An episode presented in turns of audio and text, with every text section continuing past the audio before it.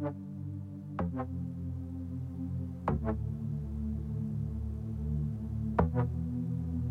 lytter til den anden radio.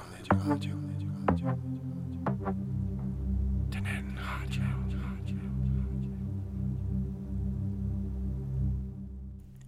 Den anden radio byder velkommen her i den første forårsmåned.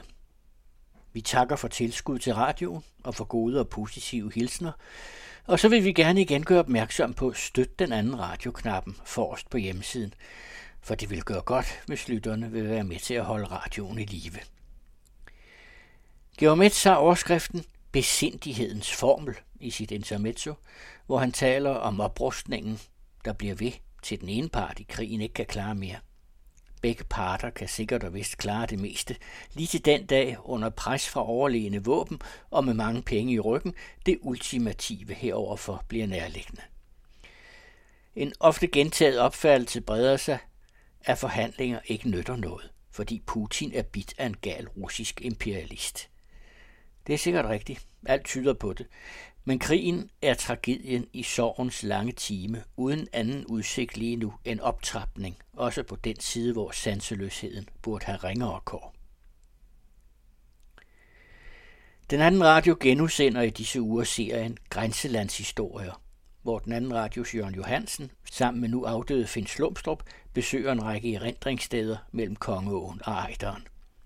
I den fjerde podcast besøger de Dannevirke Museet, der blandt andet fortæller historien om det danske mindretal syd for grænsen.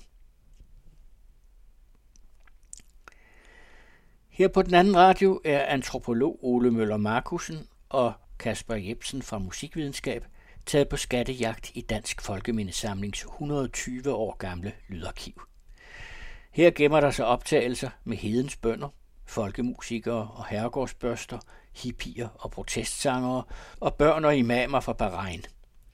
I denne uge bringer den anden radio andet afsnit af serien Genlyd, og her fører skattejagten os til Grønland og Arktis, hvor vi møder en selvudnævnt music hunter og ser, hvordan forholdet mellem Danmark og Grønland også afspejles i den lyd, der er indsamlet. Her i foråret genudsender vi en længere serie, hvor musikeren, komponisten og sangeren Martin Hall og den anden radio Søren E. Jensen gennemgår mere eller mindre obskure musikgenre. I den første podcast skal det handle om recitationssange, altså det i og for sig besynderlige fænomen, at tale kan blive til musik. Det er lettere sagt end gjort, men Hall og Jensen er enige om, at nogle af dem, som for alvor kunne kunsten, var uforlignelige til Elisa Valles over John Cale og Current 93 til Peter Belli. Ensomhed kan ramme mennesker gennem hele livet. Det er Christine Svane, direktør for Ensom Gamles Værn, der fortæller i denne podcast. Når man bliver gammel, er der en forhøjet risiko for at blive ensom. Hovedårsagen er, at man mister sin partner. Ensomheden kan også forstærkes af, at man bliver isoleret på grund af egne og jævnaldernes mindre fysiske mobilitet – det kan gøre det vanskeligere at mødes. Gamle indvandrere og flygtninge er en særlig gruppe, fordi de ofte har mistet relationer ved at forlade deres hjemland. Mange må også leve med, at eventuelle forventninger til deres børn om at blive plejet i alderdommen ikke kan opfyldes. Deres børn er en del af et samfund med krav for arbejds- og familieliv, der kun i begrænset omfang harmonerer med at skulle tage sig af ens forældre. Forfatteren Henrik Nordbrandt døde den 31. januar, 77 år gammel. Han debuterede i 1966 med digte og har udgivet mere end 40 bøger.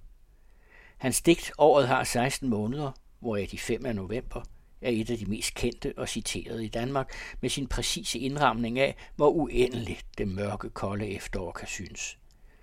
Den anden radio ligger inde med en podcast-serie med alle månederne, optaget for nogle år siden, hvor tidligere programmedarbejder, den siden afdøde Jens Winter, taler med Henrik Nordbrandt, og det begynder med marts og foråret. John Benedicto Kreisler, professor ved Danmarks Institut for Pædagogik og Uddannelse ved Aarhus Universitet og forfatter, har gæstet den anden radio, hvor han fortæller om sin bog i serien Umulige Tænkere om den franske filosof Gilles Deleuze og forklare, hvordan han forsøger at få os til at tænke anderledes. John Benedicto Kreisler forklarer blandt andet det begreb risomet, der er et rodnet med konstant knopskydning. Således kan man med det løs kritisere tanken om fastlåste professioner med faste rødder. I Farhavs klassikere bliver vi i denne uge i Johannes V. Jensens barndom. Barndommens sig hedder myten, vi skal høre, og en si er et stykke mark, der ligger lavt og altid bliver oversvømmet om vinteren. Et vandhul, der jo altid tiltrækker børn. Og i den barndomsmyte skal vi også følge den storebrors skæbne, som vi hørte lidt om i sidste uge. Thomas Søndergaard startede sin karriere som slagtøjsspiller, paukist i det kongelige kapel, men har hele tiden været optaget af at dirigere. Han fik den helt store chance som dirigent i 2005, da han overtog prøvearbejdet på Paul Ruders opera Proces Kafka. Og det blev en meget stor succes for ham.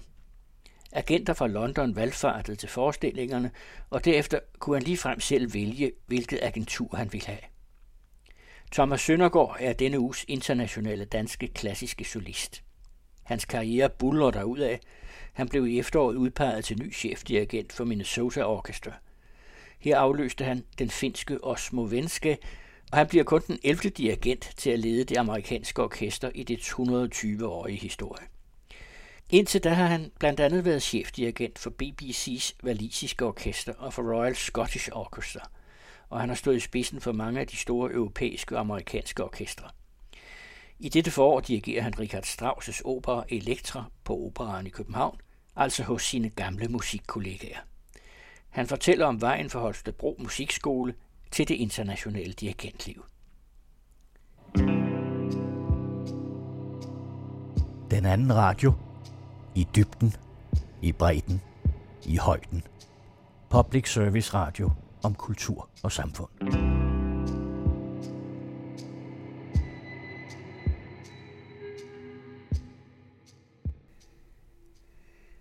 Her er det ugentlige intermezzo. En toneangivende pensionskasse meddelte forleden, at kassen med renere end den reneste samvittighed nu investerer i våbenindustrien for landets skyld og for forsvarets, og altså ikke indskrænker sig til grønne bønder og havvindmøller. Retfærdigvis er den grønne omstilling fortsat en prioritet, men afkastet er og kan blive betydeligt fra våbenbranchen. Og hvis vi ikke gør det, er der dem, der med dunkle motiver gør det, griber chancen, og så ved man aldrig, hvor pengene ender. Og hvis alle sagde nej til at sende dødens købmænd de betroede talenter, men det gør alle ikke, så derfor gør vi det til gavn og glæde for pensionerede brandmænd, udstillede sygeplejersker og skolelærer. Det sidste blev ikke sagt direkte, men den smøre er ikke ukendt i tvivlsomme dispositioner, hvor egne intentioner glimrer frem for dem, der i stilhed bare gør det samme. At fortjenesten i sidste ende havner hos producenterne, hvis investeringsindbydende varer uden alle mellemregninger tager livet af folk, af en anden sag. I den forstand i tale sættes den nationale forpligtelse til at ophjælpe fandens fabrikat af død og fordærv, der i disse onde tider emballeres som opoffrelse i en højere sags tjeneste. Professor Winston Hendricks har engang konciperet en formel for indsamling af hundelorte i forhold til rene gader. Hvis ingen, siger Hendricks i fri gengivelse her, lader deres hunds udtømning ligge, hvor den lander, og samler den op i poser og smider posen pænt i skraldekassen, samler alle op.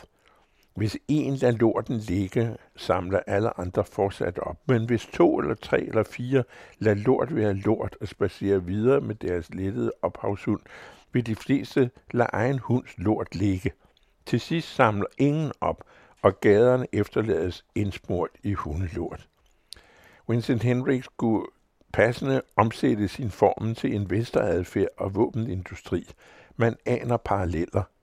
Bider professor Hendricks her til bolle, må han bagefter selv tage sig af sludermediernes kvævlander. Berlingers chefredaktør mente forresten på lederplads, at pacifister er skadelige. Hvad de krigsliderlige så er, kan man passende spørge. At der allerede er en verdenskrig i sving, bliver dog dag for dag mere klart.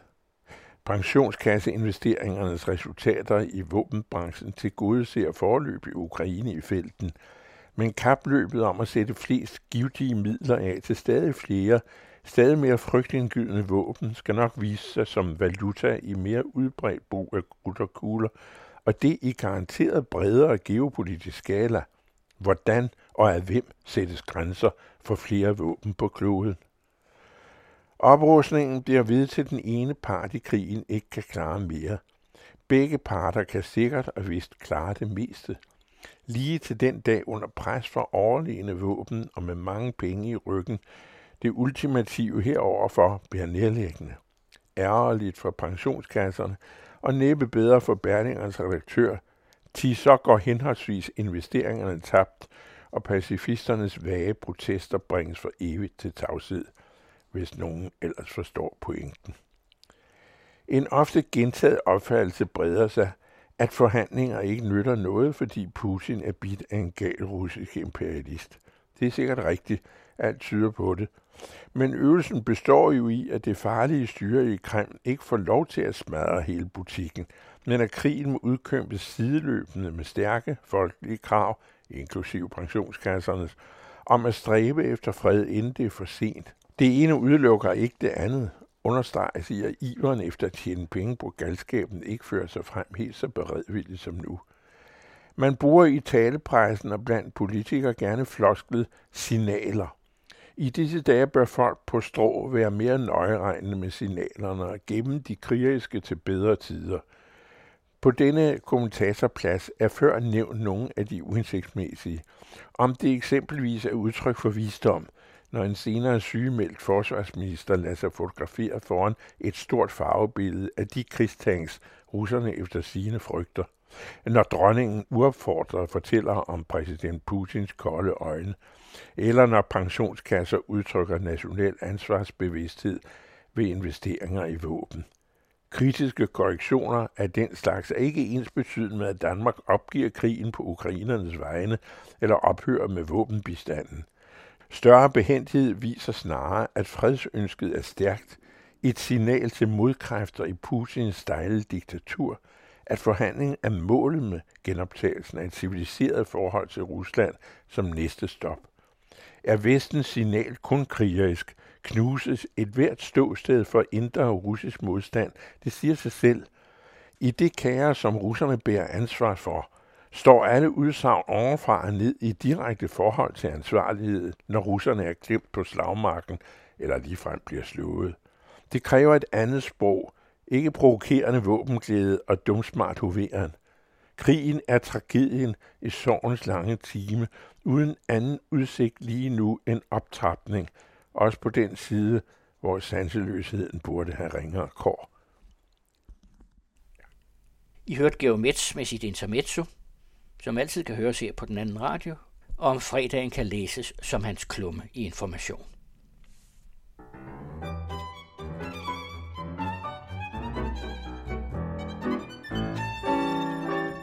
Det her er den anden radio.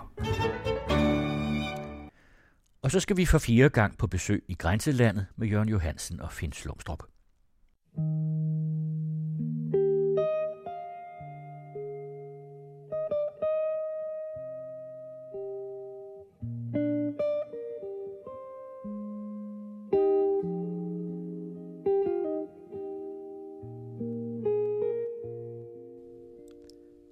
Velkommen til Grænselandet, og velkommen til det fjerde program i serien Grænselandshistorier, der produceres med tilskud fra Grænseforeningen, og hvor jeg, Jørgen Johansen, besøger en række erindringssteder mellem Kongeåen og Ejderen sammen med Finslumstrup.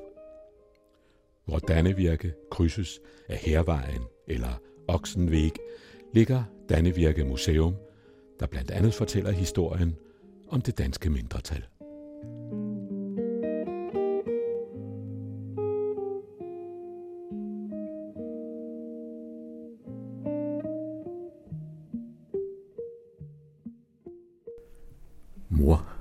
Dansk, står der på en af plakaterne på plakatsøjlen her midt øh, på Dannevirke Museet. Finn Slumstrup, den søjle, den er meget central. Ja, vi, vi sidder heroppe på første salen på Dannevirke Museet og har så placeret os, kan man sige, lige centralt, hvor vi har placeret os i 1920, som jo er et drejeår i danskhedens historie i øh, Sydslesvig. Fra 1864 blev grænsen jo flyttet fra øh, Kongeåen og helt ned til, eller helt op til Kongeåen. Slesvig Holsten forsvandt. Og i 56 år øh, er der jo så en drøm om en genforening. Øh, og den bliver jo så en mulighed efter det tyske nederlag i Første Verdenskrig, hvor jo i øvrigt tusindvis af sønderjyder må gå soldat i, i tysk krigstjeneste øh, og, og mister livet. I det øvrige Danmark har man aldrig rigtig forstået, hvor meget det betyder i Sønderjylland. Der har man måske, hvis man har historisk sans, så har man en fornemmelse af 1864. Men Første Verdenskrig, der var Danmark jo neutral, mener vi. Øh, det var Danmark også, men man glemmer bare, at det der i dag er Danmark, der var der faktisk en del, der var på det tidspunkt preussisk, og derfor var der også i tusindvis af sønderjyder, der måtte gøre tysk krigstjeneste. Efter krigen kommer så ført kraftigt frem af, af danskhedens talsmænd med H.B. Hansen i spidsen osv. osv. muligheden for, at nu skal der rettes op på det, der skete i 1864. Og det bliver jo så princippet om folkenes selvbestemmelsesret, øh, der slår igennem, og øh, det kommer så efterhånden til at stå klart, at det skal afgøres demokratisk ved folkeafstemninger, hvor grænsen skal gå. Det var også et princip, der blev brugt øh, nede ved Østrig og på andre steder, så, så der er nogle grænser, der er trukket som resultater af folkeafstemninger. Hvis man tror, at det så gik fredeligt for sig, og der var ro og harmoni, fordi det skulle være demokratisk, så tager man meget fejl. Fordi hvad skal man så stemme om? Der var nemlig enighed om at dele Slesvig, det gamle hertugdømme Slesvig, op i nogle afstemningszoner. Og der bliver det så et fantastisk afgørende spørgsmål for Danmark og danskerne, og sandelig også for danskheden syd for, øh, hvad med Flensborg? Hvor sproggrænsen gik, det var faktisk analyseret af, af dygtige folk, så det havde man et meget klart billede af. Og, og den nuværende grænse, den vi altså har haft siden 1920, er et resultat af lige præcis de mange undersøgelser af, hvor, hvor går sproggrænsen. Så det, man så kom til at kalde zone 1, gik altså fra Kongeågrænsen, som vi havde haft siden 1864, og så ned til det, der i dag er den dansk-tyske grænse.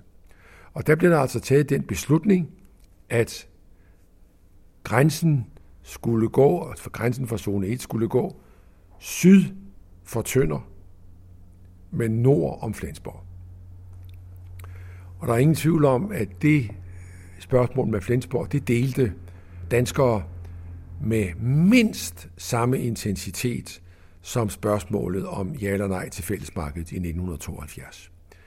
Gamle, hæderkronede venskaber røg sig en tur, øh, og det tog år at forsone det. det. Det berømteste eksempel, jeg kender, det er jo, at Sydslesvigernes, Sønderjydernes talsmand H.P. Hansen var, var meget nære venner med Jakob Appel, forstander på Askov Højskole og senere minister osv. osv. Jakob Appel mente, at grænsen skulle gå sønden om Flensborg. H.P. Hansen sagde norden om Flensborg.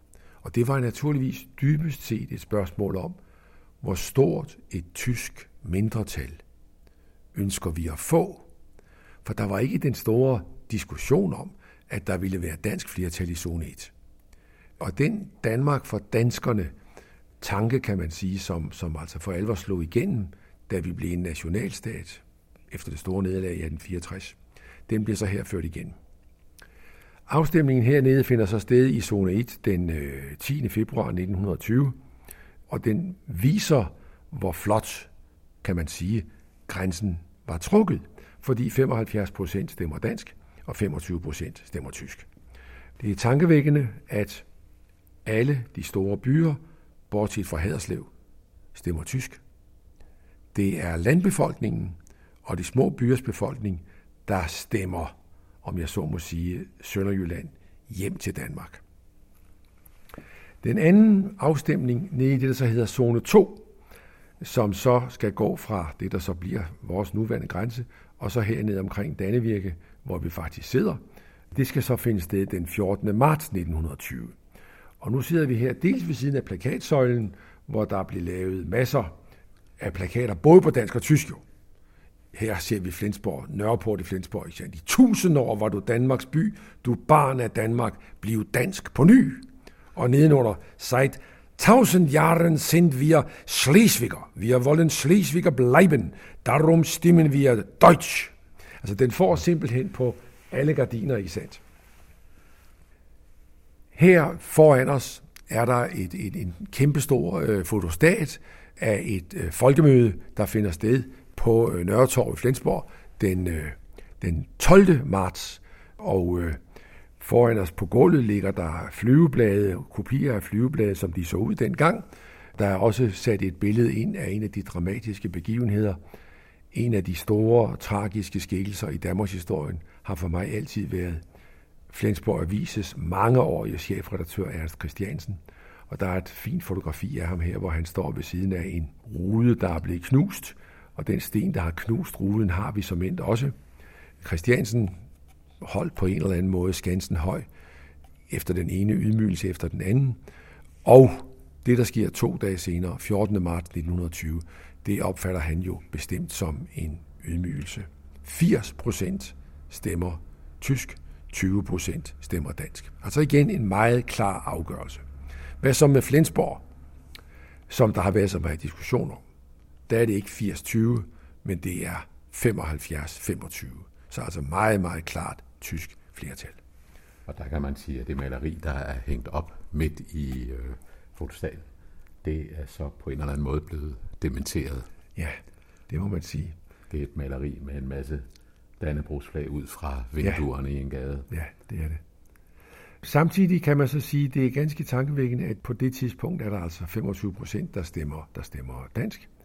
Og det danske parti, SSV, opnår for øjeblikket en 22-24 procent af stemmerne i Flensborg, når der er kommunalvalg. Så, så Flensborg er stadigvæk en by med et meget stort dansk mindretal. Og i det hele taget er det jo det, vi sidder omgivet af her. Det er udstillingen Dansk i Sydslesvig øh, 1864 til øh, i dag. Øh, en udstilling, som Dannevirkemuseet fik lavet og indviede så her den 1 april 2011. Så det er en ny udstilling, der er meget øh, billedrig og som, synes jeg, meget dygtigt på i virkeligheden et ret begrænset areal får fortalt en forfærdelig masse ting. Det var historikeren René Rasmussen, der øh, havde mulighed for at beskæftige sig med at få hele den her udstilling op. Og jeg skal ikke sige, om det var så det dygtige arbejde, der medførte, at han nu er museumsinspektør på Sønderborg Slot. Men i hvert fald, det er René Rasmussen, der har, der har lavet udstillingen, og som også har lavet øh, bag den her meget, meget flotte katalogbog på 150 sider, som man kan øh, erhverve, hvis man tager ned og ser udstillingen. Samtidig er vi altså, kan man sige, midt i mindretallet. Man skal altid huske, at det, som vi kalder for genforening, det er jo i virkeligheden det mange hundrede år gamle hertugdømme Slesvigs deling. I virkeligheden bliver, bliver Slesvig jo skåret midt over, således at vi får et, et Slesvig, der går fra Kongeåen og ned til den nuværende grænse, og så et Sydslesvig, der så går fra den nuværende grænse og ned til Ejderen. I mange, mange år kaldte man det Slesvig. Det kommer så efter 1920 til at smage tysk. Og så gen anvender vi øh, for alvor det gamle udtryk Sønderjylland. Som man også tidligere kunne sige om det hele. Men i dag siger vi, øh, hvis man skal være stueren på dansk, så siger vi, at der er Sønderjylland, og der er Sydslesvig. Mens tyskerne siger, at der er Nordslesvig, det er nemlig op os, og så er der Slesvig-Holsten dernede. Så det kan man stadigvæk få mange skænderier ud af, øh, helt sikkert. Men ellers skal man vel også sige, at det at være dansk øh, organiserer sig så i en, øh, en række foreninger. Det danske mindretal er bygget op meget dansk, derved at det altså virkelig er et foreningsmindretal.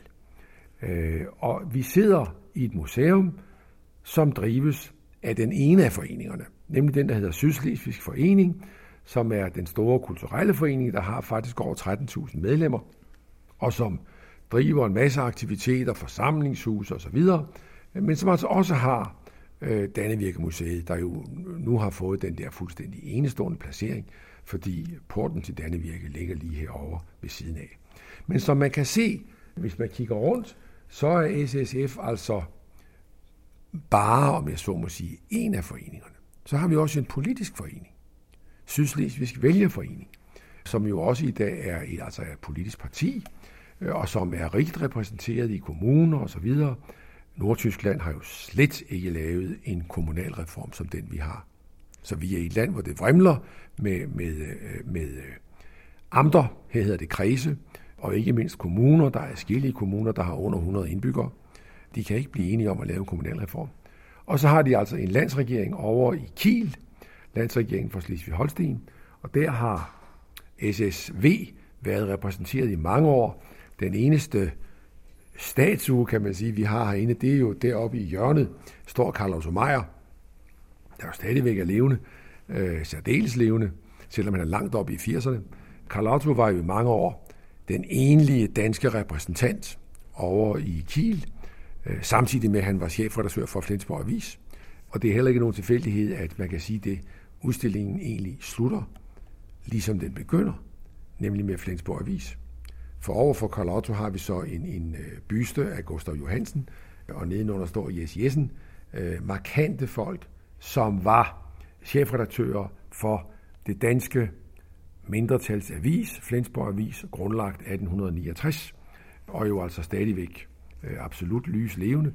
Ikke oplagsmæssigt nogen stor avis, et oplag på mellem 5.000 og 5.500, men en avis med en stor betydning, fordi den betragtes, også i den danske medieverden, som den autoritative kilde, når man vil beskæftige sig med mindretallet. Vi kan se, at der er noget, der er noget øh, kirkeligt herover også, og der er en dansk kirke i Sydslesvig med øh, over 20 præster, og de arbejder jo i deciderede kirker, men de arbejder også i skoler, hvor salen i skolen om søndagen laves om til en kirkesal, og så er det der, gudstjenesten foregår. Der er også, som man kan se, øh, en dansk sundhedstjeneste. I det hele taget er det altså på den måde, mindretallet er bygget op på, muligt at leve et virkelig dansk foreningsliv hernede. Og kan man sige en meget i øjnefaldende genstand herover med fotostaten fra Flensborg. Det er så en stor gris. Ja, det er den danske gris. Man kan se, hvordan man altså faktisk kan, kan få en gris til at blive nærmest dannebrogsfarvet. Det er det, det, der, det, er det, den illustrerer, ikke sandt? Øh, det, det er jo en helt særlig sag. Men ellers er det i meget høj grad også personer, der ja. dominerer udstillingen. Ja. Det, altså man kan sige, at det danske mindretal har altid været en, en overskuelig størrelse, øh, sådan at de centrale personligheder har betydet meget.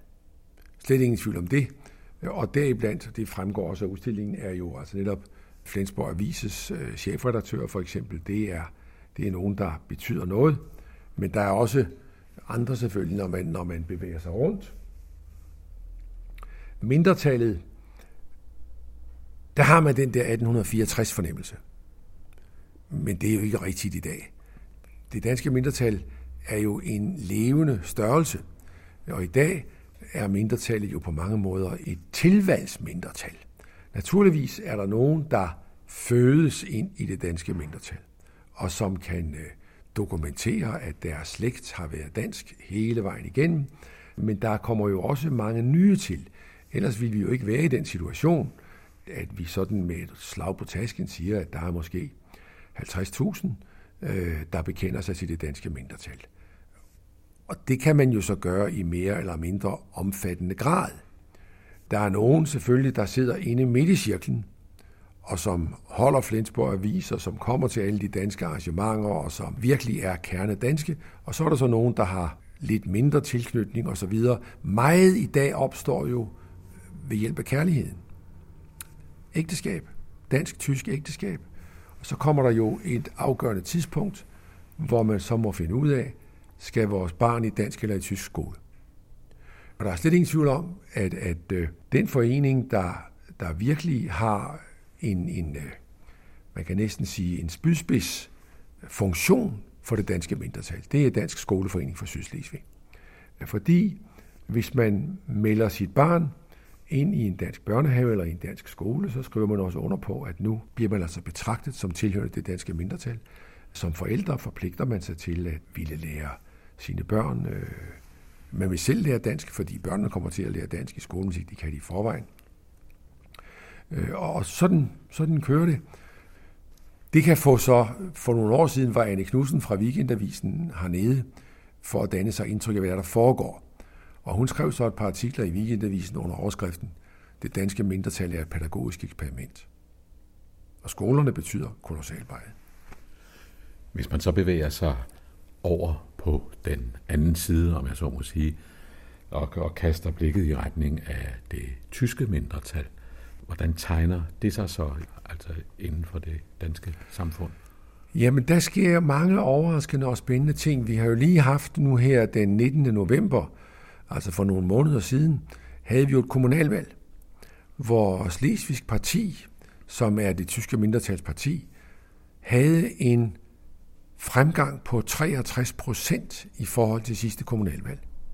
Stefan Kleinsmith for eksempel i Sønderborg, der har siddet og repræsenteret Slesvigsk Parti alene, har nu pludselig fået to partifælder med ind. Der sidder tre fra det tyske mindretal, der faktisk også bliver repræsenteret i alle de større byer i Sønderjylland. Og det, der er tankevækkende, er, at Slesvigsk Parti her i 2013 kører en valgkampagne under det indiskutable slogan, jeg stemmer sønderjysk. De slog sig i den grad op på at være det sønderjyske parti. Og det er så altså morsomt, fordi pludselig taler Slesvigsk Parti altså ikke om Slesvig, men de taler om Sønderjylland. Så der sker mange morsomme ting. I de runde tal plejer man jo at sige, at, at det danske mindretal omfatter omkring 50.000 mennesker, og det tyske mindretal omfatter omkring 15.000 mennesker. Man kan også organisatorisk se en meget interessant forskel, hvor det danske mindretal næsten minder om den danske folkekirke. Hvis nogen fra en af organisationerne begynder at udtale sig på det danske mindretals vegne, så får vedkommende at vide, at det skal man nu nok lade være med. Fordi det er bare én forening, og der er mange andre. Så har øh, tyskerne, med så må sige, organiseret sig helt anderledes. Der er en fuldstændig fast struktur i Bund Deutscher Nordschleswiger, og formanden for Bund Deutscher Nordschleswiger hedder Henrik Jørgensen, økologisk landmand fra Tinglev har han været, og han kan udtale sig på det tyske mindretals vegne. Der, der er altså virkelig, en, men de har også naturligvis skoler og egentlig de samme funktioner, som det danske mindretal har. Disse to mindretal, altså det tyske og det danske mindretal, betragtes jo i dag, kan man roligt sige, med europæisk misundelse af mindretal rundt omkring i verden. I Europa har vi et par mindretalsorganisationer. Den, den største af dem, mener jeg, hedder FUEF, den føderale union af europæiske folkegrupper. Den har sit meget ydmyge hovedkvarter i Flensborg, som i øvrigt sat så meget på at blive ligesom mindretallenes by. Og øh, FUF har lavet en udregning, øh, som hævder, at hver syvende EU-borger definerer sig selv som tilhørende et nationalt mindretal. Hver syvende. Det siger noget om, hvordan grænserne har bevæget sig og går altså på tværs af folkegrupper og regionale tilhørsforhold osv. Og dette at være et nationalt mindretal, det er mange steder en temmelig udsat position. Det har det også været her. Det har været meget svært at være dansk mindretal i Sydslesvig, og det har sandt for dyden også været svært at være tysk mindretal i Sønderjylland. Men det har forbedret sig gradvis. Grænsens placering. Hvis man tror, at grænsen blev endeligt fastlagt i 1920, så tager man meget fejl. For i de følgende 35 år, der arbejder kredse i Danmark, bestemt også Grænseforeningen, som jeg er formand for, øh, arbejder meget bevidst for, at vi skal have resten med. Vi skal ned til Ejderen, så vi får det hele samlet. Og for tyskerne er det jo en frygtelig uretfærdighed, der har sket med Kongeågrænsen, så man skal tilbage til Kongeåen. Så det er et stort skænderi om grænsens placering. Efter 1945 bliver det jo igen et vældig stort spørgsmål. Hvor skal grænsen gå? Den danske regering, samlingsregeringen, meddeler allerede i en tale, Wilhelm Bull holder den 9. maj 45, at det er den danske regerings holdning, at grænsen mod syd ligger fast.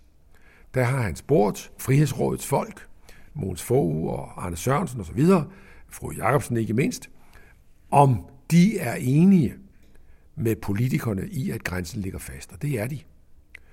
Der skal man også tænke på, at på det tidspunkt, der er vi ikke noget at samle på. Det er et område, der er bombet fuldstændig i smadder, og op imod en halv million flygtninge er presset op østfra øh, herover. Så, så det vil være en stor, stor økonomisk byrde at få en grænseflytning. Men vi kunne godt have fået det. Og der var kræfter i Danmark, der arbejdede meget kraftigt på det, blandt andet Grænseforeningens folk, og man kørte i og for sig bag om den danske regering og ned til de engelske besættelsesmyndigheder i Slesvig-Holsten for at rejse grænsespørgsmålet. Og det medfører så, at det igen tages op i Folketinget med grænsens placering. Og det fastslås igen i Folketinget, at grænsen ligger fast. Det er statsminister Knud Christensen selvfølgelig så også enig i, undtagen når han er hjemme i Jylland. Så er han ikke helt så enig. Og til sidst så bliver der så stor en konflikt imellem den danske officielle politik og Knud Christensens udtalelser, ikke mindst når han er i Jylland, at han jo simpelthen bliver udsat for et mistillidsvotum og må gå af. Den danske regering falder på grund af grænsespørgsmålet hernede. Det er ikke almindeligt kendt, men det skal nævnes, at det tyske mindretal allerede i august 1945 aflægger en uopfordret loyalitetsed til den danske konge og meddeler, at spørgsmålet om grænsens placering vil aldrig mere blive taget op fra tysk side. Et løfte, de så sandelig har holdt. Men det ændrer ikke ved, at det er meget, meget spændingsfuldt at være tysk mindretal. Der foregår jo en, en øh, voldsom afnazificering af mindretallet. Der var naturligvis nazister, også mange nazister i det danske mindretal, men vi slog jo så hårdt ud der, at det faktisk fører frem til, at Bertel Hårder jo på den danske regerings vegne, i så vidt jeg husker 2006, kommer med en officiel undskyldning over for det tyske mindretal at afnazificeringen, retsopgøret efter krigen, var for groft. Og, og øh, en af mine øh, gode bekendte, som i øvrigt er præsident for, for den mindretalsorganisation, FUF, jeg nævnte før, har fortalt mig, at, at den dag, den undskyldning kom, der følte han sig for første gang som helt accepteret borger i det danske samfund. Så det har ligget dybt i det tyske mindretal. Hvordan har dialogen mellem de to mindretal formet sig sådan i, i perioden? Det der, så, jamen det, der bliver det springende punkt, det er så, at i 1955, da begynder fronterne at blive blødt op. Og det har faktisk ikke noget som helst med mindretallene at gøre. Det har at gøre med, at det er den kolde krig blevet så kold, at NATO må konstatere, at det er en fejl, at vi har afmilitariseret Vesttyskland altså at den tidligere amerikanske, franske og engelske besættelseszone, Vesttyskland som det hed, ikke har militær. Altså, der er behov for at få Vesttyskland med i NATO. Og øh, det diskuterer Folketinget, og der er jo ikke den store tvivl om, at Danmark skal sige ja til, at Vesttyskland skal med i NATO. Vi siger det uden begejstring. Danmark er næsten altid fodslæbende i sådan nogle europæiske ting. Men vi siger ja. Men i Folketinget fortæller man så, stats- og udenrigsminister H.C. Hansen, at der er altså en række problemer i det dansk-tyske grænseland, som man godt kunne gøre noget ved. Og det nævner Hansen så i sin tale, og øh, omgående svarer Konrad Adenauer, den tyske forbundskansler, der er med som observatør, at de problemer vil der blive taget hånd om fra tysk side. Og ganske kort tid efter det her møde, så kommer der så et forslag fra, fra regeringen i Bonn, om man ikke skulle lave en gensidigt forpligtende traktat mellem Danmark og Tyskland. Det siger Danmark nej tak til. Vi skal ikke have tyskere, der får lov til at blande sig i indre danske anlægner. Det er på det tidspunkt, skal man huske, kun 10 år siden, at tyskerne i høj grad blandede sig i indre danske anlægner. Men det slår ikke af den navn ud, så kort efter kommer der et nyt forslag. Hvad så, hvis vi laver et par hensigtserklæringer? Det gør man så. Den 29. marts 1955, det er simpelthen blevet en utrolig vigtig dag i europæiske mindretals historie, og i den grad i det dansk-tyske.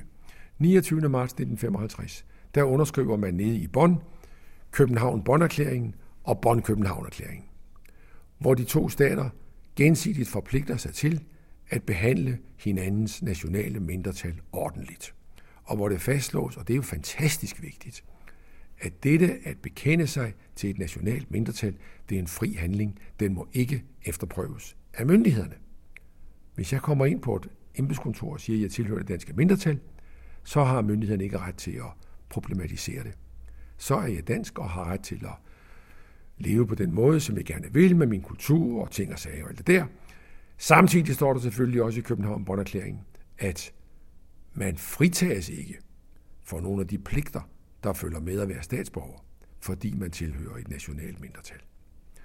Det er virkelig en skilledato, og derfra starter så den lange vandring, vi har oplevet siden, hvor forholdet mellem dansk og tysk er blevet mere og mere harmoniseret. Da man holder 50 års jubilæum for det her den 29. marts 2005, er der en stor fest på Sønderborg Slot, hvor forbundskansler Gerhard Schröder og statsminister Anders Fogh Rasmussen holder tale, det gør de begge to, under overskriften fra mod hinanden til med hinanden. At nu arbejder man sammen og side om side, og det gør man jo i den grad. Der nedsættes en kommission, som skal, eller et udvalg, som skal, gøre, som skal analysere, hvad er der af hindringer for fri bevægelighed over grænsen og alt sådan noget. Og i det hele taget har vi jo haft siden 2001, ikke sandt, med, med Schengen-samarbejdet, der har vi jo, at grænsen er jo i dag noget, vi bare kører henover, uden at nogen lægger mærke til det. Og i dag er vi jo i den utrolige situation, altså at det danske mindretalsparti er med i regeringen i Slesvig-Holsten. Kultur-, Justits- og Europaministeren er Anke Sporendom fra det danske mindretal. Simon Faber fra det danske mindretal er overborgmester i Flensborg, demokratisk valgt, osv. osv. Øh, og vi har lige, vi var inde på, hvordan Slesvigs parti går kraftigt frem. Der er virkelig i den forstand ro ved grænsen, så meget, at, at øh, der er visse folk, der bliver helt bekymrede jo. Og man næsten spørger, jamen hvis der, hvis der efterhånden slet ingen problemer er, hvad skal vi så med de mindretal? Og det, det, det er der ingen tvivl om, tror jeg, at det vil blive et spørgsmål, der vil blive stillet kraftigere og kraftigere. Efterhånden som de helt store optimister, de siger jo, at vi er gået fra at være mod hinanden til at være med hinanden, så nu skal vi til at være for hinanden. Karl Holst, der for nogle måneder siden blev genvalgt som regionsrådsformand i, Region Syddanmark, er jo den, der har formuleret det allerskarpest, når han gang på gang har sagt, hvis vi skal klare os, så skal vi begynde at betragte grænsen som noget, der samler, og ikke noget, der skiller. Altså så er vi tilbage ved Slesvigs deling i virkeligheden. Ikke? Øh, der må vokse en ny, det siger Karl Holst så ikke, men det drøfter man, om der vokser en ny slesvigsk identitet frem nu. Og det er meget spændende, for der er jo ingen tvivl om, at hvis grænsen stadigvæk ligger der, bum, så er Sydslesvig dømt til at være en udkantstarm på Tyskland, og Sønderjylland til at være en udkant i Danmark. Hvis de samler sig, vil de kunne få en anderledes styrke. Simon Faber, overborgmesteren i Flensborg, taler gang på gang om Flensborg som, som hovedbyen imellem Hamburg og København. Og sådan er der en række øh, bevægelser, men man skal ikke tro, at det er idyl alt sammen, men, men øh, det, for det er det ikke. Øh, og der er masser af spændinger, og der er også skepsis osv. osv. Men det overordnede billede er en fantastisk historie om krig og totalt og massivt fjendskab i 1864 og så langsomt og bevægelsen, der også er båret af skepsis og modvilje, og der skal man jo hele tiden huske, at der er Første Verdenskrig, hvor sønderjyderne er med, og så har vi jo altså 2. verdenskrig, der endnu en gang bekræfter, at hvis der er noget, der er modsætninger, så er det dansk og tysk. Så det er egentlig en fantastisk historie i de sidste 55-60 år.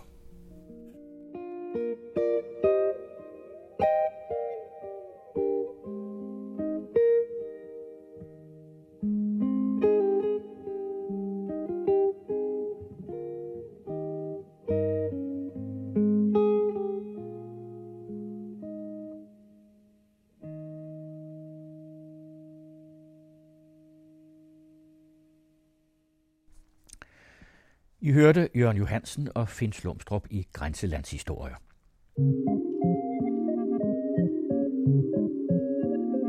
Den anden radio. I dybden, i bredden, i højden. Public Service Radio om kultur og samfund. I Dansk Folkemindesamlings arkiv gemmer der sig lydoptagelser fra de sidste 120 år med blandt andet gamle folkeviser og melodier og andre musikfænomener, men der ligger også interviews med for eksempel folkemusikere, herregårdsbørster og hippier fra Danmark, børn i Grønland og imamer fra Bahrain. Ole Møller Markusen og Kasper Jebsen har været på opdagelse i Lydarkivet, og derfor skal vi nu lytte til andet afsnit af serien Genlyd, hvor de følger lydsporene til Arktis.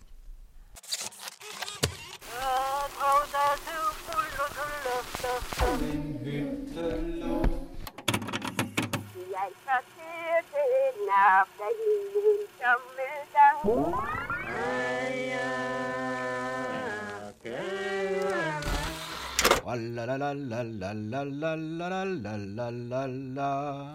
Hej og velkommen til Genlyd. Jamen, hej og velkommen. Jeg hedder Kasper. Og jeg hedder Ole. Ole, det her det er andet afsnit i vores lille podcastserie om det her skatkammer af lydklip, der ligger i Dansk Folkemindesamling.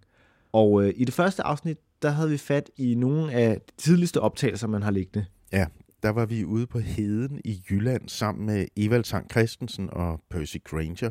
Og vi hørte om hele rationalet bag det her med at indsamle folkeminder. Men i dag, der skal vi længere væk. Ja, i dag der skal vi til Grønland, og vi skal ikke kun til Grønland. Vi skal faktisk næsten hele vejen rundt om Arktis.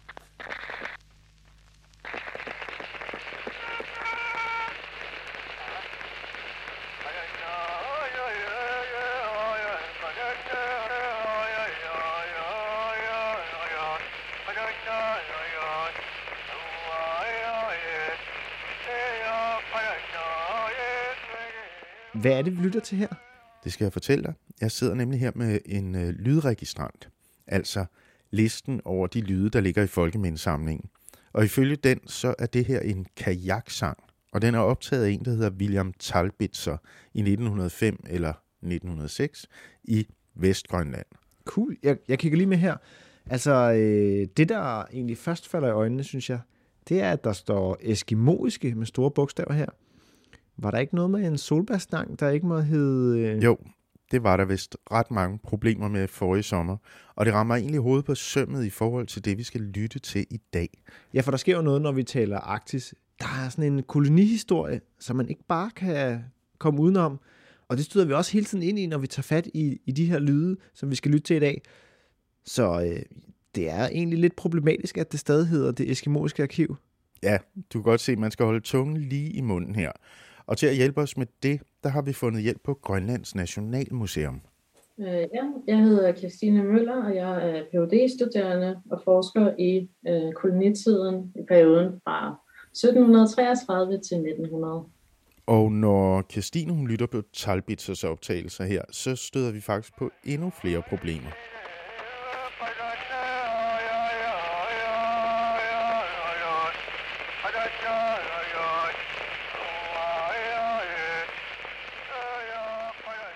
Men det du kan høre, og, og det er ovenikøbet en optagelse, som kører alt for hurtigt, det er så øh, ikke så tydeligt, hvordan man har slået på trommen, men du kan høre sangen. Men så ved du jo ikke, medmindre du, altså, hvordan dansen har været nødvendigvis.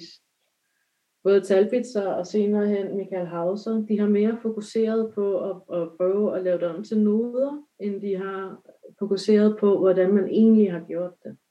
Okay, det lyder faktisk som noget af det, vi talte om i sidste afsnit også. Det var også nogle af de udfordringer, som Evald Tang Christensen han stod overfor på den jyske hede.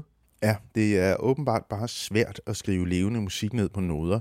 Men øh, det, der også er ekstra interessant her, synes jeg, det er, at man ikke kan få hele den her kultur med, som sangen indgår i. Den kommer faktisk heller ikke ned på lydoptagelsen. Det vestlige fokus har været øh, så stærkt, at man ligesom har overset hele det, der gør det til et kulturelt fænomen. Så når Talbitzer kommer for at optage lyden af, hvad man vil kunne kalde grønlandsk folkesang, så får han kun sangen og trommen med, og slet ikke alle de ting, der gør trommesang og dans til et øh, særligt kulturelt fænomen.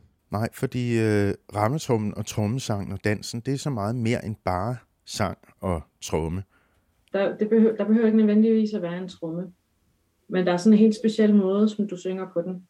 Det vil sige, hvis du har været på jagt, og det har været en rigtig god fangst, så kan du synge om din fangst på vejen hjem, fordi havet bærer lyden. Det vil sige, folk de hører om det, før du ankommer til, øh, til dit hjem. Jeg har også eksempler på sange, hvor man udtrykker sorg, og det kan også være noget, en måde at flytte på.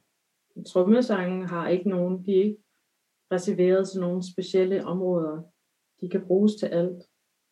Så brugte man også trommen i forhold til at, at, at kommunikere øh, med åndeverdenen. Og det ville præsterne ikke have, så de fik gjort det forbudt ret hurtigt. Øh, det vil sige, at den vestgrønlandske øh, tradition den oprindelige tradition, den er jo forsvundet med koloniseringen.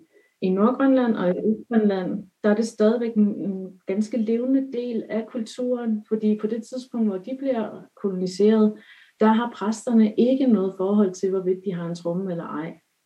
Så der er sådan en gruppe af, af trommesanger og dansere, som prøver på at øh, jeg vil måske ikke sige revitalisere, men de prøver på at lave en, en vestgrønlandsk trommesang og dans. Så det handler egentlig ikke så meget om, hvad Talbitzer har indsamlet, fordi på det tidspunkt, han rejser rundt, øh, der i Vestgrønland, der er den allerede hemmelig. Eller, hvis den ikke er forsvundet, så er den hemmelig. Øh, og der har han som en vestlig antropolog ikke haft adgang til det. Så selvom Talbitzer faktisk har været grundig, og han har taget noter, og han har skrevet afhandlinger undervejs, så kan vi altså ikke komme udenom, at han også er repræsentant for den danske kolonimagt i Grønland. Ja, og han var en del af den kolonimagt, der ulovliggjorde og undertrykte helt centrale elementer af den grønlandske kultur. Ja, og det, det er lidt vildt, at man gjorde trommesangen ulovlig, fordi den har været helt central og integreret i det sociale liv. Det har faktisk været en måde, man øh, afgjorde retssager på. Man kan da ikke afgøre en retssag med en sang. Så skal du lige høre den her. Øh, det er en nidsang, og den lyder sådan her.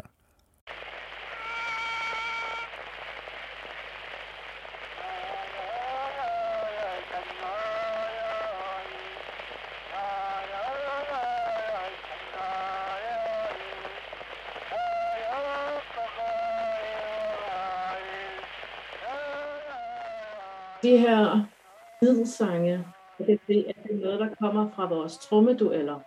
Og det er en måde, som retsvæsenet fungerede på før koloniseringen.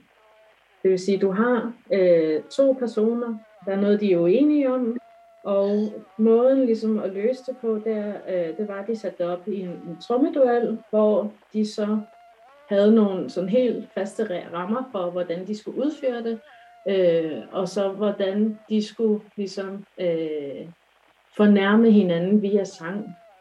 Og så er det så den, der først taber øh, besindelsen, altså den, der først bliver så vred, at de ikke kan holde sig til reglerne, øh, bliver så gjort til grin, at publikum har så tabt. Så er den sag afgjort. Vi har en vinder, og så skal de lægge det bag sig. Tænk lige over det her. Altså, trommesangen havde en masse vigtige funktioner i Grønland, og kolonimagten har så været med til at afvikle den. Og så fortør Talbitzer og samle den her uddøende kultur ind, men som dansk folkemindesamler er han jo selv fedtet ind i den her kolonimagt. Ja, og som Christine siger, så kunne han altså ikke få det hele med. Og den her påvirkning fra kolonimagterne, den er jo sådan set fortsat helt op i vores tid. Du skal tænke på, at i den arktiske verden, der har man jo indtil for ganske nyligt øh, prøvet på at vestliggøre os. Så der er mange punkter med det her, som er et, et meget følsomt emne at tale om. Og det er der faktisk et rigtig godt eksempel på i arkivet. Fedt, det må vi høre. Ja, men øh, først så må vi nok lige have sat det her ind i sådan en, en historisk ramme. Altså under 2. verdenskrig, der kontrollerede USA Grønland. Så efter krigen, der var det vigtigt at gøre Grønland til en del af Danmark igen. Altså, det var i hvert fald vigtigt for Danmark at gøre Grønland til en del af Danmark igen. Ja, øh, så nu skulle Grønland ikke være en koloni, og derfor bliver Grønland i 1953 indlemmet i Danmark som et amt. Alle grønlændere de fik dansk statsborgerskab, og Nuuk, eller Godthåb, som var hovedstadens danske navn, det var bare et postnummer blandt alle de andre danske postnumre. Og den her proces, den kan vi også høre, når vi lytter til det her klip, som folkemindesamleren Paul Rosing Olsen har optaget i en skoleklasse i den østgrønlandske by Ammassalik i 1961. Den hytte lå, nissen gennem vinduet så, haren kom på lette tog, bankede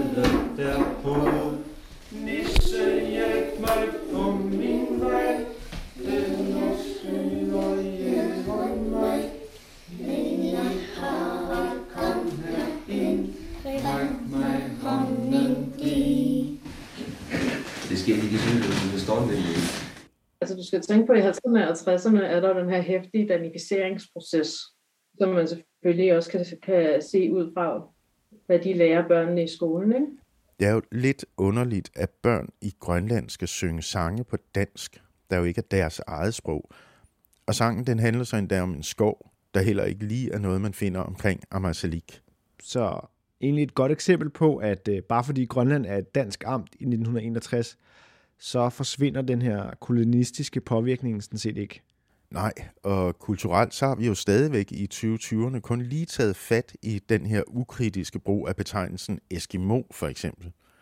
Og det ser vi så blandt andet, når alt, hvad der har med Arktis at gøre i lydarkivet, det ligger under forkortelsen ESK for eskimoisk. Altså, det bliver jo brugt som en fremmedgørelse af en kultur. Og det bliver brugt som et synonym for alle arktiske kulturer, også selvom man ved, og man hele tiden har vidst, at vi har vores egne navne.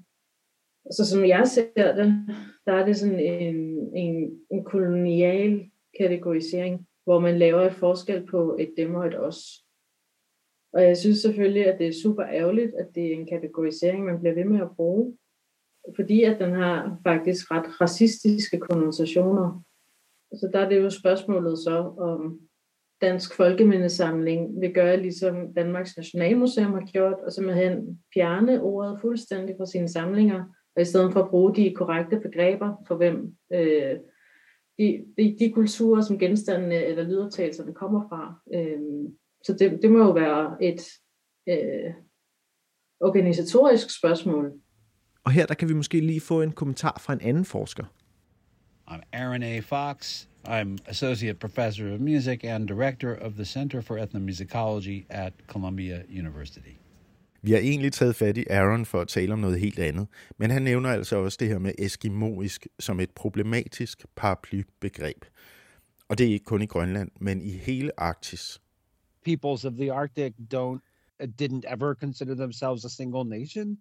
Um, so they encounter a, a you know a colonial presence that wants to administer them, um, which requires names for people and names for things and categories to put people into. Så når man koloniserer, så styrer man og forvalter man, og så skal man bruge en masse kasser og kategorier, som man kan putte folk ned i for at administrere dem. Og derfor har vi og de andre kolonimagter kaldt arktiske folk Eskimo, som om de alle sammen er de samme. Men øh, sådan ser de jo ikke sig selv. Så på den måde er det et ret fremmedgørende navn. Men som Aaron han påpeger, så kan man jo ikke bare smide det ord ud af sproget. In Alaska, it is actually still an acceptable term. Yupik uh, people who are also Eskimo prefer not to be called Inuit. Um, therefore, to to name all of the speakers of, of Inuit languages in Alaska, the the the term Eskimo has just become the the settled term of art, Um, it's also one of those ethnonyms that's been reclaimed by Inuit people so that they can use it um, about themselves. Uh, and then, sort of, who else can use it is dependent on the tone with which it's said. Um, but in Canada, that's really different. In Canada, it's an ethnic slur. Så bare lige for at opsummere. Altså, de kanadiske Inuit og Inuvialuit og Kalalit i Grønland og Inupiaq i Alaska, de er okay med Inuit, mens Yupik i Alaska og Rusland, de bruger Eskimo-begrebet om sig selv. Okay, så hvad skal man egentlig kalde de her lydoptagelser, vi sidder med her? Jamen altså, taler man om Grønland, så sig Grønland. Eller kald det Inuit, hvis man absolut vil bruge et par byggegreb.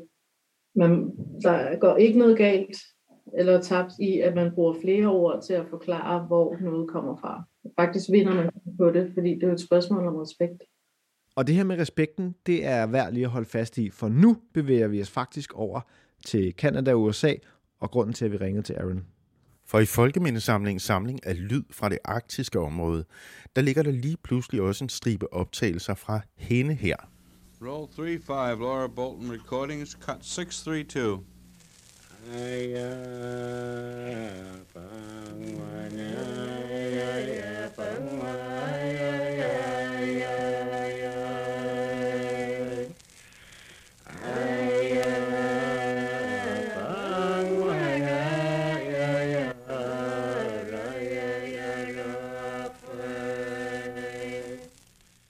Optagelserne her er fra 1942, og der er kun godt en halv times optagelser, der er optaget af amerikaneren Laura Bolton.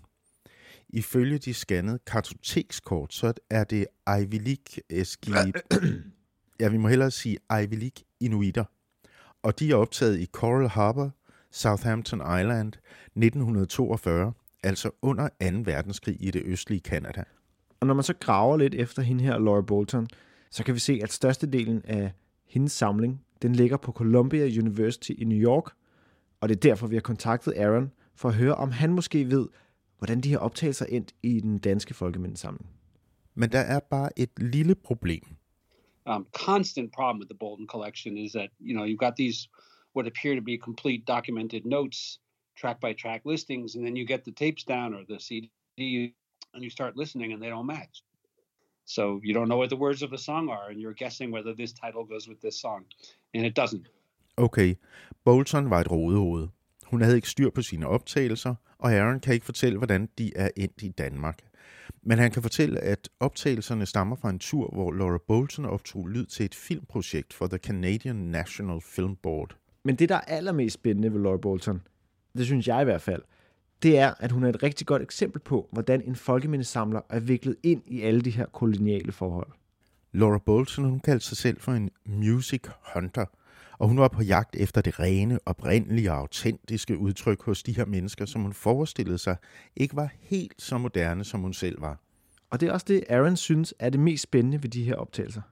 I've been aware of the uh, Eastern Canadian uh, Inuit recordings all along. I've listened; they're amazing. Um, some of them, they're just extraordinary recordings. Mostly because they show the interface with colonialism and modernity so strongly, despite her her always wanting to hear the pure and the ancient and the authentic and whatever she recorded. Um, you know that that tension lies at the heart of all of her work. She believes she's salvaging the remains of of dying traditions, and the people she's dealing with are trying to be modern um, and engage with her as fellow moderns. Um, and uh, it, it's you know obviously rooted in racism. De mennesker, Laura Bolton optog, de repræsenterede altså ikke bare døde eller døende traditioner. Tværtimod, så var traditionerne jo nutidige og levende for de mennesker, der udøvede dem. Nogle af Boltons informanter købte faktisk selv båndoptager og optog deres egne sange og historier, efter hun havde været forbi. Så øh, de har på mange måder været med på noderne. Ja, men i Boltons øjne, der var de primitive og eksotiske, og deres kultur var smuk og autentisk, men uddøende. Og det der, det er jo indbegrebet af den måde, kolonimagter de ser på koloniserede folk på. Nærmest som sådan nogle forhistoriske mennesker på et tidligere udviklingstrin. Ja, som sådan nogle levende fossiler, sådan nogle tilbagestående i forhold til koloniherrerne selv, som så i sagens natur må være på et højere udviklet stadie. Og det lyder jo også herligt, altså. Så kan du sidde der i din velopvarmede biograf i Vancouver og lytte til Boltons eksotiske lydspor og betragte filmbillederne med primitive og eksotiske mennesker fra fjerne egne. Så er man sgu da også det moderne menneske. Og her sidder vi, 80 år efter, to helt neutrale, veluddannede, hvide danske mænd og svælger i eksotiske lyde fra gamle dage.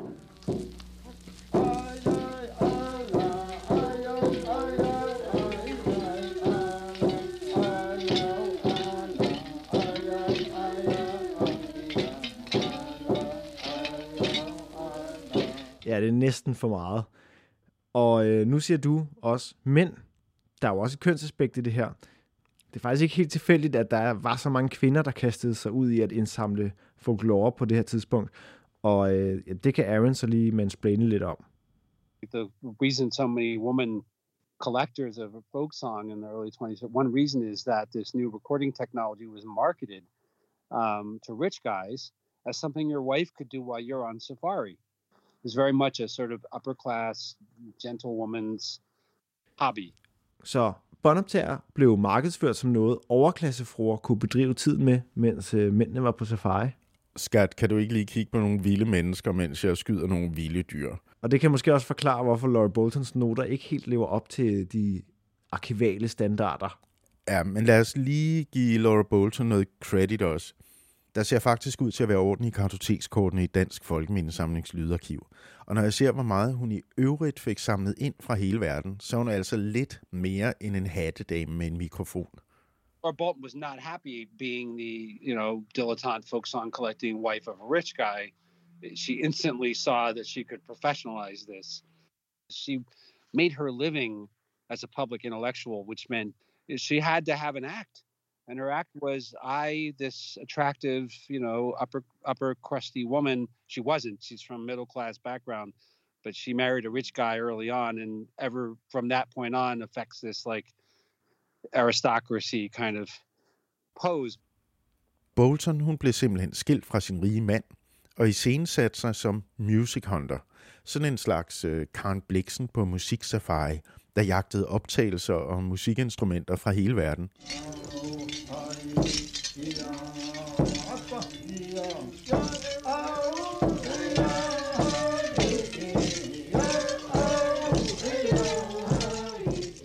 The, the real fact is she was an abrasive, driven person whose, in my opinion, ambition throughout her life was not so much to, um, you know, understand the things she was looking at as to be a celebrity. She wanted academic credibility that she felt very strongly had been denied to her because she was a woman. And there's some truth to that. But in her case, also because she was a dilettantish amateur. Uh, she had no knowledge of the languages she was hearing or spent, you know, never returned to most of the places she went a few days here and there and never came back. You know, so whatever she got in her first round of interviews with people, that's what she got was often wrong. And that became the metadata of the collections. Aaron har altså ikke så meget respekt for hende, hva'? Nej, Aaron han har virkelig været nede i Laura Boltons breve og papirer, og han har meget blandede følelser. Men på den anden side, så har hun jo heller ikke haft vildt meget respekt over for dem, hun har samlet ind fra. Nej, altså det er sådan et stort miskmask af kolonialisme og køn og overklasse, der tager på musiksafari blandt de oprindelige arktiske folk. Og så lavede hun jo også penge på de her optagelser. She sold her collection to Columbia University in the 60s as intellectual property. In much of the world, including the US and Canada, there was no legal framework around sound recordings whatsoever. Um, but these, these materials are in limbo.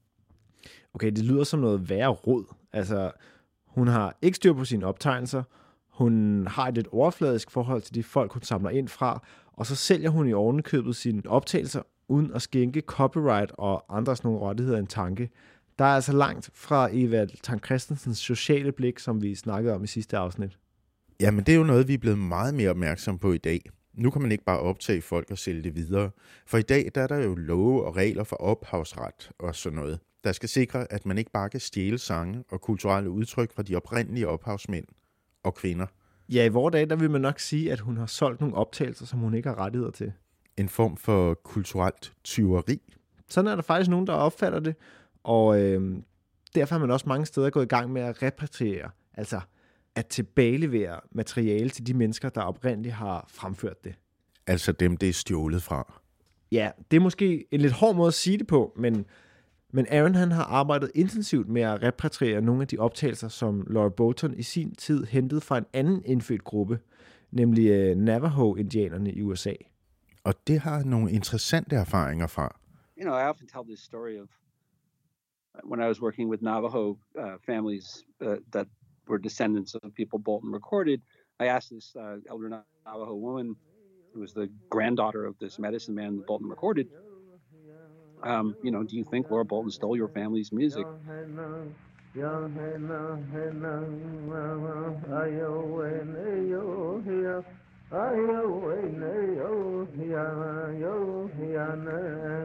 And she said, um, uh, the fact that our grand, our daughter wound up in the same building as their great grandfather's recordings, which is what happened.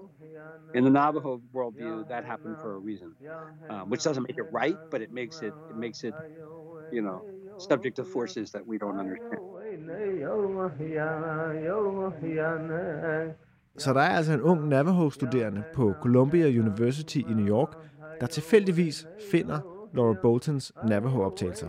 Så tager hun den med hjem og spiller den for sin familie, og øh, så viser det sig, at det er hendes oldefar, der synger på båndene. Og som hendes mor sagde, så ville det jo ikke være sket, hvis ikke Laura Bolton havde hentet sangene. Så cirklen sluttes jo på en eller anden måde, og måske er det det, man sådan skal arbejde hen imod. Altså slutcirklerne? Ja, og Aaron siger egentlig også, at man ikke behøver at være så bange for det der med rettigheder og repatriering. Man skal bare gå i gang og få fat i folk.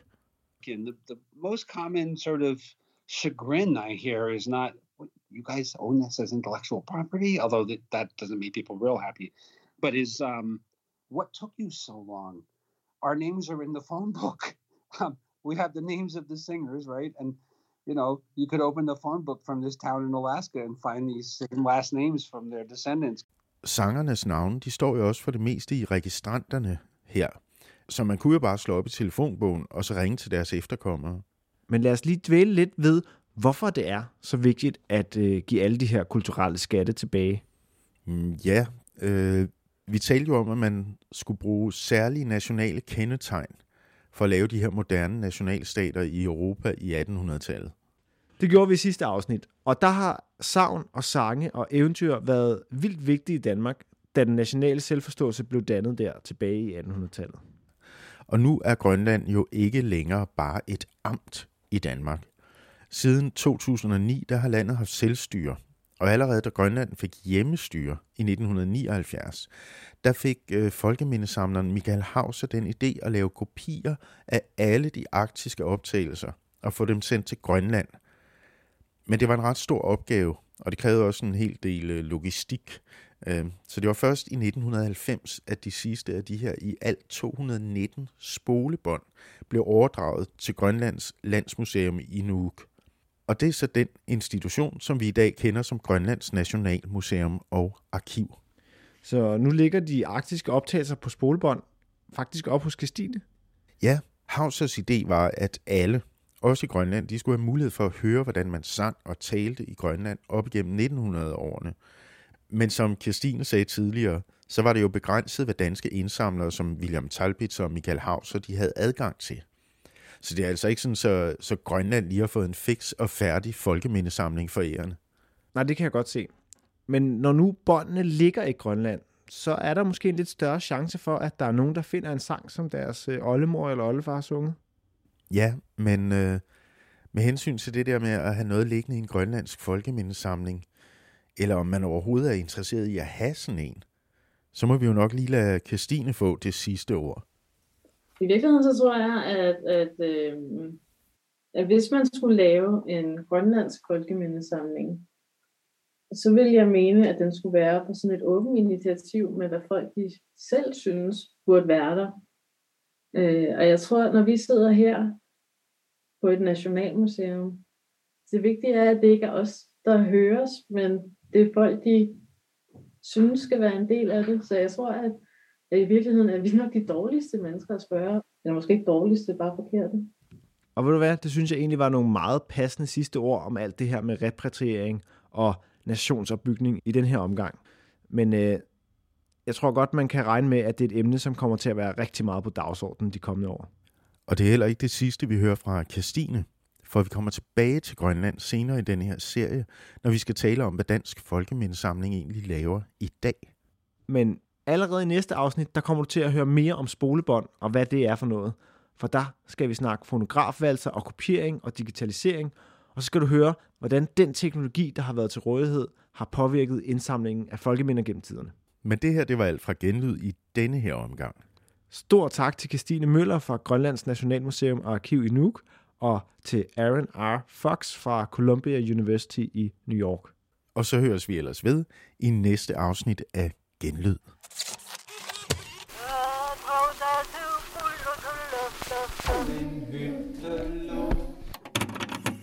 Jeg så til den aften i en sommerdag.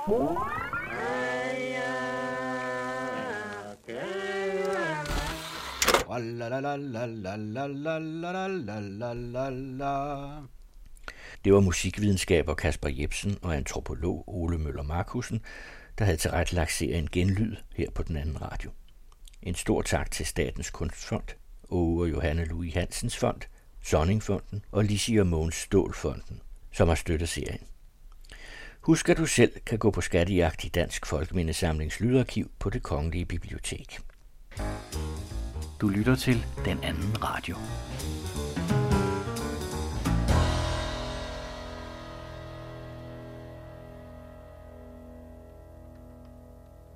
Her indleder vi nu en sommerserie, hvor Martin Hall og Søren E. Jensen vil gennemgå mere eller mindre obskure musikgenre. I den første udsendelse skal det handle om recitationssang, altså det i og for sig besynderlige fænomen, at tale kan blive til musik. Det er lettere sagt end gjort, men Hal og Jensen er enige om, at en af dem, som for alvor kunne kunsten, var den uforlignelige Telly Savalas.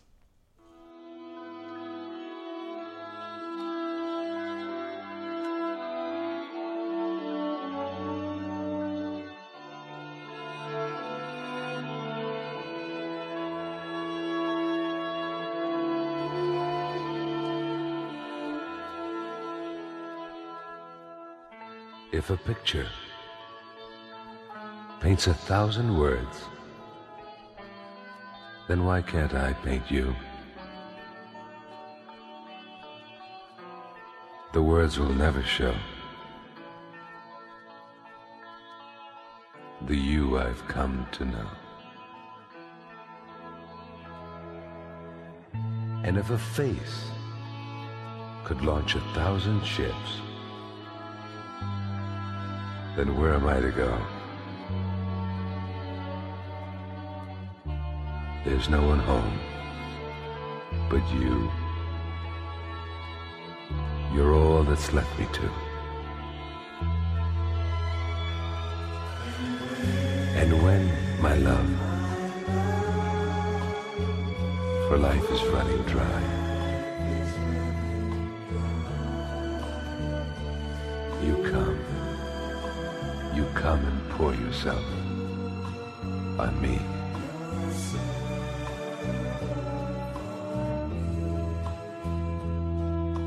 If a man could be two places at one time, well, I'd be with you tomorrow and today beside you all the way. If the world should stop revolving, spinning, spinning slowly down to die, I'd spend the end with you. And when the world was through,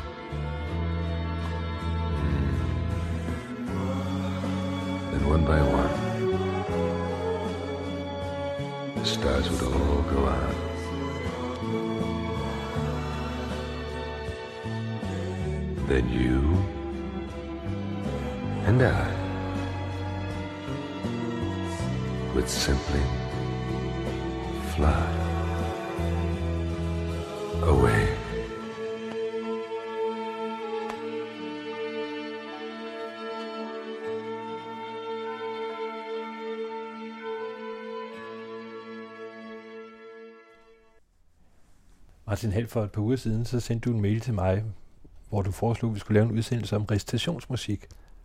Og du havde ikke skrevet mere, du havde ikke sådan øh, specificeret genren, så jeg skrev, hvis det skulle være rap, så ville jeg ikke. Og hvis det skulle være spoken work, altså lyrikere, der læser op til noget musik, så havde jeg heller ikke lyst, fordi det er også en genre, vi begge to har bevæget os i.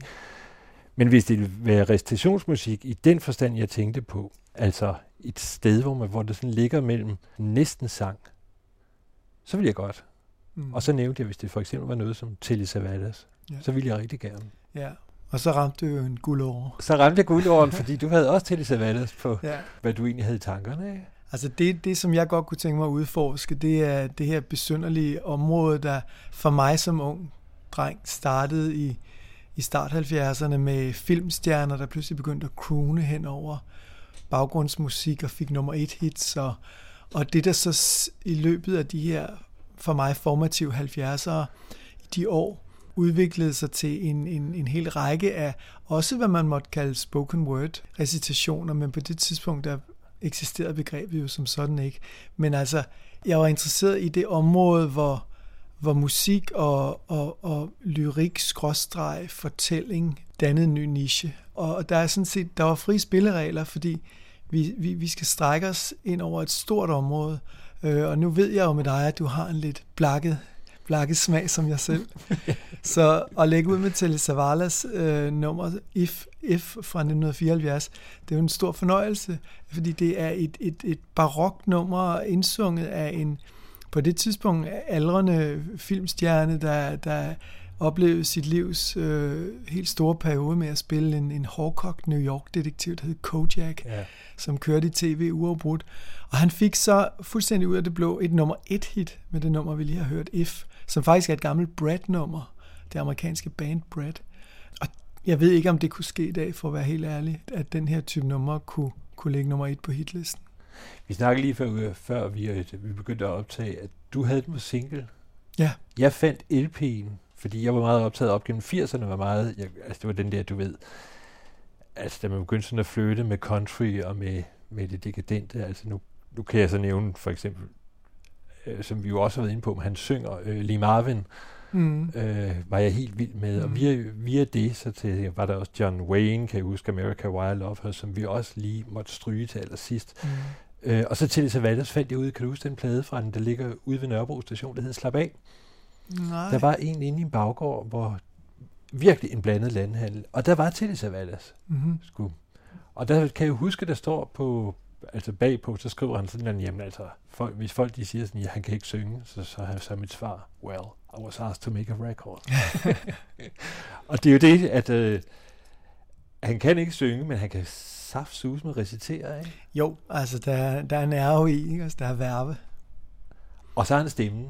Ja. Det er jo sådan noget, som jeg synes, nu er det jo så vist, at jeg har altså som så, så begynder man at gå op i det med liv og sjæl og finde ud af det. Altså, det ja. kræver som regel en god stemme for at lave en god recitation. Ja, selvfølgelig, og han ville nok heller ikke være blevet spurgt, hvis han havde en fistelstemme, der ingen steder passede.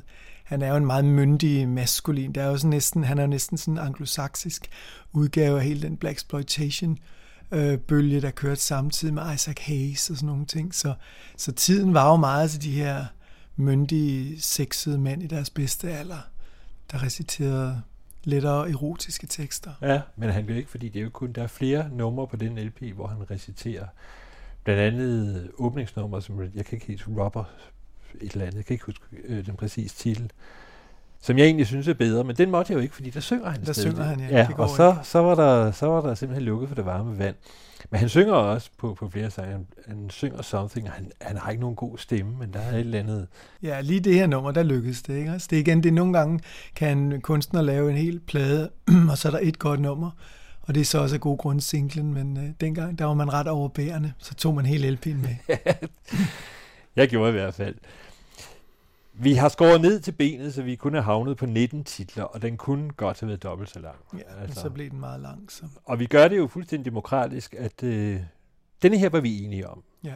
Og ellers, jeg vil ikke sige, at vi er uenige, men altså, så er vi så simpelthen fuldstændig demokratisk nærmest valgt hver andet nummer. Ja. Og du lægger for med en, som jeg også havde op at vinde. Men du kan jo selv præsentere, jamen begge to, fordi det er typisk to navne, du, du har på din liste. Ja, altså det er en, en um, world-musiker, der hedder Hector Sassou, som har lavet en masse meget, meget spændende øh, øh eksperimentale plader i 80'erne og 90'erne og startnullerne. Han er død nu. Men han lavede en plade, der skulle, være, der skulle markere 100-året for Arthur Rimbaud, den franske digters død. En, en ret vellykket plade, der hed Sahara Blue, der kom i 92. Det var, 100-året var så 91, men jeg går ud fra, at pladen er blevet forsinket undervejs. Men derfor er ideen jo god. Og der medvirker forskellige øh, navne, som, som er, er navne, som jeg har lyttet til gennem årene. Ryuichi Sakamoto og David Sylvian. Men det nummer, jeg har valgt, som jeg synes er fremragende, det er et nummer, hvor John Cale, altså den gamle Velvet Underground-musiker, reciterer en tekst af Rimbaud. Og det er et nummer, der hedder First Evening, og jeg har aldrig simpelthen hørt John Cale ramme den bedre øh, i rollen som, som retoriker, altså som talstemme. Jeg synes, det er meget rørende nummer, jeg synes, teksten er fremragende, og så synes jeg også, øh, den musiceren, der foregår, er meget, meget smagfuld.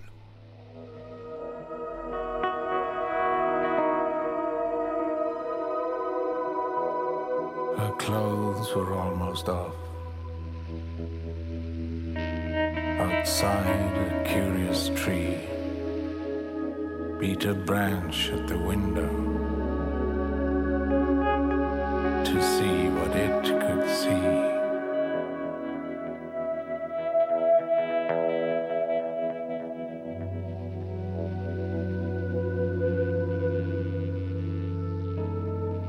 perched on my enormous easy chair. Half nude, she clasped her hands.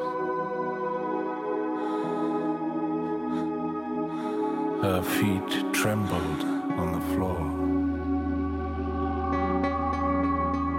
as soft as they could be.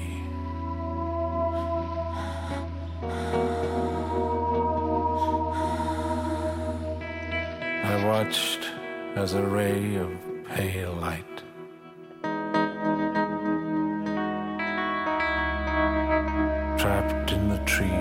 outside danced from her mouth to her breast like a fly on a flower.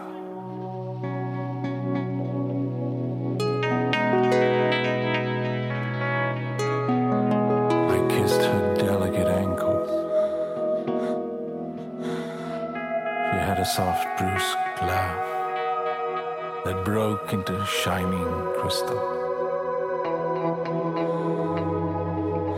A pretty little laugh.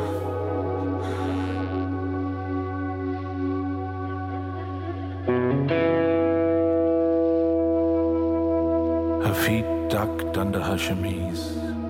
Will you please stop it? But I laughed at her cries. Knew she really liked it.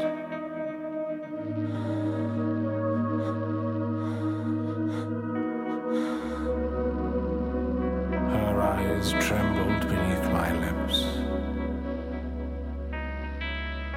They closed at my touch.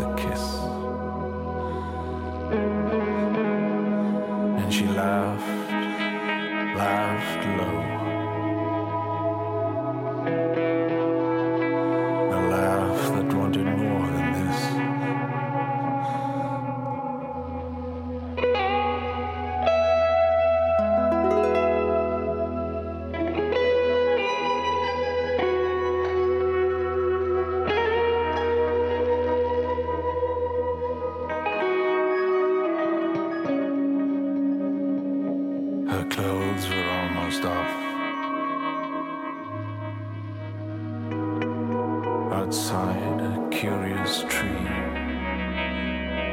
Beat a branch at the window to see what it could see.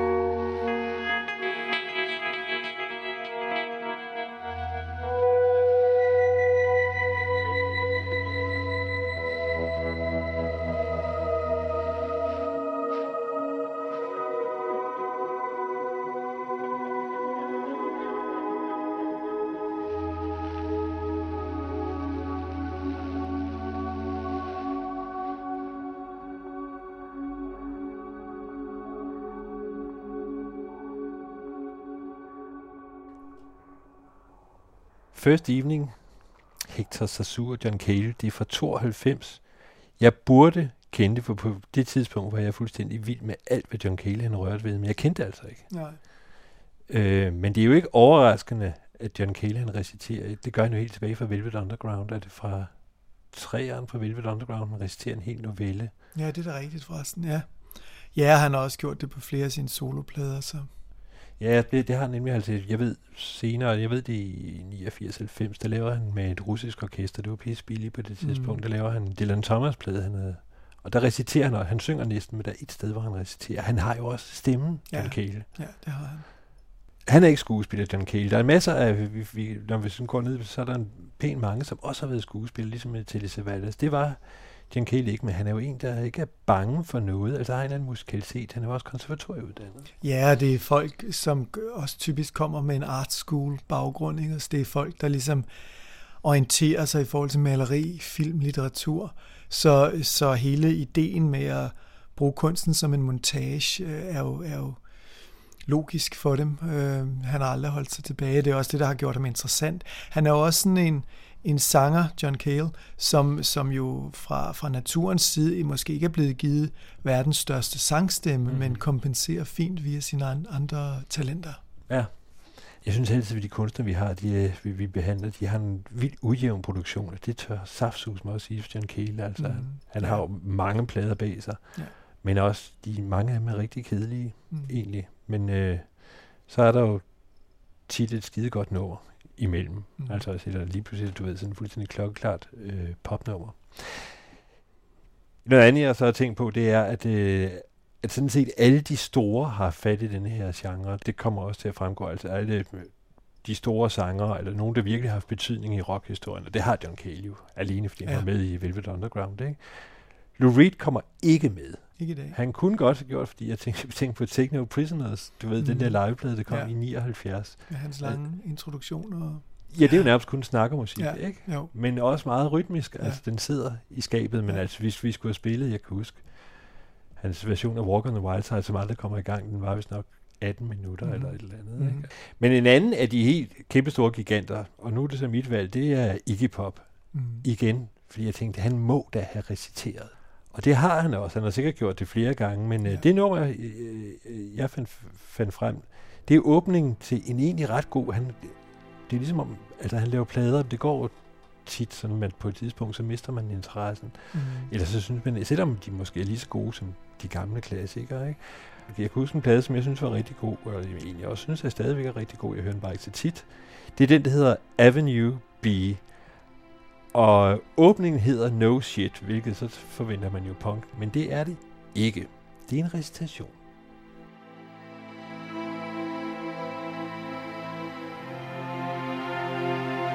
It was in the winter, my 50th year, when it hit me.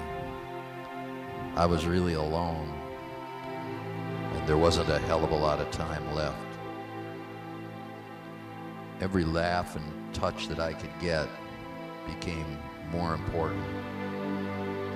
Strangely, I became more bookish, and my home and study meant more to me as I considered the circumstances of my death.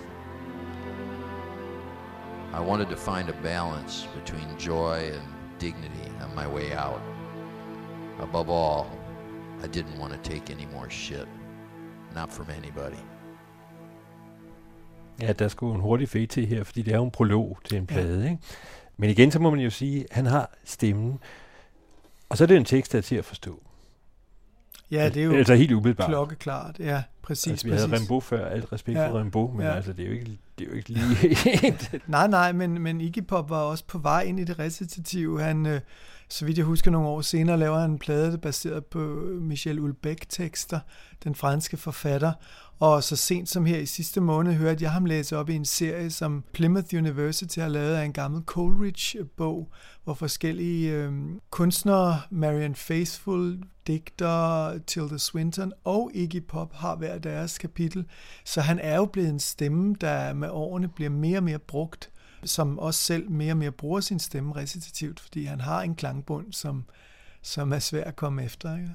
Jo, fordi noget, som altså jeg tænker på, vi er inde på en genre, som også, altså hvor, som øh, man jo også der kommer faktisk et reklamenummer senere, et regulært, men det er jo Mm. en æstetik, der tit bliver brugt Ja, i det er reklamer, det. du ved, noget musik, og så sådan Ja. den der kraftfulde stemme, der kunne man jo godt, der er ingen tvivl om, Iggy Pop, han må have fået et tilbud. Sikkert. Sikkert, altså. Han har jo også, øh, jeg kan huske, altså for Lost for Life, der er det nummer, der hedder Turn Blue. Nå ja, det er. Hvor der er jo midt i, i nummeret, der Ja. ja. kommer der jo, altså det er jo meget almindeligt, det bruger man egentlig ikke så meget længere, men altså der var jo sådan en snakke solo tidligere, Ja. ikke? og der, Ja. altså der hvor nummeret falder fuldstændig frem, Jesus, Yes, this is Iggy. Jeg, Ja, kan det er huske, jeg kan huske min lillebror, dengang jeg spillede, sådan, hvad, det er for sært det der, du ved, han blev Man kan sige, at, at meget, meget af den musik, som både du og jeg virkelig holder af fra 70'erne, var jo også en teatralsk form for rockmusik, Mm. hvor de her tricks sagtens kunne, kunne gå, fordi det var lige så meget et skuespil, det var en lille film, øh, det var et øh, intermezzo, øh, folk kastede sig ud i, når de lavede et nummer, så, så det lå jo helt lige for. Det lå helt lige for. Den anden, som jeg også har gået og tænkt på, men jeg mener ikke, han har lavet et rent recitationsnummer. Det er bare en Ferry. Han har Song for Europe, hvor han jo, jeg tror, han kommer over i fransk lige frem, ja, ikke? altså for, for at gøre det endnu mere teatralsk. Ja, ikke? det er rigtigt. Jeg husker heller ikke en decideret recitation. Jeg husker en, en del numre, hvor han øh, sådan er mere kurserende. Ikke? Så, øh, men, øh, men Ferris mm, gebet er måske også lidt andet. Han læner sig mere op af chansons og den mere frankofile øh, verden, hvor, hvor Ja, hvor måske nogle af de ting her, vi har fat i, har en vis sådan øh, germansk alvor over sig. Mm-hmm.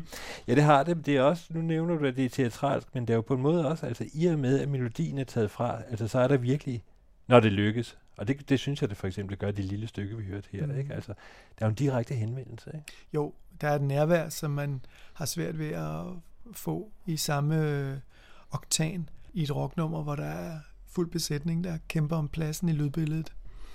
Og øh, hvis jeg må hoppe videre til en introduktion af, af det næste nummer, som jo så er mit, der kan man sige, der bevæger vi os endnu mere ind i sådan øh, den her kunstskole, som prægede øh, virkelig slut 70'erne og start 80'erne i Europa rigtig, rigtig meget.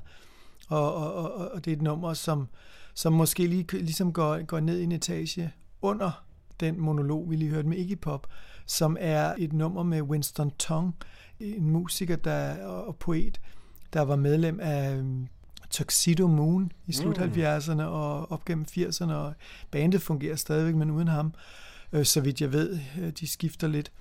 Men, øh, Var de ikke belgiske? Øh, nej, de var amerikanske, men de havde en, et belgisk medlem, og de havde Winston Tong, som var opvokset med, med kinesiske forældre, dog i Amerika. Så det var, og det var et, et band, der var meget europæisk orienteret. Ja. Øh, jeg mener også Stephen Brown, uden at, uden at lægge, hvad hedder det, hovedet på, på bloggen. Øh, jeg mener også, at han havde noget europæisk blod i sig, så at sige.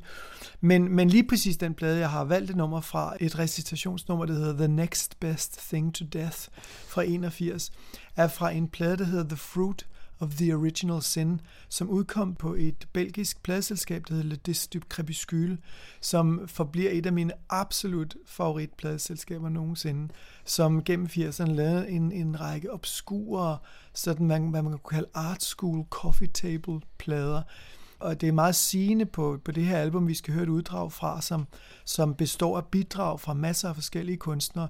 Der er for eksempel også øh, bidrag af William S. Burroughs, hvor han læser op i USA. Mm. Han kunne godt, ja, han kunne godt have Han kunne have været med sagtens mm. også. Ikke? Margaret Duras, øh, den franske forfatterinde, sidder og fortæller om sit virke bistået af, af, af svag klavermusik i baggrunden. Ja, ja. Og, og det var en, en vidunderlig sådan salonfag niche, det her pladselskab øh, bevægede sig i.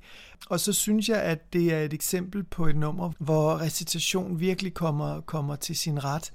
Øh, det er efter sine indspillet, mens han sidder og venter øh, i, i øh, udenfor i backstage-rummet, mens Tuxedo Moon laver lydprøve inde på scenen, og simpelthen uden manuskript øh, reciterer det, vi skal høre nu. Og jeg har altid elsket det nummer. Jeg synes, det, det har en nerve og en, og en dybde. Øhm, så jeg ved ikke, om du har mere at sige om det, men ellers vil jeg bare sige, the next best thing to death. A one tour somewhere over the mid-Atlantic. Delirium of lemons. The next best thing to death. Is resurrection. We should be like this all the time. We will be like this all the time. No doubt about it.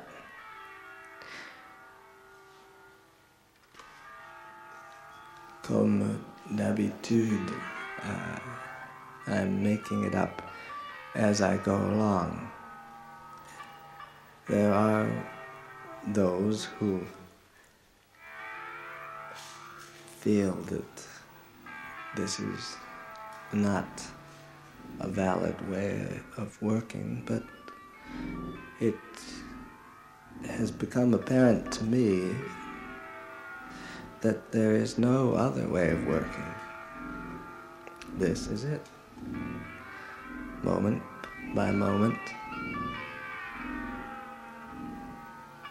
putting it together as we go along.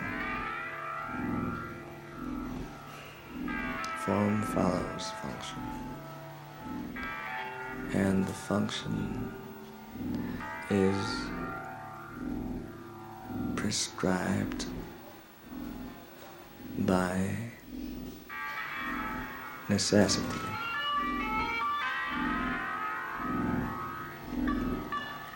Somebody's screaming now, or singing, I suppose, in the next room where a conglomeration of artists is trying to relax for a night.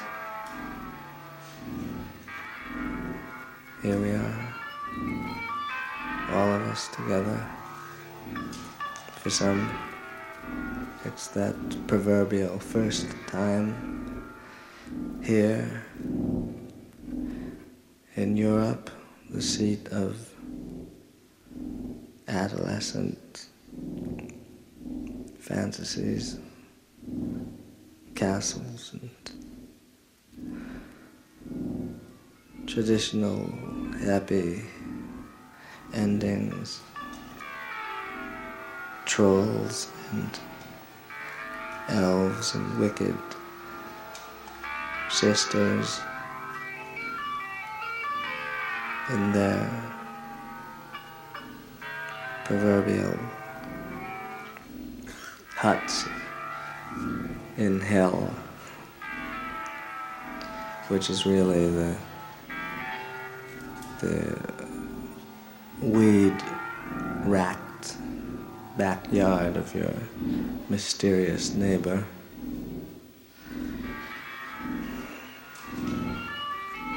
It's all in breathing, they say. Control of thoughts, the growth of each cell in your body, and your very passage into and out of life itself. And they're still screaming in the next room. And I'm still here plunging along, unsure of what the next moment will bring, but trying with all my might not to try to embrace the moments as they come and go. Scream, scream, scream. Maybe that's the solution. Solution to scream and scream and scream. I am hardly able to do that at the moment because I feel so wonderful. just doesn't seem to be any reason to scream or fill myself with angst. Who needs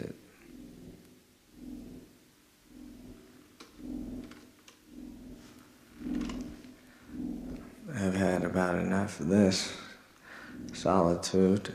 I'm going to join the others in the next room, slip back into the comfortable void of a movie. Signing off, yours in cold blood, Winston Tong. Winston Tong, The Next Best Thing to Death. Jeg, jeg tror ikke, han er helt clean, som man siger. Altså, han lyder for uroligende afslappet. Men jeg synes, der er en, et, et, et, et vidunderligt plasmatisk øh, sindelag, der ligesom danner sikkerheds, sikkerhedszonen for op, opleveren i det her nummer. Jeg kan huske lige siden jeg hørte det som, som helt ung, hvor jeg købte den her plade ind i Hase, og var begejstret over alle, hvad hedder det, breddegrader. Øhm, og jeg kan huske, hvor imponeret jeg var allerede dengang af det her nummer. Øh, den sugende verden, den indbyder til. Og, og det har stået sådan set næsten 40 år nu, så, så det var også en bedrift. Og så er der sådan en lille ting på det tidspunkt, hvor han i teksten citerer Kirkegård, så siger han jo på klingende dansk, angst. Ja, det passer. Vi havde Rimbaud, når vi Kirkegård, ja. det er virkelig, altså det var også, det var hvad man havde på bogreolen, dengang i 80'erne, ikke? Ja. Så noget har jeg været med til at lave, i øvrigt med Jytte, vores tekniker. Og det er enormt sjovt, altså du ved, med et eller andet med en stemme, og så kører noget fnit og fnaller musik mm. under, ikke? Mm. Altså sådan en forretningshemmelighed, det er også ret let. Ikke? Mm. Men det her, det er live. Mm. Til synlædende, altså så er det noget, det er en improvisation over, ja. og så tager man hatten af. Ja. Ikke? Ja. Vi skal blive, jeg, jeg kunne forestille mig, at øh, den næste kunstner, som jeg har valgt, det du for ubeskeden til selv har gjort, er, hvad, hvad man, jeg kan godt forestille mig, samme nye goth-klientel kunne både kunne høre Winston Tong, og så øh, hende, vi skal høre nu, det er Irma Victoria, og det har du i talt aktier i. Altså, hun er ikke en regulær konstruktion, hvor hun levede. Mm. Jo. Men det var, det, altså, det var jo en bekendt, en veninde af din mor, som sang specielt. Ja, altså Irma Victoria er en sær historie. Det var en ældre dame, som jeg havde kendt lige siden, øh, lige siden jeg var lille. Hun var ven af vores familie og kom tit i, vores, i mit barndomshjem og havde ikke tone i livet. Øh, men, men hendes, hendes stemme... Havde imponerende ikke nogen tone i livet. Ja, fordi når hun nynnede med på radioen, allerede som barn havde jeg nogenlunde musiske hør, der kan jeg huske, at når hun ligesom nynnede med på Rakel Rasteni i radioen, så var, det, så var det utroligt, i hvor høj grad hun var i stand til at lægge sig uden for noget som helst musikalsk koordinatsystem. Lige meget hvilken tone hun valgte. Og, og den autenticitet øh, slog mig bare som både rørende og besynderlig. Og eftersom jeg jo var den her kunstner, en spe, der i sin teenageår blev mere og mere fascineret af de her kunstens eksperimentarium, det at i kunsten var alt til, at man kunne inddrage alle elementer, sætte dem ind på samme bord, øh, så længe der opstod en syntese. Altså forskellen på god og dårlig kunst er jo rent faktisk, om ting sublimerer og smelter sammen. Mm. Der er en syntese, eller de forbliver bare løsrevne øh, elementer, der ikke arbejder sammen. Øh, og der kan jeg huske, at jeg ret tidligt i min, min, min karriere havde en idé om, at jeg godt kunne tænke mig at prøve at tage et så ubeskrevet blad som Irma og spørge, om hun, hun havde lyst til at recitere og synge øh, på, en, på en plade. Jeg så, jeg så ville lave et helt album, fordi jeg på det Med tidspunkt... 20 skæringer, det var en lang plade. Det var en lang plade, over 50 minutter og 20 numre på. Den første plade hed The Rainbow Theater. Og, og, og, og sagen var jo, at jeg udgav den, fordi jeg selv havde haft mit første store kommercielle peak med et album, der hed Presence i 88, hvor singlen Beat of the Drum blev det mest spillede danske nummer på The Voice. Jeg endte det år med at ligge højere end Thomas Helmi på flere læseafstemninger i de førende rockblade, så jeg var, jeg var, jeg var ret øh, chokeret faktisk. Så jeg tænkte, hvad er næste skridt? Det er selvfølgelig at introducere kunst til det nyfundne publikum. Så jeg ringede til Irma og spurgte, om hun havde lyst til at lave en plade. Og der lavede vi så den her plade, der ikke nok med, øh, at den var barok og blev kaldt øh, med, i, i overskriften på Gaffas anmeldelse århundredes kommercielle selvmord. Øh, så nåede den altså ud til et europæisk øh, avantgarde-publikum, der stadigvæk taler om Irma Victoria. Mm. Øh, her hjemme har hun en beskeden fanskare, om man vil kalde det det, på et par hundrede mennesker. Men, øh, men hun nåede jo langt ud, og, og det helt barokke ved historien var så, at hun rent faktisk blev Grammy-nomineret i øh, februar eller marts 91 i kategorien årets bedste sangerinde. Og der skal, der skal, må jeg så hellere sige, at IFPI, som arrangerede det, efter sigende lavede reglerne om det år, så en speciel jury aldrig længere kunne stemme deres yndlings sangerinde ind, for det måtte ikke ske igen. Så det var ligesom den lange historie. Nu er det så dig, der har valgt Irma Victoria, for at jeg vil aldrig vælge det, nej. Og du har også valgt at tage et nummer netop for at blive i den verden, vi er, hvor hun kun reciterer. Ja.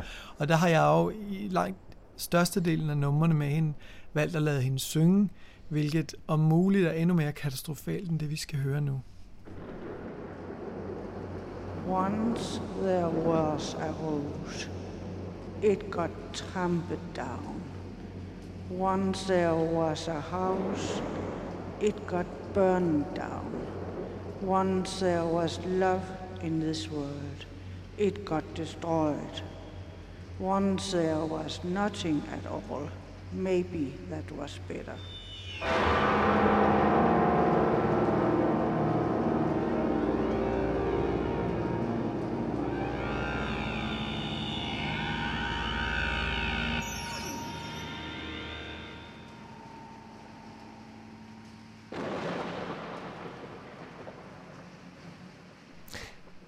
En kort lille sag, det er mange af Hjemme Victorias numre. Men i øvrigt, så kan jeg huske, at altså, det kom, så tænkte jeg, du spiller en masse gode melodier på det her. Men her er, det jo, er vi ude i recitationen. Ja. Grunden til, at jeg ville høre det, var, at jeg tænkte, om det i grund ikke var sværere at instruere. Det, altså, et sangnummer er et sangnummer, havde jeg ja. sagt. Men her skal den på en måde sidde, hvis den sidder ved siden af, så falder det. Ja, men altså fordelen ved Irma, når man sidder for eksempel og indspiller det første album med 20 numre, og det næste album med 32 numre, så er der den fordel med Irma, at man stort set kun behøver at tage nummeret en gang. For du ved Fordi det kan simpelthen ikke...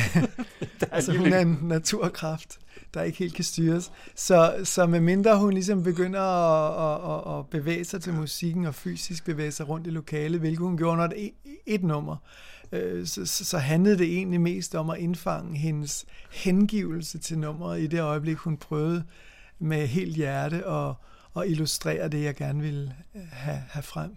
Altså, det er jo virkelig en smuk titel, Once There Was a Rose. Men det er jo ikke, det er også typisk ved mange recitationsnumre. De fortæller en historie. Ja. Og det her, det er jo sådan, der var en gang. Ja, ikke? og så kommer moralen. Ja, så kommer så med totalt destruktivt. Som jo også, altså, øh, som jo også gør sig gældende for alle de numre der. Ikke? Altså, jo. det, edderbuk med nihilisme i Ja. 10. potens. Ikke? Det var jo ligesom det, som, som, som, som hendes materiale kredsede om. Ikke? Altså, det, det, det var ikke lystige fortællinger.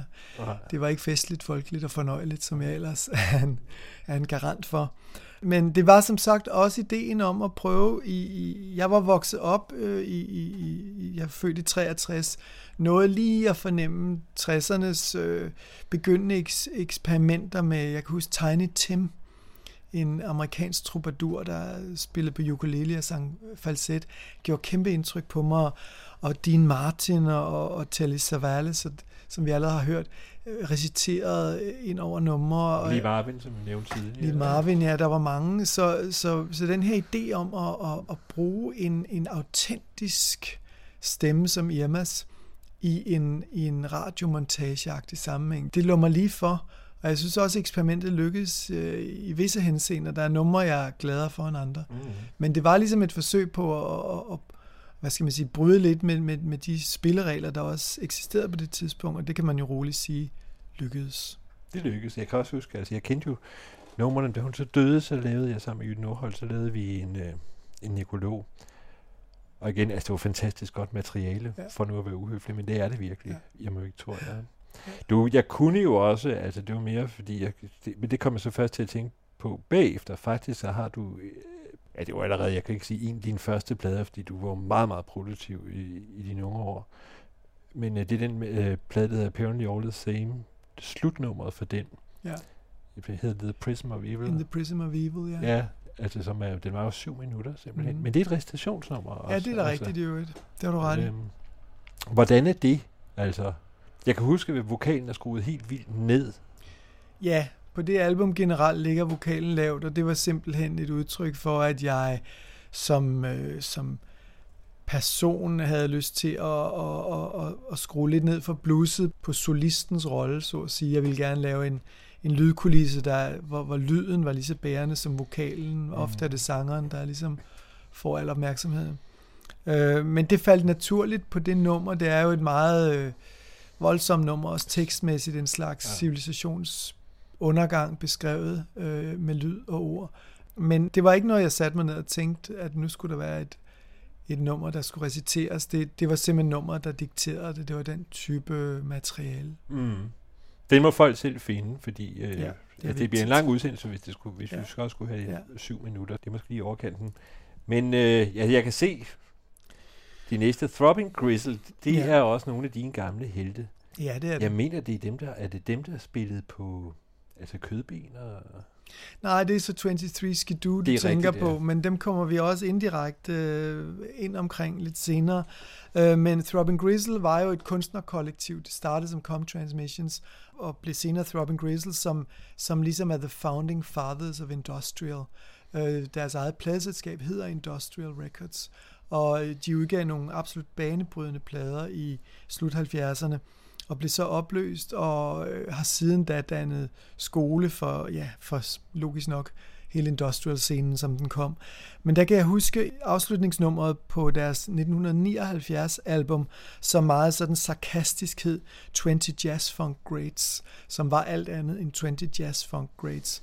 Øh, på omslaget ser man også gruppen, som består af nogle rimelig depriverede individer, stå i deres øh, pæneste søndagstøj, øh, i, i- i sådan naturomgivelser med en Range Rover bil stående i baggrunden, og det ligner simpelthen en Scientology familiemiddag, der skal til at holde en fest. Og sagen er, at de er fotograferet på, på et sted i England, der hedder Beachy Head, hvilket er et sted, der er yndet for selvmordere til at springe ud, når de ønsker at tage deres eget liv. Så hele Robin Grizzles virke var at undersøge tabuet i vores samfund. Det var at gå ind i seksualitetens mørkeste afkrog, øh, manipulationens gaskamre.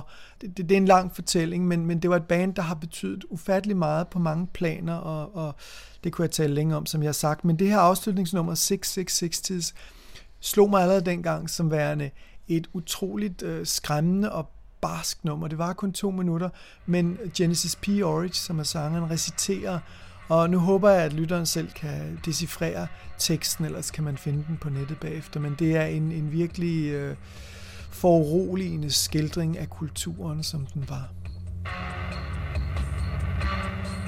I am one of the injured. A tear blurs flesh. Dissolving like an injured dog. Like wasted limbs get smaller. Pain is a stimulus of pain.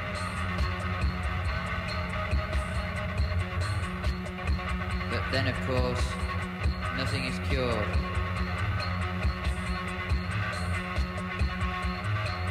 This is the world now. Move a fin and the world turns. Sit in a chair and pictures change. Try to eat us. Get trapped.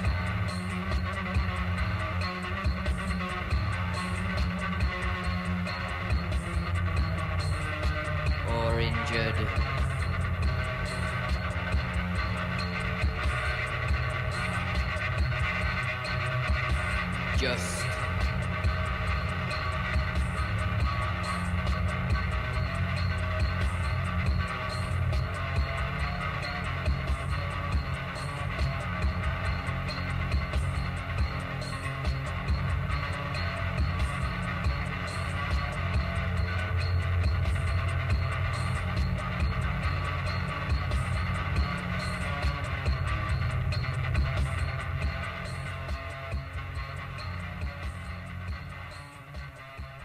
Robin Grizzle. Altså alene titlen 666 tids, det er jo Mm. lille digt, ikke? Altså, jeg går ud fra, at der er en hån mod, mod 60'erne, som var meget op. Det er fra 79, ikke? Det var meget moderne at skille ud med 60'erne der. Og så Ja. 666, som er djævelens tal i Ja. Johannes åbenbaring, ikke? Jo, jo Han- det er klart, der ligger en masse associationer der. Han døde øh, forrige år. Jo, øh, tidligere på året øh, her i 2020. Leukemi var mm. det vist. Ja. Men øh, han nåede jo at have et langt produktivt virke, Genesis P. Orridge. Øh, på godt og ondt. Der kunne også findes øh, lidt uheldige, besynderlige historier frem om ham. Jeg har fået et par stykker. Cosi Fanny Tutti, som var det kvindelige medlem af Robin Grizzle, har, har også i sin bog øh, beskrevet, hvordan han var decideret øh, voldelig og, og farlig at være i nærheden af. Han var et meget manipulerende individ.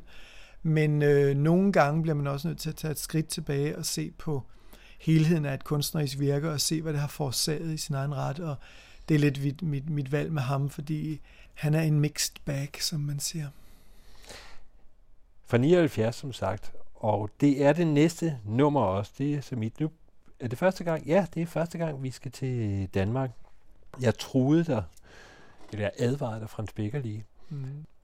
Et nummer, der hedder Hvor kraverne vender, som er et recitationsnummer. Som jeg hørte første gang omkring 80 eller sådan noget. Der var jeg jo også, altså jeg min musiksmag lå et andet sted. Men jeg kommer ind i det på det der P4 søndag aften for unge noget, ikke? Og jeg troede, det var et 80 nummer. Jeg troede, det var en 80'er kunstner, fordi det emmer af storby. Og øh, den måde, som øh, Frans Becker lige reciterer på, har den der coolness, altså en eller anden... Øh, altså det er i hvert fald ikke... Jo, det er inderligt på sin måde, men det er også teatralsk, ikke? Jo. Altså det vil sige, det passede meget godt med den scene, der var i 80'erne. Altså, nu havde jeg ikke hørt det, men jeg fik en stor lytteoplevelse, da du sendte mig linket. Jeg havde aldrig hørt den soloplade No Kidding, det stammer fra. Mm. Og øh, jeg var vokset op som så mange andre med gasolin på godt og ondt, og var ret paf over hans levering. Jeg synes, det er helt fabelagtigt. Men jeg vil også sige, at man kan sige, jeg kan godt forstå med lyden måske, og, og det teatralske, at du tænker 80'erne, men der er godt nok også meget 70'er ornamentik på den vokale front i det, og især teksten, altså, som, som har sin egen, sit eget charmerende hjerteblod. Ikke? Det vender vi tilbage til, når vi har hørt den. Men altså, jeg synes, man skal læne sig godt tilbage, og så, så jeg hører i hvert fald Frans Becker lige, at øh, igen, øh, det er det eneste recitationsnummer, der er på pladen. Det slutter den der No Kidding-pladen. Og han har ikke nogen stor, præcis som Metallica Savalle, som vi hørte tidligere, så har han ikke nogen stor sangstemme, men han har altså Frans Becker lige en fabelagtig recitationsstemme. Dengang jeg gik i skole, ja, til sidst der blev jeg træt. Det var ligesom om, ja, det var det bare. Jeg oplevede blevet midt. Så mig og min bedste ven sagde, hey, lad os pjekke den. Du og jeg fortjener en fridag. Kom nu. gamle dreng. Tog gitaren på nakken og drog afsted. Tom fingeren i vejret. Hey, tag os med. Vi satte af, hvor vejen endte. Det var nær ved en mark. Vi havde bare fundet stedet. Det var ligesom Noahs ark. Det var der, hvor kravene vender. Der, hvor regnbuen ender.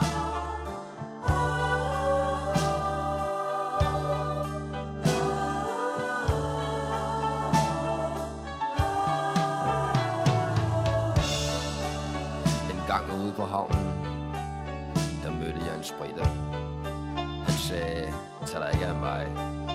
Jeg er sådan en slags nitter. Du ved Livets lotteri Det er hvad der kan ske. Det var det der med konen Og det med børnene du ved. Og han fortalte sin historie Og jeg begyndte at tude. Han sagde Tag dig ikke af mig. Jeg har det godt herude. Jeg er blot på gennemrejse. En tilskuer til livet. Jeg har lige været derude. Der hvor intet er givet. Der Hvor kravene vender.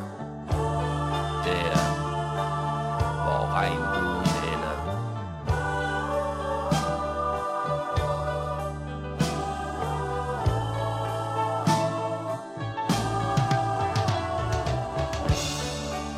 Det er midnat i bar Og lamperne gynger. Der er en mystisk tøs. Der altid går og synger. Hun har oplevet Gud Og jeg ved det er sandt. Det er ikke ligesom dig. Du er bedre vant Men på vejen hjem Der møder jeg gadens forfatterinde Som fortæller mig At nu er hun spærret inde. De tvangsindlagde hende som en anden stod, Den dag hun var på vej. På vej derud. Der Hvor kravene vender Der Hvor regnen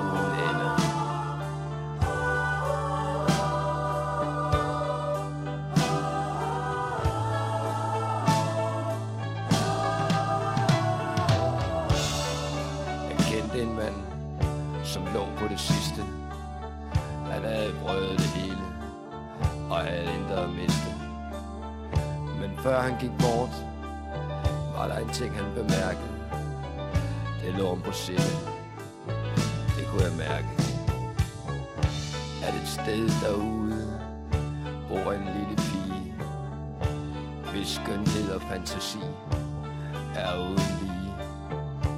Hendes rødder drager morgenlyset op ad græsset.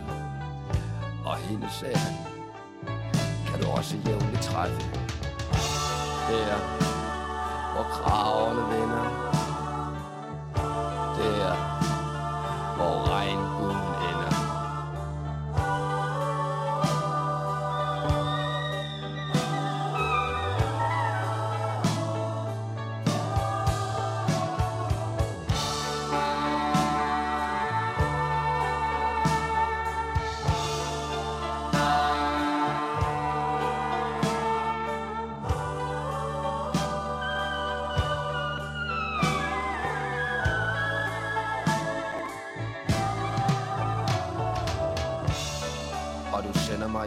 mig et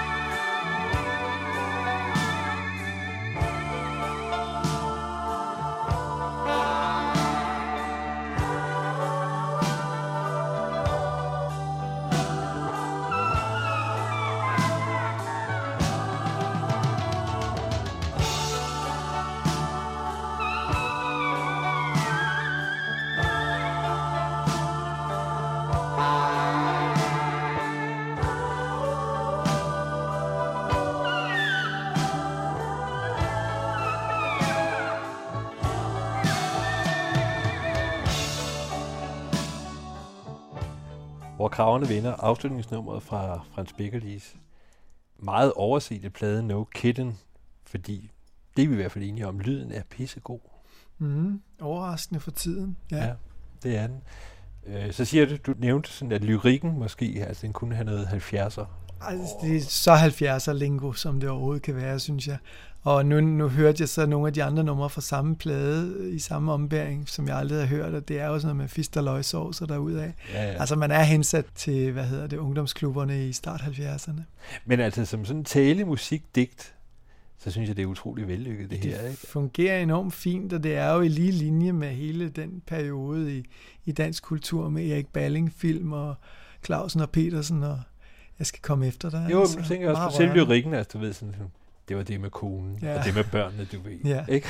altså, det, det er ikke, men igen så er det lidt, altså han lyder næsten som om, han er ved at brække sammen af gråd. Ja. Ikke? Altså, jeg mener også, han havde det pænt dårligt. Det er jo lige da gasolin lige gået ja. i opløsning, og hvad skal han lave på socialkontoret, og konen er skrevet, og det kunne man forestille sig. Det kunne man forestille sig. Han, han var nok derude, hvor, ja. hvor kravene vinder. Og så det at vælge et, et, et gammelt Stix-nummer som, som Ja, det som fandt jeg ud af. Det var jo ikke, altså man kan, man kan vide for meget. Ja, øh, men, så Stix, skal man måske lige sige, at det er altså fejl, fejl. Der er visse, jeg, jeg har tilgivet mange genrer med årene, men, men ikke Stix. Og jeg hørte det så for første gang.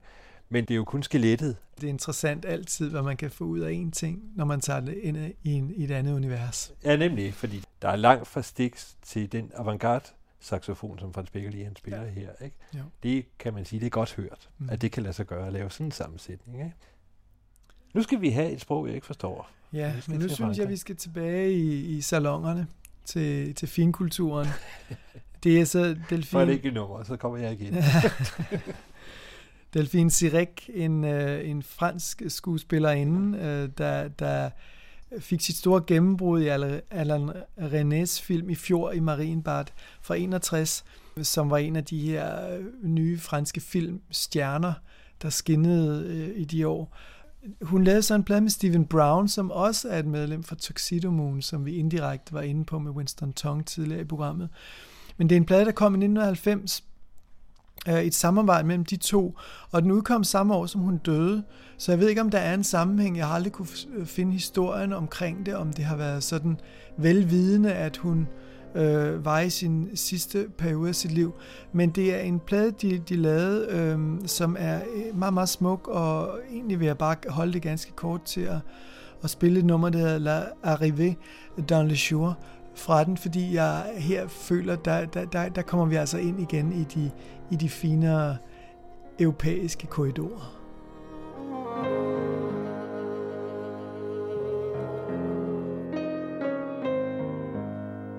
L'eau s'ouvre avec un bruit de jupe déchirée, dans une obscurité dense et froide, une odeur acide de vase,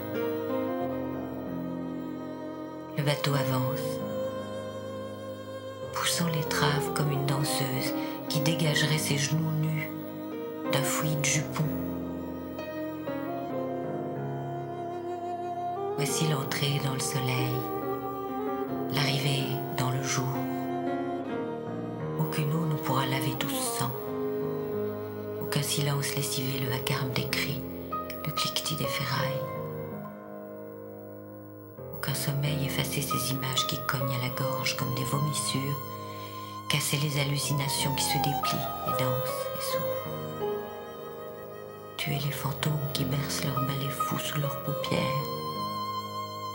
Aucune nourriture effacer de leurs narines l'odeur douceâtre du sang. Les charognards d'épaisseur règnent ici,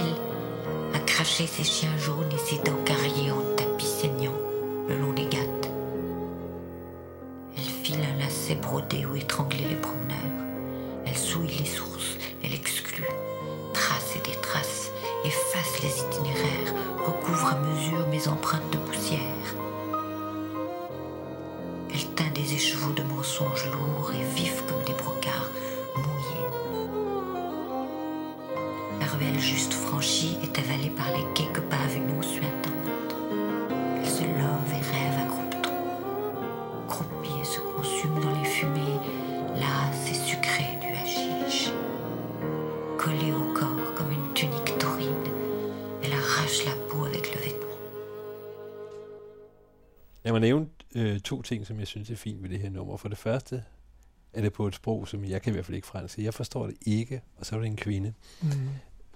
Det er jo det, altså det er jo det ejendommelige, som tider kan en recitation være så fin, så man ikke behøver at forstå sproget. Jamen det er også det, jeg synes, at, at det er helt centrale ved det her. Det her er musik i, i, i sin egen fonetiske, øh, hvad hedder det, graciositet. Øh, Jeg er henført, når jeg hører det her. Det er- vi- Jeg, vi, vi ser det gamle Europa for os. øh, Dengang mænd åbnede døre for kvinder. ja, nemlig de gode gamle. Det er meget skægt, for jeg kan huske, at jeg var på et tidspunkt var jeg udstationeret i Polen, hvor jeg så havde fået nogle polske digte, dem havde jeg så fået reciteret blandt andet Marianne Germer, som var stemmen, som i øvrigt også har arbejdet med her på den anden radio, hvor min tolk så sagde, og han kunne ikke dansk, vel, overhovedet, han var polak, han sagde sådan, jeg kan lide det digt, lige meget hvad fanden det handler om, ikke? altså, fordi stemmen var så flot, Jamen, ikke? det kan noget. Ja, det kan noget. Nå, du sagde den dårlige smag. Altså, Bob Dylan behøver jo ikke at være, være Nej, det dårlig synes, jeg smag. synes ikke, det er dårlig smag. Det synes jeg ikke. Jeg synes, det er en sjov sammenhæng, men det kan du fortælle om. Ja, jeg nævnte tidligere, at ikke det var så Iggy Pop eller Telly Savalas eller sådan noget, de stemmer Mm. kunne jo godt være brugt i reklamer. Det minder den æstetik, som de numre har, minder meget om biografreklamer, ikke? Sådan, you've heard about, but now here we are, og sådan noget, ikke? Og Bob Dylan, altså han er jo simpelthen gået lige ud. Han lavede simpelthen Ja. en uh, reklame for nogle år siden med det der, er det Super Bowl, uh, Ja. det der, hvor reklamerne, de koster jo svimlende beløb, Ja. ikke? Og der er vist nok en konkurrence om, hvem kan lave den mest formfuldendte tv-reklame. Ja. Og der må man nok sige, at Chrysler her, de gjorde lidt af et skub. Is there anything more American than America?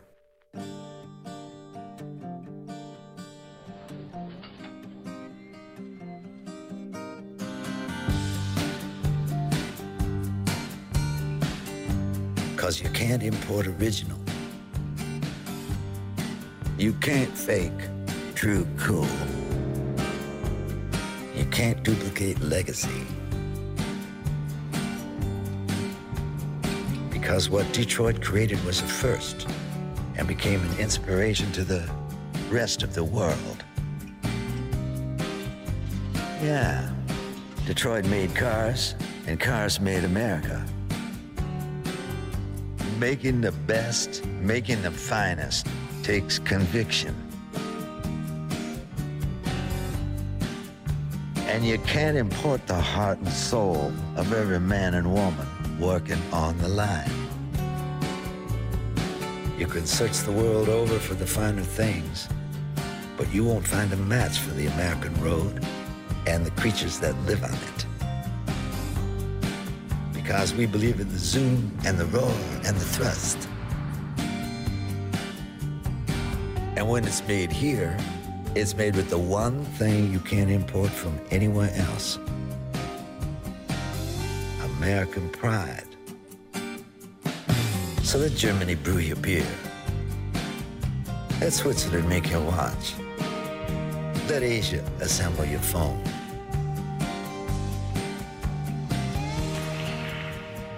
We will build your car.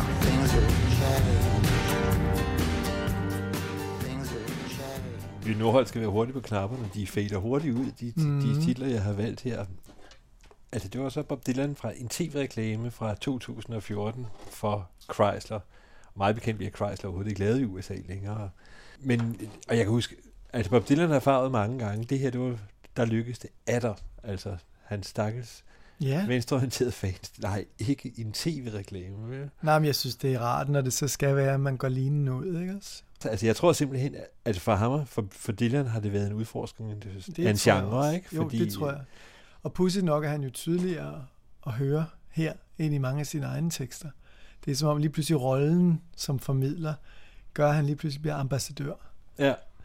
Jeg tænker også på, at det ligger der i, altså der er ingen tvivl om, vi nævnte en af de numre, som var meget, meget tæt på at komme med i den her udsendelse. Øh, John Wayne, America, Why I Love Her. Mhm. Altså han er inspireret af det, det er der ingen tvivl om. Altså, Jamen, han er jo inspireret af hele den store amerikanske folkekultur, ikke? så det lever jo simpelthen i hans værk.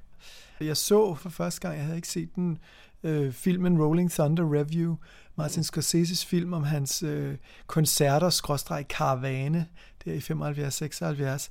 Og det var en meget interessant øh, oplevelse. Jeg er ikke den store Bob Dylan-fan på den måde. Øh, Mange af hans plader bliver for ordinære balleklaskermusik for mig, på trods af de gode tekster. Øh, Men jeg må sige, at det virkelig gav mig indblik i en, i en mands måde at arbejde på, og hans evne også til at assimilere. Og så var der en, en, en, en kvinde med, der hed Scarlett Rivera, en violinist, som Mm. efter... Han fandt det på gaden, tror jeg. Ja, det er muligt, men øh, hun spillede fremragende, og så var der den, det, lille arbejde bare, at hun sov med, med, med, med tre svær under sengen hver nat. Så, så han var omgivet af folk, man skulle være forsigtig omkring. Han er ikke, han er, jeg synes, at, at øh, altså man har, altså hvem er Bob Dylan? Jeg tror ikke selv, han ved, altså, men jeg tror, han, han er meget optaget, det er rigtigt nok, det, det du siger, altså han er jo ikke optaget af at være ny, altså, jeg tror, han er mere optaget af at finde genre, det her det er en genreøvelse, Ja. ikke? og han har jo også lavet nogle udsendelser, fordi, hvor det vist nok, altså halvdelen af de facts, han siger som DJ, er løgn, ikke? men han skal, det skal være en god DJ-stemme. Ikke? Mhm. Jeg har hørt noget af det, lyder sindssygt godt. Mhm. Jeg kunne også pege på noget, det kunne vi også godt have spillet, nemlig hans takketale, da han fik Nobelprisen forrige år. Mhm. Ja, den var så lige en halv time eller noget. Mhm.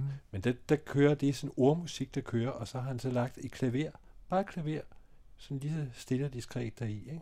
Og det er, hold kæft, hvor lyder det godt. Altså, jeg, jeg har hørt det som musik. Så skal vi garanteret til, så skal vi nej, til finkunsten igen. Det skal vi så ikke helt, fordi nu er det, det er kompromiset her. Øh, jeg fik lov at vælge kunstner, du fik lov at vælge nummer. Ja. Og du ville jo meget gerne have William Shatner, den store Star Trek-helt. Ja, som, som jeg ikke kendte for en uge siden, fordi jeg har aldrig set Star Trek. Nej, jeg har desværre sådan stødt på det gennem min opvækst. Men, men han, havde, han har jo også en besynderlig spoken word-karriere, som er meget, meget omfattende. Og du sendte mig en masse numre, og jeg var sådan, jo, ja, det kan man da godt. øh, Men af alt det musik, man kunne vælge, så var der måske også andet. Men så var det så heldigt at sætte fingeren ned på et herligt ømt punkt, nemlig en fortolkning af et Cramps nummer, Garbage Man. Og, og, og hvis nogen næsten også havde fortjent at komme med i det her program om recitationer, selvom det er rockmusik, så er det jo Cramps, fordi hele deres produktion er jo sangforedrag. Det er jo Aloha from Hell. Det er jo rockabilly, psychobilly, når det er allermest sindssygt, og det er der, hvor teatret overtager musikken. Så jeg var mægtig glad for, at vi kunne blive enige om at spille William Shatner som artist, men med en udgave af et Cramps nummer, Garbage Man. Men vi skal måske lige nævne, at øh, ja, Cramps, det er meget voldsomt i Cramps egen version, ja. Det nummer, vi skal høre her. Men nu får får den så med William Shatner. Nummeret er ikke særlig gammelt. Jeg tror, det er fra... Ja, du har jo skrevet årstal på, så kan det passe? 2018? Ja, ja, her for et par år siden. Her for et par år Ja. ja. siden. Og manden, han fylder altså 90 Ja. ja. næste år. Så det her, det er en mand på en 86-87 år, Mhm. der, der reciterer her. Og han er i hvert fald ikke bange for, jeg vil sige, at være ung med de unge.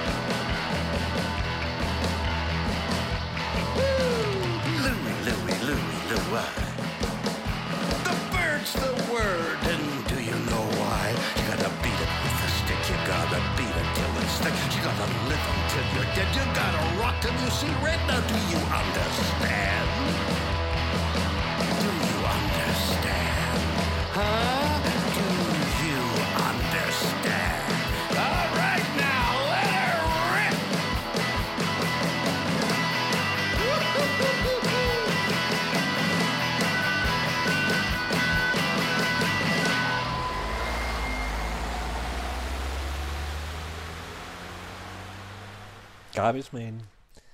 Et øh, gammelt Cramsman-nummer med en ældre herre, William Shatner, som jeg ikke kendte indtil for. Altså, han er jo blevet godfather om, ja, ikke spoken word, fordi det er jo ikke det, det er, men altså den der recitation, mm. ikke? Det var en, som jeg ringede til øh, min ven C.S. Nielsen. Det står egentlig for country-sti. Nu står det for corona-sti. Men han, han gør så meget i countryen, så nævnte han sådan lige en par sange, William Shatner. Og det er nok mest, fordi han er country-sti, det er, han er en stor Bob Dylan-fan, som vi hørte før. Og øh, William Shatner, han lavede en recitation af Tambourine Man tilbage i 68. Plus noget af Beatles eller et eller andet. Men det er meget sådan skuespilleragtigt, ikke? Og det er det her jo ikke. De seneste 10 år har han været enormt produktiv. Mm. Altså forleden, der hørte jeg, at han har lavet en plade, der hedder Seeking Major Tom, efter Bowie-figuren. Den var halvanden time. Altså der, der er lige ved linken af en pointe i sig selv, fordi det virker til sidst. Jeg, tænker, Jeg tror, jeg lad tror, blive ved, blive ved. jeg tror, vi skal konstatere, at der er meget at, at gå på opdagelse i, Og hvis, det er der, hvis man har lyst det er til der, det. Og det er der virkelig, fordi så så jeg så også på YouTube, altså han er jo også øh, humormanden, ikke? Fordi han er i studiet, og så skal han lave Oh Canada, han er kanadier. Og så, så står han, Oh Canada. Så siger teknikeren, at du skal mere fylde mere inderlighed, sådan Oh Canada. Så siger han, det er jo det, jeg gør. Oh Canada. Recitationen er hans sang, ikke? Okay.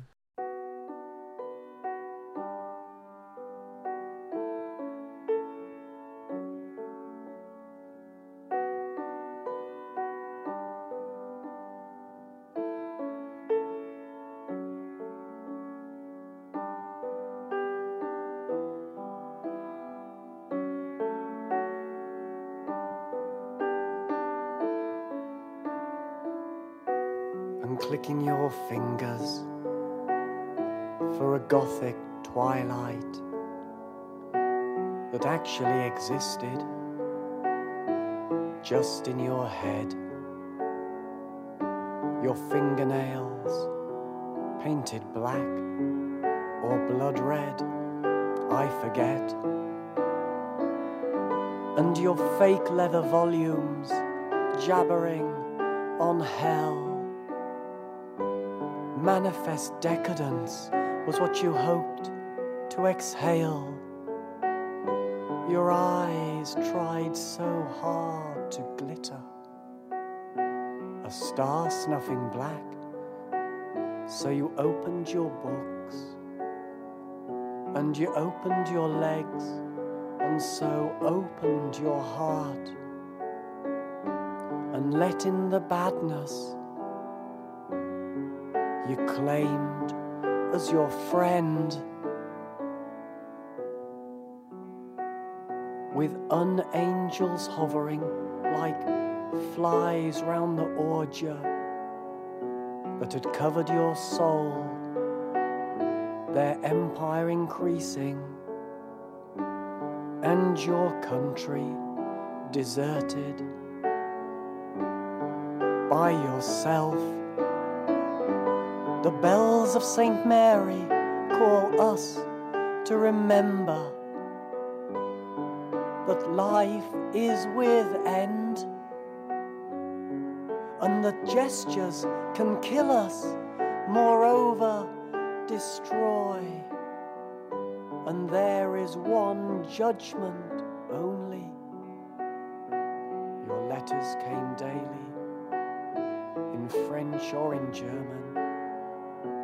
but they meant to me nothing.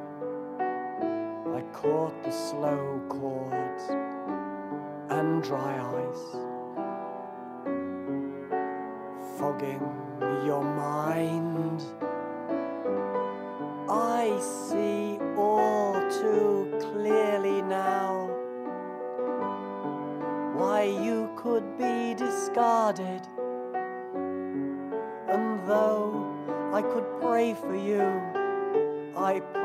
Shan't. Having had my cup filled up with your lies and your makeup, you were nothing, thinking you're something.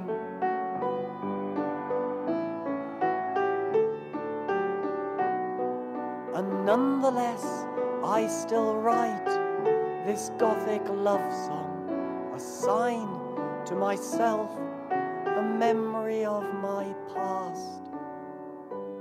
I still write this gothic love song, a sign to myself and a memory of my past, and a way to shut out your face. Vi er i gang med en udsendelse om recitationsmusik, og vi, det er Søren E. Jensen og Martin Hall, og for inden havde vi stillet meget strikse regler om, hvad der måtte komme med og ikke komme med. Blandt andet så kasserede du uh, Singing Vietnam Talking Blues med Johnny Cash, fordi du mente, det var sang. Den her er også lige, lige på kanten. Den er på du, den du spurgte også om lov, skal det lige retfærdigvis ja. siges. Ja. Ikke? Jo. Den er på den nynnende kant. Men jeg synes stadig, der er så stort poetisk og talemæssigt foredrag i det, at, at det lige akkurat øh, gik. Øhm, hele pladen, han lavede på det her tidspunkt, det hedder Soft Black Stars, hvor den her sang af Gothic Love Song er fra David Tibet, som er den her kunstneriske figur i, i neofolk-miljøet. Han har en utrolig produktiv karriere, og tidligere i udsendelsen spurgte du mig et eller andet, om det ikke var dem, der havde noget med nogle lårbensknogler at gøre. Mhm. Og faktisk er historien, at David Tibet øh, startede blandt andet i Psychic TV, som var et af Genesis P. Orridge's projekter efter Throbbing Gristle. Og han samarbejdede, det var i 83, og i 83 samarbejdede han også med 23 Skidoo, som var gruppen, der spillede på Lobins knogler. De spillede på knogler, Ja, der var så det. han er sådan en, en, en, en person, der er interesseret i det okulte, det poetiske, og har, har betydet utrolig meget for udviklingen af den eksperimentale musik i, i England og Europa, og, og især den nyere neofolk-genre. Øh, og jeg synes, det her album, øh, Soft Black Stars, der, hvor alle numrene kun er hammer og et klaver, øh, er meget rørende, øh, fine små fortællinger om tab og lidelse og menneskelige, øh, menneskelige hvad hedder det, realiteter. Det er meget fint, at det der med stemme og klaver, altså nu skrev jeg lige her under Death and June, jeg tror, det hænger måske også sammen med, mm. Jeg tror, du på et tidspunkt både sendte mig denne her CD, mm. Og så en, øh, en øh, plade med Death Mhm. and June, der også kun er af stemmer og klaver. Det er ikke? korrekt, ja. Det er rigtigt, det der neofolk ting, det er, det er en god genre, det må vi vende tilbage til en anden Der er masser at hente i hvert fald, især når man har at gøre med forkyndelser og tekstlige, hvad hedder det, tilladelser. Men det er det der, han sådan en, altså klaver, og så, det er tale, det er sang, det er et andet, fordi jeg tror grunden til, at jeg tænkte, at det var okay, det var så fordi, jeg egentlig på et tidspunkt også ville have haft ved havn med Osvald Helmut, ikke? Altså, Mhm. som er jo klassikeren. Og spørgsmålet er Osvald Helmut, det er jo næsten, han er jo, han balancerer jo også lidt i stedet ja. imellem, ikke? Jo, det gør øh, Og så virkelig, at for, og så må jeg klaver, der bare har at følge med. Ja. Altså, han, var, han er ikke så radikal. Det er jo meget revytraditionen, som, som er velkendt og som, som har sin solide plads i dansk kultur. Mm. Men også vel Helmut kender vi jo alle. Ja. Det gør man måske også ved øh, Lee Hazelwood. Altså, der var mere at vælge imellem med Lee Hazelwood. Han kan jo sin recitation. Mm. Jeg kunne i lang tid, der tænkte jeg på Rosé. Et, øh, altså virkelig en øh, dramatisk nummer. Vi spillede hjemme Victoria Once Was a Time. Det her, det er også en eventyr. Men øh, så bliver jeg hellere, så slog jeg ned på afslutningsnummeret for den plade, der hedder Cowboy in Sweden. Fordi der er både Lee Hazelwood i Sverige. Det, altså, det opfatter jeg næsten som øh, recitationen, som heldigvis et, et våben. Altså, hans stemme falder altså en skandinaviske skønsang, og så kommer den der fuldstændig vulgære, næsten Mm. ikke, amerikanske recitation. Fuldstændig som bombefly, ikke? Jo, eller som sprit, der løber ned langs mulden. Ikke? Finespritten, der Ja. løber ned langs smulden. Lad os tage den. Det er Lee Hazelwood. Jeg kan faktisk ikke engang huske. Han har lavet den med flere sangerinder, meget bekendt. Ja, jeg har også glemt, hvem sangerinden er, men hun, hun synger så den, den svenske del, og han forkynder så i Hvem kan segler.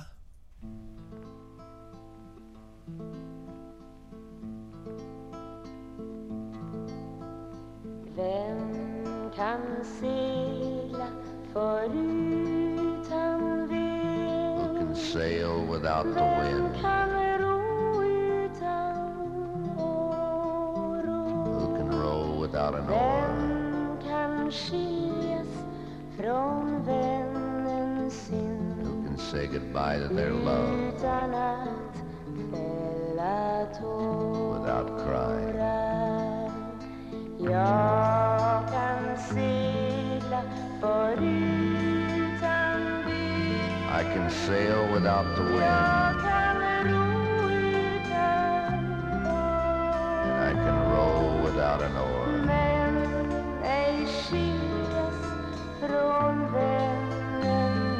But I can't say goodbye to my love without crying.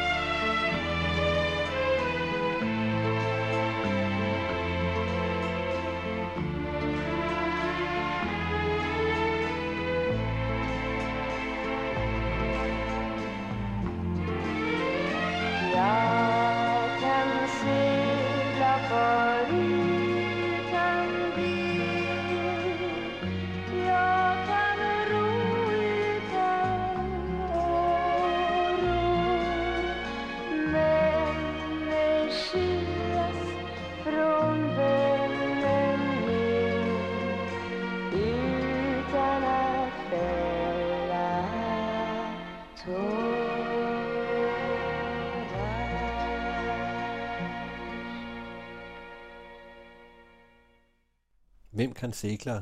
Det hedder den faktisk, også på LP'en. Ja. Af Cowboy in Sweden fra 1970. Lee Hazelwood, det er jo helt klart i samme tradition som Telly Savalle, som vi indledte med. Mhm. På en måde også Iggy Pop, som vi hørte senere. Mhm. Det kunne også have været øh, John Wayne, som vi bliver ved med at nævne, som ingen kommer til at høre. Han er så bare i kursiv, vil jeg sige. Ikke? Mm. Det er simpelthen så travrigt, så jeg ikke har lyst til at leve, når jeg hører det her musik. Jeg tror også, det minder mig om min mor, der senere tog sit eget liv, der en gang imellem sang det nummer for mig, når jeg skulle sove som barn. Så det, er, det bliver næsten ikke øh, mere opgivende, så jeg ser frem til at komme videre. Ja, men det får du ikke helt lov, for så kan du så læne dig tilbage til, altså den rent tekniske del af det, altså den sidder kraft mig lige, hvor den skal. Ja, det gør altså den. han er virkelig, Det hvis vi skal, hvis, hvis Ja. det gælder det, fordi det er jo Det er altså ikke bare, det har jeg også tit, når jeg har arbejdet med skuespil og sådan noget, altså recitationer. Det er Ja. ikke bare sådan. Nej. Og det kræver vel også egentlig en rytmisk sans, og den sidder altså, hvor den skal. Jo, og han havde jo haft 60'erne til at øve sig, ikke? så han, han, han kunne sit gebet. Malcolm McLaren. Ja, det er så næste skridt, og nu synes jeg, vi skal tilbage i det kokette. det kan være, vi trækker til. Den helt store posør, The Fagin of Rock and Roll, Sex Pistols legendariske manager Malcolm McLaren, der ikke nok med, at han øh, fornyede sammen med Vivian Westwood hele øh, beklædningsscenen i, i undergrunden i London i 70'erne. Han nåede endda at være manager for New York Dolls en meget kort periode. Mm, og lavede ham med en plade helt i rødt. Ja, og øh, som han fik meget kritik for i øvrigt. Mhm. Mm-hmm. Men øh, og, og var også en af de første til at udbrede hiphoppen på, på Dog Soup-pladen, som Buffalo Girls, ikke er et af de numre, der er meget, meget samlet. Så, så det er en mand, der har været vidt omkring, og som alt efter hvilken vinkel man, man tager til ham, øh, vil forkaste som jordens øh, ondeste menneske og den mest opfindsomme.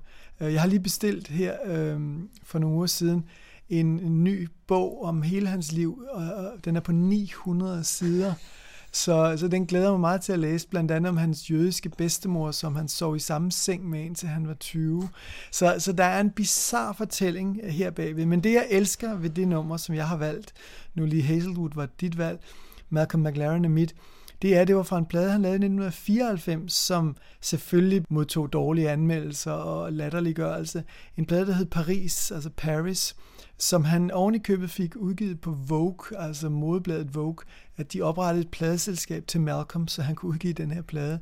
Og det var en, en hyldesplade til Paris, byernes by, hvor han øh, formåede at få Catherine Deneuve med og François Hardy, øh, nogle af de helt store stjerner i Frankrig, til at, at, at, at synge og recitere på den her plade. Det nummer, jeg så har valgt fra pladen, det er nummer, der hedder Driving into Delirium, som er et nummer, hvor han slipper sin indre øh, connoisseur løs. Samme person, som man i filmen The Great Rock and Roll Swindle kan se øh, løbe rundt øh, på fuldstændig teatralske maner, øh, overbevise alle, alt og alle om, om, om sin fortrinlighed. Og her er han så sluppet løs i Paris, hvor han ligesom har en fantastisk fortælling om byen, som han oplever den, og jeg synes egentlig bare, at vi skal høre Driving into Delirium. We walked those streets until we were too drunk to know which corner to turn. Driving ourselves into delirium. I then emerged with a message of seduction for Monsieur Sartre. Paris, the scent of dreams. Perfume is the jazz-drenched scent of this city. We will wreck this world and bring to light those forgotten desires. Building a house you cannot not fall in love. It's getting late, very late. Almost dawn and I must go home. Flowers prepare to take their revenge. And as they die, they raise a fanfare. Bye bye. Bye bye. Desperate, searching and trying to grasp a last kiss, a most erotic death occurs inside of me. Filling a room with all the flowers she can find, the ultimate erotic suicide.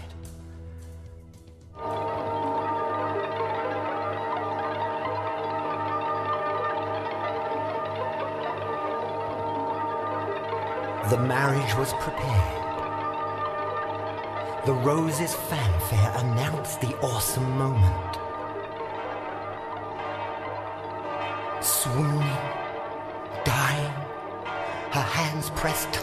Tighter to her heart. She was gasping, opening her mouth, searching for the kiss, which was to smother her.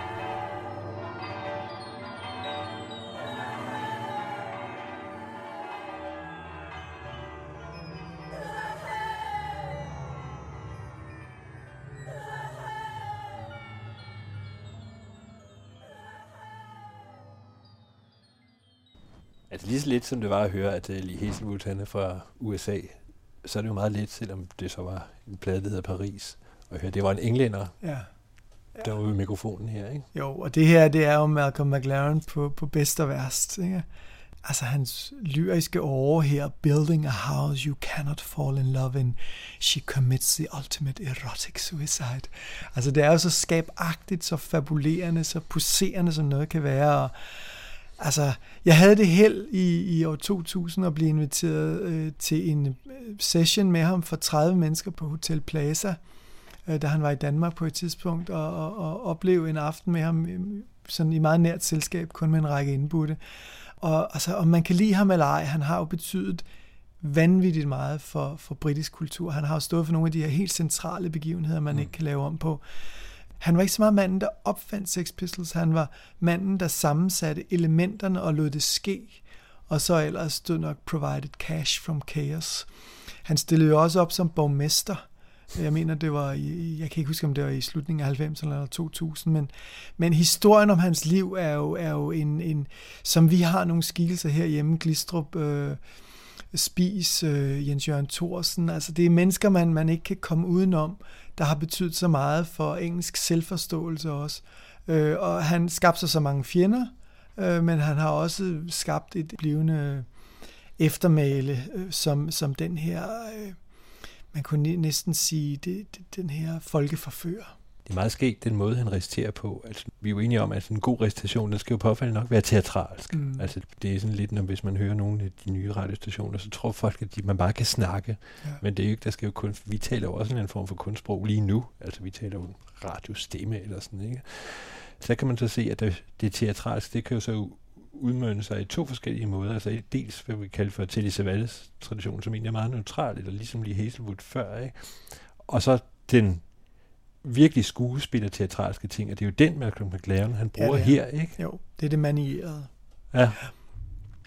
Jeg nævnte tidligere, at det egentlig er at det er påfaldende, at virkelig altså stort set alle de store, der er mange skuespillere selvfølgelig, der gør sig. Det er logisk, at øh, de, de lærer jo sådan noget, så at sige. Ikke? Men der er jo så også altså, de store sanger. Og en, som jeg simpelthen pine død vil have med, altså det er David Bowie. Mm. Og så har han i grunden ikke lavet særlig meget recitation. Mhm. Han burde jo gøre det, altså, også, altså han var jo også skuespiller, Mm. og det ligger meget til ham, og netop det teatralske. Men øh, først så, så foreslog jeg øh, prologen til Diamond Dogs. Den sagde du, det er for meget prolog. Ja, altså Future Legend, den, den er lidt svær at slutte på, fordi den jo decideret er åbningen af Diamond Dog, så det er mm. ligesom, man bliver snydt lidt, fordi så stopper vi nummeret der, hvor det egentlig starter. Mm. Men, øh, men det er jo sådan, vi snakker jo lidt frem og tilbage med nogle af de her numre, for der er jo så mange muligheder. Men nu har du så valgt noget, noget helt andet, og nu kan du så fortælle, hvorfor. Ja, det er fra øh, den plade, som ikke er så elsket. Altså Bowie er næsten øh, efterhånden blevet synonym med Berlin-trilogien, mm. som han lavede sammen med Brian Eno. Men der er egentlig, der folk de glemmer, at i midten af 90'erne, så kom øh, Brian Eno og Bowie, så søgte de sammen igen og lavede en voldsom eksperimenterende, må nogen også sige, voldsom rodeplade, der hedder Mm. First Outside. Og der er nogle recitationer i. Altså, det, de var meget, også Berlinpladen, det ved du alt om, altså, hvor de jo virkelig også eksperimenterede altså helt grænseløst. Men det gjorde de altså også her. Der var, jeg tror nok, grundbetingelsen var, at de skulle gå i studiet, uden at have nogen idéer. Jeg mener, at, at den samlede indspil, altså de nåede at indspille i 10 timer eller sådan noget. Altså, Mhm. der findes 10 timers indspilning, og det blev så en plade på halvanden time, den er frygtelig lang. Ikke? Men øh, der reciterer Bowie, men altså typisk for ham, så har han jo så også fuldstændig manipuleret sin stemme, så det lyder som, ja, jeg kan ikke rigtig sige det mere præcis end, jeg ved ikke hvad.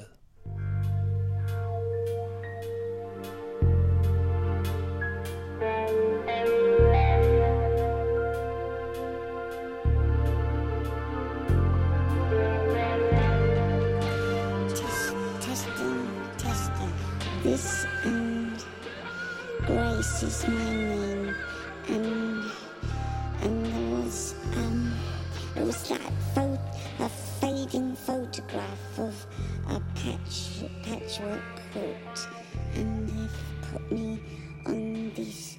Ramona put me on these interest drugs, so I'm thinking very too bit too fast, like a brain catch. And uh, they won't let me see anybody.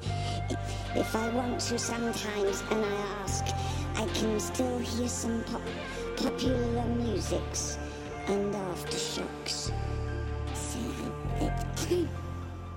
I've been watching a television of uh, in the homelands. That's the new homelands. And um, and that's all I can remember.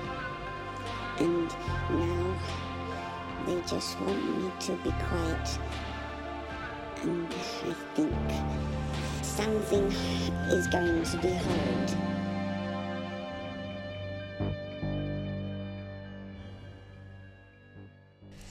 Jeg havde haft øh, pladen længe, før det fandt ud af, at det rent faktisk er David Bowie, der lægger stemme til her. Ja, nej, det synes jeg godt, man kan høre. Altså, mit problem med det her nummer, det er, at det minder mig lidt for meget om Laughing Gnome.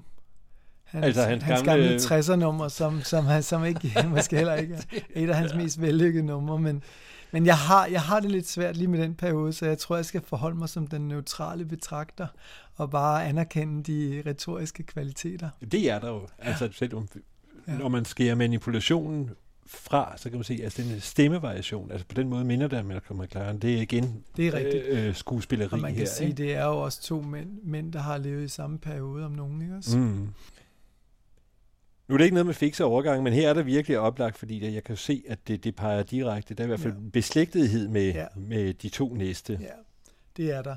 Og den næste, det er Sakamoto, multimusikeren, øh, og David Sylvian, som har haft en lang og forholdsvis glorværdig karriere inden for, for art-rocken. De har i 2017 lavet et nummer sammen, øh, hedder Life Life, og David Sylvian er jo han, han slog jo igennem stort i, i, i starten af 80'erne med gruppen Japan, øh, i en periode, hvor Simple Minds også slog stort igennem. Den periode, hvor Roxy Music fik deres comeback med Avalon. Øh, og det, det er jo en generation, ligesom Duran Duran, Talk Talk, der virkelig understreger arven øh, fra Bowie. Men der er endnu en forbindelseslinje med Sakamoto og Silvian. det er der nemlig. Fordi den her øh, tekst, som David Sylvian reciterer i det nummer, som er fra en Sakamoto-plade, Sync, øh, er baseret på en tekst, der hedder And This I Dreamed, And This I Dream, af Tarkovsky, en russisk digter. Det er ikke Andrei Tarkovsky, som er filminstruktøren, men det er hans far, som var en meget stor russisk digter, som, som jeg faktisk først blev introduceret til via det her nummer. Et meget rørende nummer. Og sagen er med David Sylvian, der, der startede med den her popkarriere, han bevægede sig jo lynhurtigt ind i en meget mere artorienteret musikalsk verden, hvor han arbejder også med Holger Sukai og alle mulige og umulige samarbejdspartnere. Og øh, en af de sidste plader, han har udgivet, er faktisk en, en fantastisk recitationsplade med Pulitzer-vinderen Franz Wright, en plade med, med, med en meget sigende titel, There's a light that enters houses with no other house in sight. Men da den plade var 64 minutter, og det kun er et nummer, så tænkte jeg, det var strammen. så nu har jeg valgt det her meget smukke, synes jeg, øh, nummer øh, Sakamoto Sylvian sammen, der hedder Life Life.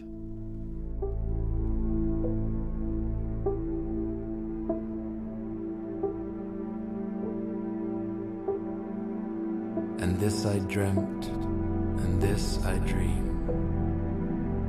And sometime this I will dream again. And all will be repeated, all be re embodied. You will dream everything I have seen in dream.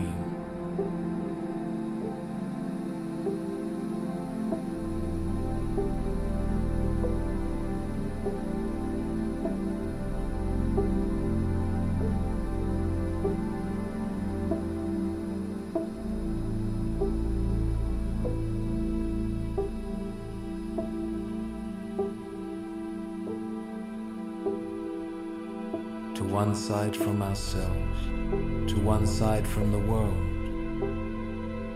Wave follows wave to break on the shore. On each wave is a star, a person, a bird, dreams, reality, death, on wave after wave.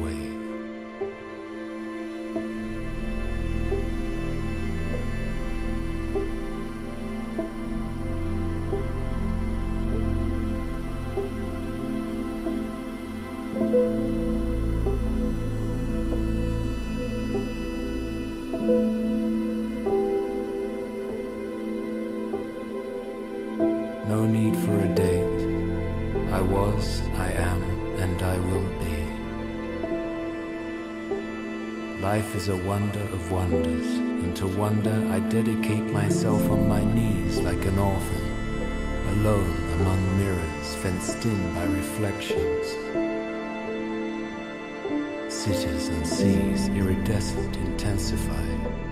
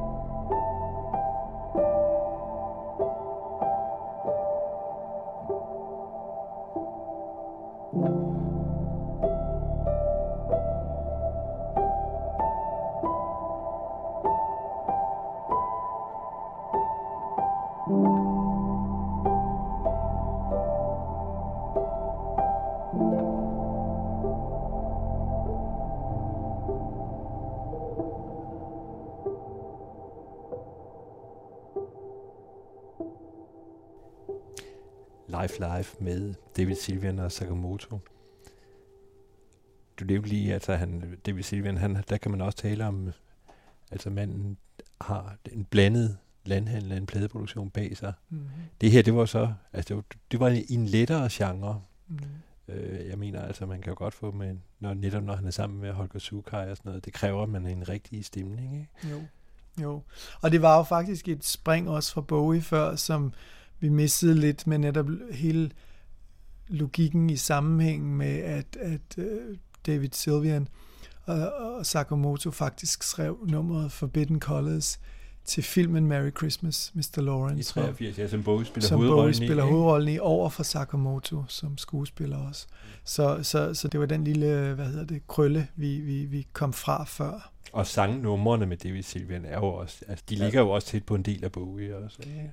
Jo, altså man kan høre, at, at arven er tydelig at høre, og, og Japans sådan væsentligste plade, Tindrum, fra 81, har jo også et nummer, der hedder Sons of Pioneers på.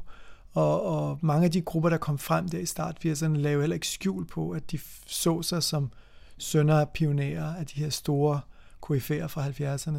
Bowie, Ferry, Roxy Music. Men formåede jo også at, at skabe, hvad skal vi sige, en, en, en ny kultur ud af den arv, de var blevet givet. Så jeg synes, der var en, en logisk øh, udvikling i det, der også skabte 80'ernes art rock scene på en, på en meget fin façon. Ja, man kunne også nævne uh, Talk Talk, som jo blev nævnt som mainstream, ja. altså, men de er jo set i bagspejlet art rock, Det eller er altså kunst. det virkelig, det er jo virkelig, band. ja, ikke? Og det var det bestemt ikke dengang, Nej. men, men de er jo også i min tid, altså jeg synes, de er fede, det synes jeg også, Japan er, selvom jeg var lidt skeptisk dengang. Der står her på min øh, seddel, ja, det er så streget over. Det var nu, vi skulle have haft øh, John Wayne, America, Why I Love Her. Jeg skal bare lige nævne det, fordi det er faktisk en helt plade, en helt LP, John Wayne, han, han laver vildt patriotisk, kun mm. recitation med en meget, meget, flot øh, skuespillerstemme. Men han blev simpelthen vippet af pinden i sidste øjeblik, fordi der er jo det med moderne musiksøgemaskiner, så er der lignende kunstnere, og så dukkede Orson Welles op. Mm. Og så tænkte jeg, vide, fordi der er masser af men det hvor han læser op, altså mm. simpelthen øh, altså regulerer øh, oplæsninger af, af fortællinger osv. Men men sanden, om ikke han året før sin død i 1985 laver et fuldstændig klokkeklart recitationsnummer. Og nu synes jeg virkelig, man skal altså simpelthen øh, læne sig tilbage, eller med rettere sagt, man skal rejse op og så gøre honør, fordi større bliver det ikke end øh, Orson Welles og I know what it is to be young.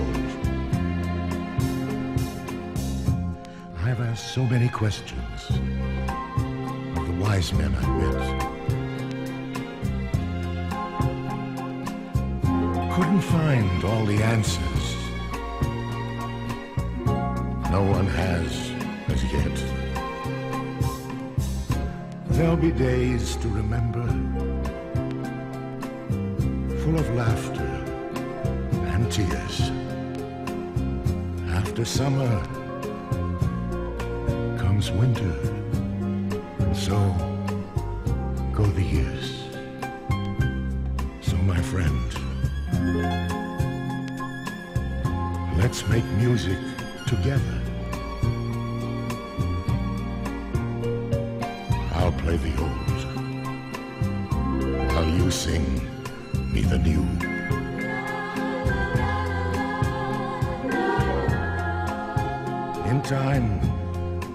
your young days are over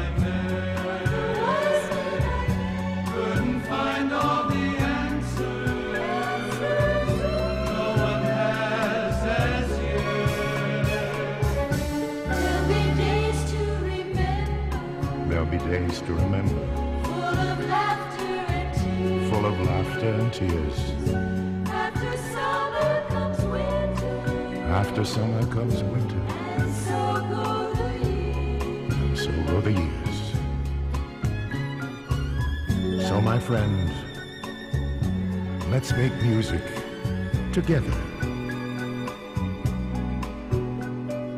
I'll play the old, while you sing me the new.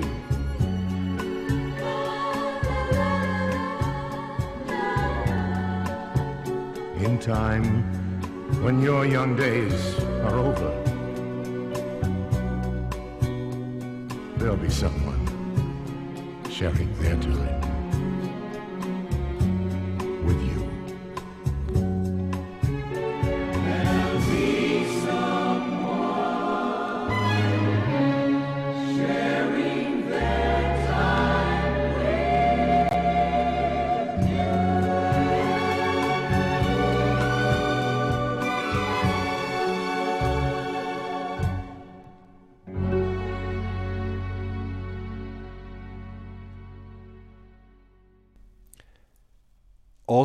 med Ray Charles Singers i baggrunden.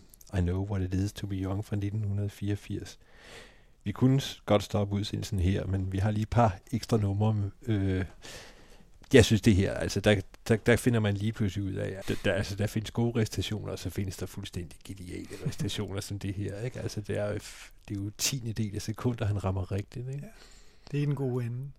Men, men igen, sjov parallel med Orson Welles, som jo er en helt anden generation, er jo også om noget en kunstner, frem for en skuespiller, eller hvad end han nu, en radiovært, som han også var.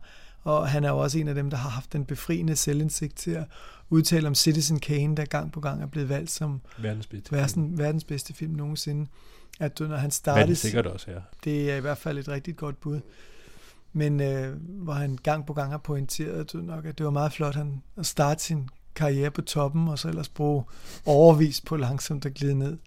Men øh, jeg kan huske lige omkring, øh, da punken øh, dukkede op, hvor jeg jo var, var i min i min pubertet øh, og, og begyndte at stå hvad, træde et til et øh, med, med verden. Der kan jeg huske, der var en, han lavede en film, F for Fake, på dansk hedder den F for Fup, som, øh, som jeg var inde og se øh, i Dagmar, mener jeg det var, i 5 eller 77. En film, der spillede igen på en kunstskandale, så vidt jeg husker, men hvor han startede med at åbne med at tale direkte til mm. beskueren, øh, til publikum, og, og så starter filmen ellers, og, og, og i starten siger han, hvad de, hvad de i den næste halvanden time skal se, er historien om. Og da den så slutter, så siger han, ja mine damer og herrer, men nu varede filmen jo en time og 40 minutter. Så hvad de sidste 10 minutter, om det er sandhed eller fup, det må de sig selv afgøre. Så han er igen den her verdensmand, der formår at, at, at, tage en, en globus og dreje den på fingeren og lade den stoppe et tilfældigt sted, hvor folk sig selv må, må konkludere. Og så Orson Welles i min optik er også en af de store, ikke bare fysisk, som han jo var. Ja, det er jeg så jo et besynderligt program på Sverige 1 eller 2 for en del år siden, om hans sidste dage, hvor han boede i en lille spansk by, hvor han åbenbart er begravet i et privat hus i baghaven, hvor de havde opsøgt de her mennesker, der havde med ham at gøre, hvor han hver dag var nede og købe den mest fittede øh, ragu, øh, man overhovedet kunne få, for simpelthen at, overhovedet føle mæthed i det her enorme lame. Men det var en helt anden historie. Men Orson Welles er en mand, der er højt på min liste over kunstnere, så jeg synes på en måde, det var en, en fin måde ligesom at, at, at binde sløjfe på hele den her lige Hazelwood, uh, Telly Savalas uh, garde af ældre mænd uh, i forhold til, de, til mange af de nye, vi har, vi har været inde over. Det er jo ikke kendt, det her nummer, og jeg, jeg kendte det i hvert fald ikke og så er det ikke kendt. Nej. Men det, jeg tror, det hænger sammen med, at det udkommer altså i 1984, året før han dør. Ja. Hvis det var kommet i 1994, der kom jo lige pludselig den der med ældre mennesker og erfaring og sådan noget. Det er ja. jo det, han besynger, eller betaler. Ja. det er et dårligt ord, men ja. altså, det er det, han gør. Altså, det har jo været fuldstændig umoderne i 84, ja. det her nummer, ikke? Jo, altså man kunne sige, det kan godt stadigvæk måske have slået selv 90'er-generationen som lidt plader nostalgisk, men, men det er jo den modus, det foregår i. Det er jo, det er jo den øh, feeling, den øh, verdens fjernhed, som han synger fra, der skal musiceres på den måde. Så jeg synes, det er helt fantastisk. Det blev et hit i Tyrkiet, kan jeg se gennem, okay, gennem den. Der, også, der findes faktisk en tyrkisk øh, oversættelse af nummeret. Jeg har planer om at lave en dansk med en kunstner, som vi skal høre lige om lidt, men øh, mm. lad det være. Vi skal have en af dine klassiske helte. Vi skal faktisk have mit sidste valg, og, mm. og når det nu er det sidste valg i en, i en så lang og omfangsrig kavalkade af recitationsnumre, så måtte det næsten ende med Richard Jobson, den muligvis mest glemte mand i rockmusik nogensinde. En figur, der startede i slut 70'erne med at være sanger i punkbandet The Skids, et skotsk band, der rent faktisk fik et top 10 hit men som lynhurtigt øh, skilte sig ud fra mængden ved blandt andet at gå i three-piece suits og have nogle meget bizarre holdninger til punkens æstetik i al almindelighed.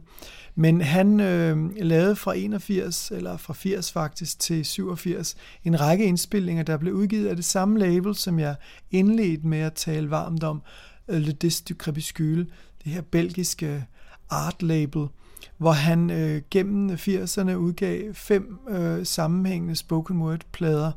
Han debuterede på et kassettebånd uh, From Brussels with Love i 1980, og så det nummer, jeg vil spille nu, er hans første sådan vinyl-indspilning øh, i, i, i den sammenhæng på Fruit of the Original Sin-pladen, som vi også har hørt uh, Next Best Thing to Death fra med Winston Tong. Hans nummer er en improvisation over en Marguerite Duras roman og film, der hedder India Song. Og øh, hele hans spoken word karriere, stort set, størstedelen af den i hvert fald, i 80'erne, var baseret øh, mere eller mindre løsligt på fortolkninger af hendes værker. Og i det nummer, vi skal høre, Indias Song her, kan man blandt andet stifte bekendtskab med en tilbagevendende kvinde i Margaret Duras forfatterskab, der hedder Anne-Marie Stratter og også en mand, der hedder Michael Richardson, som begge to dukker op i Lol Steins Henførelse, en roman fra 64, og, og Indiasong-filmen og Elskeren fra Nordkina i 91. Så, så hvad Jobson gjorde, var at lave en fuldstændig politisk ukorrekt skotsk rendering er en af fransk øh, litteraturs måske sværeste kunstnere overhovedet. Og jeg synes simpelthen, det er så særligt, der jeg elsker det den dag i dag. Øh, har egentlig ikke mere at sige om det, men vil nu overlade lytteren til en, en 7 minutters øh, recitation af India Song for Richard Jobsons stemme og Virginia Asleys flyl.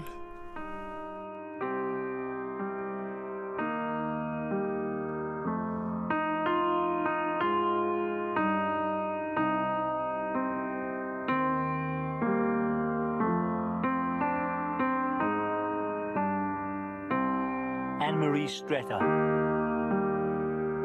lies by the Ganges, bathed in splendor. She dreams of Calcutta, Bengal, and Lahore.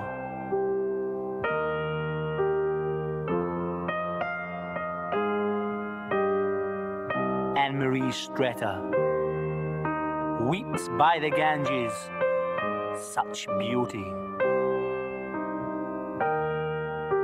in the garden of the French embassy. Such beauty.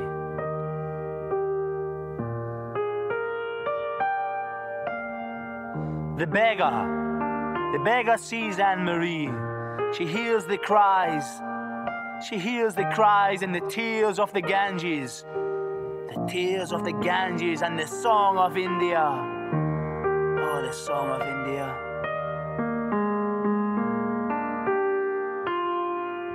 Beggar hides in the garden, the garden of the French embassy. She waits, waits to see. She waits to see India. Oh, India. The beggar waits to see India.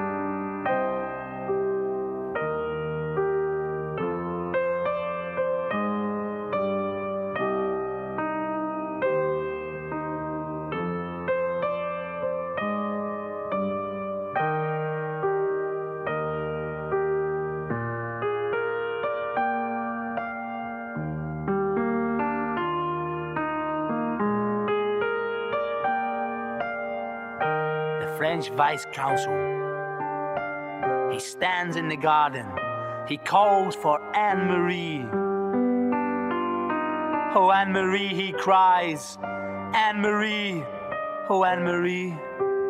Anne Marie, I love you. The French vice consul by the garden, by the Ganges. He does not see the beggar, Agassiz. The Agassiz Anne Marie, Anne Marie Stretta. The Agassiz, the Agassiz Anne Marie Stretta.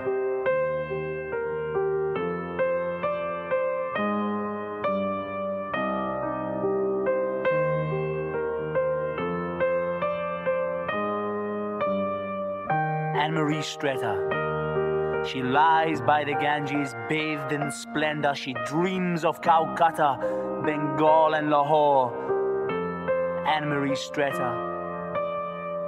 Oh, Anne Marie Stretter. How she weeps by the Ganges in the garden of the French embassy. In the garden of the French embassy, Michael Richardson. He loves Anne Marie. He knows. He knows of India. He knows of the beggar. He knows. He can see the beggar. The beggar can only see, can only see Anne Marie. Bengal, Calcutta, Lahore. He hears, he hears the song, the India song.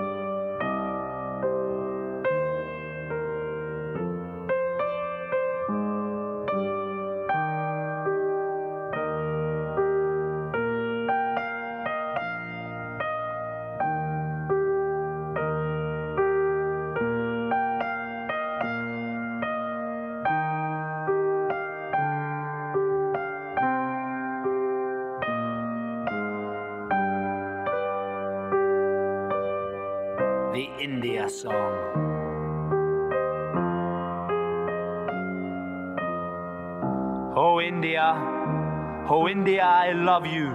I love you by the Ganges. Oh, Anne Marie, Anne Marie, I love you. I love you by the Ganges. The beggar talks. She speaks of leprosy. But they have never known of leprosy. No, never known of leprosy. Anne Marie's tears cannot be heard. The cry of India, her garden by the Ganges. She cannot hear the beggar speak of leprosy. The French Vice Council. The French Vice Council cries, I love you, Anne Marie. I love you, Anne Marie. Michael Richardson cries, I love you, Anne Marie. Anne Marie Stretcher, I love you. And Anne Marie Stretcher dies. She dies by the Ganges.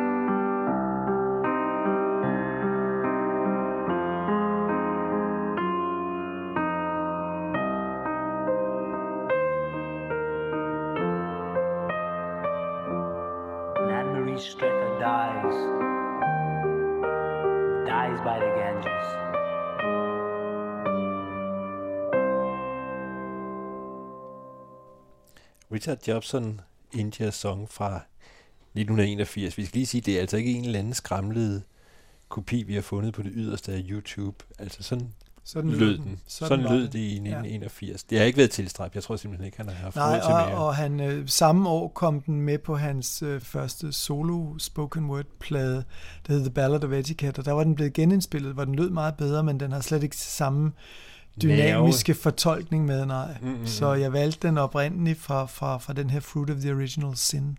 Der har vi så igen en af de teatralske. Ja. Ja. At jeg kom til at tænke på igen uh, Osvald Helmut, du ved, der ved havnen, hvor han jo lige, der begynder han i stedet at viske, ikke? Så jeg ser palmer så store som huse, og så kommer sådan, jeg kan lige fremhøre dem sus. Og det er lidt det samme, han, uh, han kører med Ja, lidt der musik, bliver ikke holdt ikke? tilbage, vel? Det er med røgmaskiner og, og, og, og lydeffekter ude fra kulissen, ikke? Det er det. Du kunne synge med næsten på hele nummeret. Altså. Jeg kender det udenad. Det lever i mit hjerte. Vi nåede til den store finale, som... Øh, det var dig, Martin, der havde sat det i rækkefølgen. Det er mit valg, men jeg ved ikke rigtig, hvordan det er. Det bliver så det sidste, så vi, nu kan vi ikke sige det. øh, Altså, det kunne jo have været Orson Welles, der ville jeg mene, der kom man ikke videre. Men det er så der, jeg så har fundet ud af, at øh, vi laver bare en dansk oversættelse, jeg gør, og så, så skal den fremføres af ham, vi skal slutte af med, nemlig Peter Bailey, Mhm. som jo lavede nogle recitationer. Det var Kurt Thybo, ugens rapportredaktør, der skrev dem. Blandt andet mest kendte er nok øh, Ingen Regning. Og så lavede han Teddybjørnen om, med en trucker, en eller anden lastbilchauffør. over. Og så lavede han den, som, jeg, som vi, vi skal høre til sidst, der regnes som man mest udskilte. Fordi de blev meget, meget udskilte. Ja. Og er det vel den dag i dag? Peter Belli er jo en af dem, som man også taget til noget, ikke? Jo. Det, altså det store rockdyr. Men man kan, de her recitationer kan stadigvæk, altså hvis du går ind på Kulturparnasset, så vil man faktisk sige, hvad fanden er det for noget lort? Ja. Og det er jo fordi, han kan, vil jeg mene. Det er så svulstigt, så man skal være i et helt bestemt øh, humør, ikke? Jo, men jeg tror, at det, der går ondt, det er, at Peter Belli, han, han fremfører det på en måde, så, så man har, han mener det altså. Det er ikke, altså hvis, hvis han gjorde det dårligt, det var altid det, så er det ligegyldigt. Ja. Men, det, er så, men hvis det virkelig fremkaldte den vrede, som det gjorde, og som det, det stadigvæk gør, så er det fordi, han kan. Vi kan lige så godt øh, nævne titlen fejler bestemt heller ikke noget. Den hedder Rosa til mamma.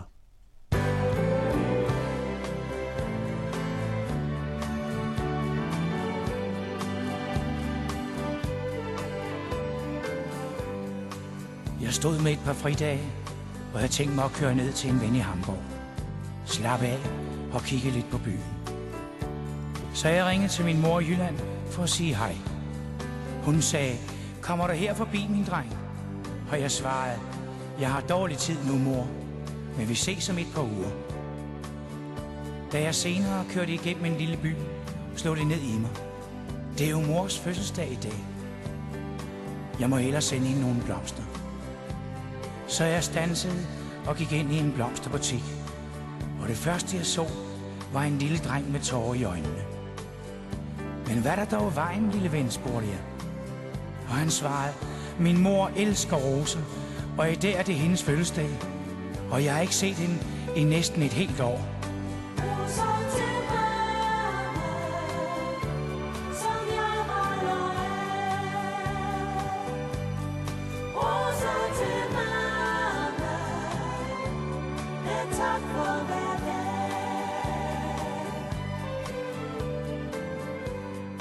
Drengen fortsatte. Jeg bor hos mormor nu, men jeg har lovet mor nogle roser. Hun skal have fem, for så mange år er jeg. Men damen siger, at det kan jeg ikke få for to kroner. Den lille fyrs historie havde ramt noget i mig, og jeg bad damen om at give ham, hvad han ville have på min regning. Og så bestilte jeg en stor buket roser sendt til min mor over i Jylland. Drengen var allerede væk, men pludselig fløj døren op, og han kom forpustet tilbage og sagde, jeg glemte helt at sige tak, her mand. Så stak han mig sin lille næve og løb ud igen. Da jeg lidt senere var på vej ud af byen, så jeg ham igen. Han knælede ved en grav på en gammel kirkegård. Jeg stansede benen og gik over til den lille fyr. Og han så op på mig og smilede. Det er her min mor bor. Hun siger så mange tak for roserne. Så var jeg nødt til at vende mig bort og gå. Jeg kørte tilbage til blomsterbutikken og gik ind og spurgte. Har de sendt buketten? Damen kiggede op og sagde nej. Så giv mig den. Jeg tager selv hjem med den.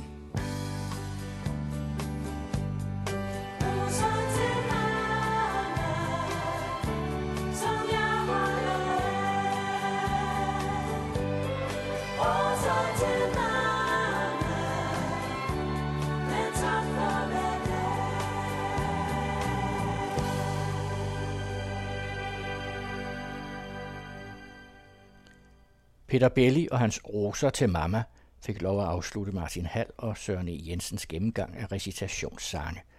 Og Jensen og Hall har mere musik, de gerne vil præsentere. Næste gang kredser de om månesange.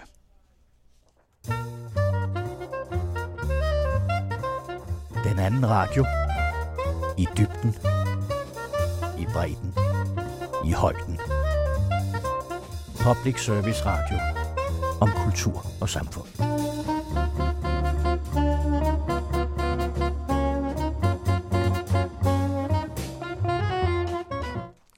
Christine E. Svane er direktør i EGV, Ensomme Gamles Værn. I en samtale med Henrik Morel fortæller hun her på den anden radio, hvordan ensomheden kan have stor betydning for den måde, man klarer sig gennem livet, og hvordan ensomheden kan opstå i alle aldre. Christine Svane, du er direktør for Ensomme Gamles Værn, så du må være den rigtige at spørge om, hvad er ensomhed? Ja, det er i hvert fald noget, vi beskæftiger os meget med.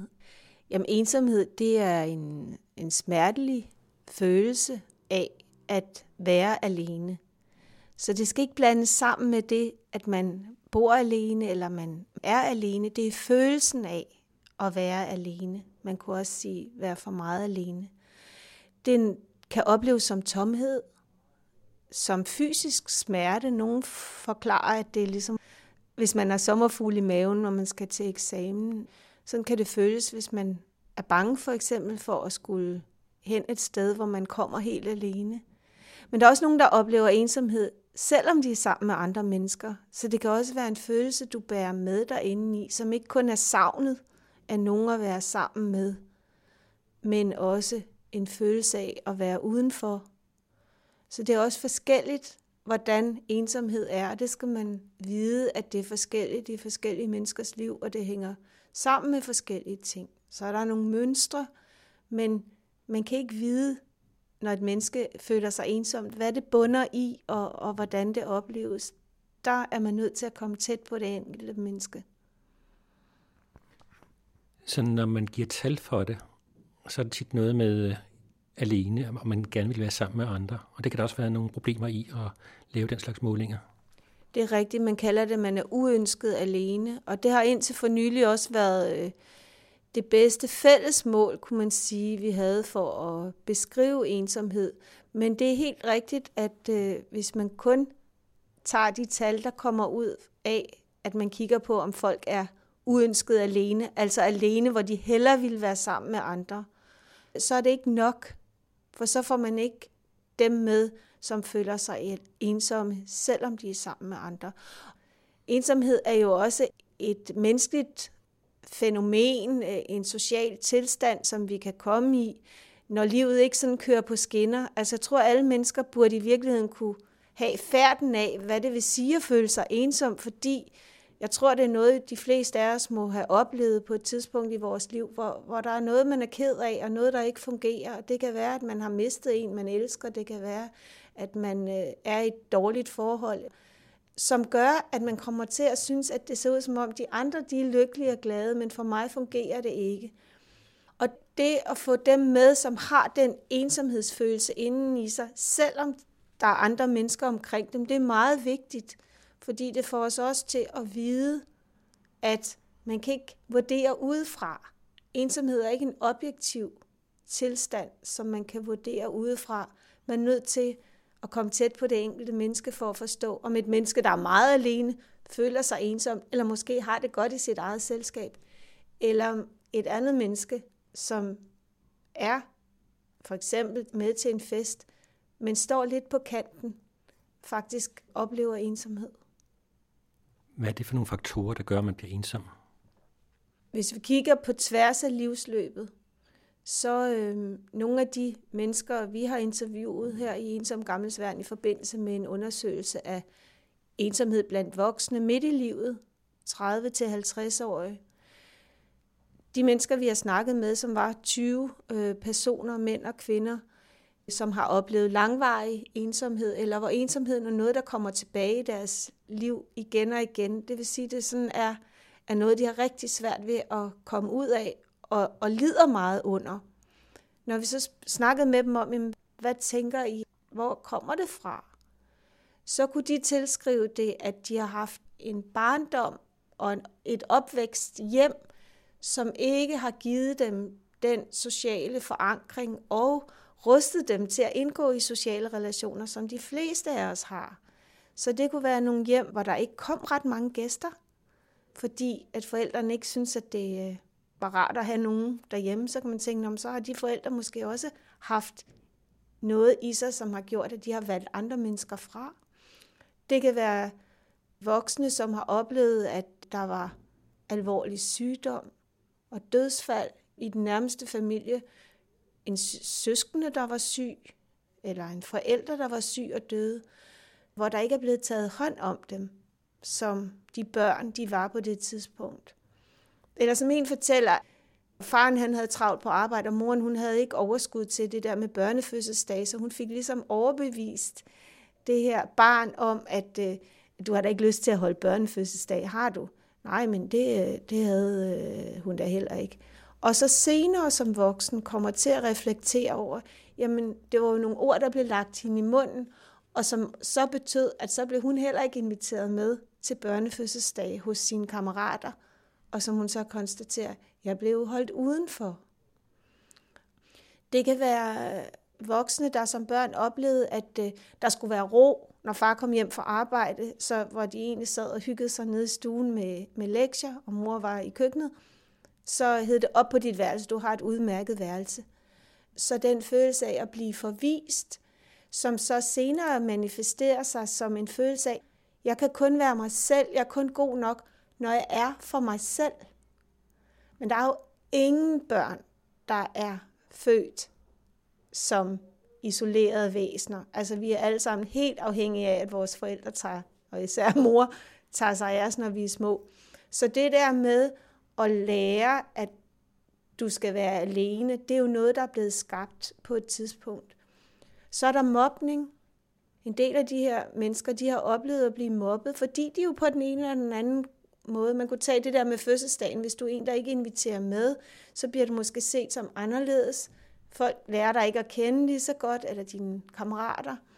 Og du er helt afhængig som barn og ung af de her fællesskaber, institutionelle fællesskaber i skole, børnehave, øh, hvor man nu kommer, hos spejder og sport osv. Du er helt afhængig af at være accepteret i den periode. Som en af dem, vi har interviewet, hun sagde, at dengang jeg var ung der, der var det sådan at være en del af partislænget, jeg havde brug for. Nu vil jeg bare ønske, at jeg havde en god veninde, for det har jeg aldrig prøvet. Så der er noget, der også forandrer sig ind i voksenlivet. Altså, at de voksne, der føler den her langvarige ensomhed, er mennesker, som, som ikke har fået lært det sociale, og hvis de har etableret relationer, så har de ikke kunne fastholde dem måske. Så der er i den grad en længsel efter gode venner. Og der kan godt være nogle af dem, som faktisk har en mand eller kone eller kæreste, men som stadigvæk oplever den her ensomhed. Og det tror jeg, vi skal forstå, at vi alle sammen har brug for sådan en lidt bredere palet af sociale relationer at leve ud fra og med. Forældre og børn kan ikke udgøre det hele, og heller ikke, hvis man har en ægtefælle. Altså, man har brug for at dele nogle ting af sit liv med andre, og også føle, det er noget af det, de voksne så også oplever, at deres ensomhed, at den jo ikke er socialt acceptabel. Altså, de falder uden for normaliteten ved ikke at have en masse venner, fordi det forventes man i som ung og som voksen. Altså, der er en del af succeskriteriet udefra, hvis man kan sige det sådan, det er, at man er et socialt væsen, der kan begå sig. Så er der en anden ting, der også er svært for dem, fordi der er faktisk en del af dem, der så også med egne sygdomme og det liv, der har været svært, også er røget på kanten af arbejdsmarkedet. Det vil sige, at de har ikke fået et liv, der øh, lever op til sådan øh, succeskriterien om at have en god uddannelse og en karriere og børn, og, og, og nogen har børn, men, men der er nogle ting i deres liv, som ikke fungerer godt. Så på den måde, så kommer de også til at se sig selv som nogen, der ikke lever det rigtige liv, og det går hårdt ud over selvværdet. For så kommer de til at føle, at de ikke er gode nok som mennesker. Og det er jo en forfærdelig følelse at have. Og det er også en følelse, som de ikke får delt med andre. Og det var noget af det, vores forskningsprojekt viste, når vi også snakkede med dem om, hvordan, hvad kan lindre den her ensomhed? Hvordan kan andre mennesker hjælpe?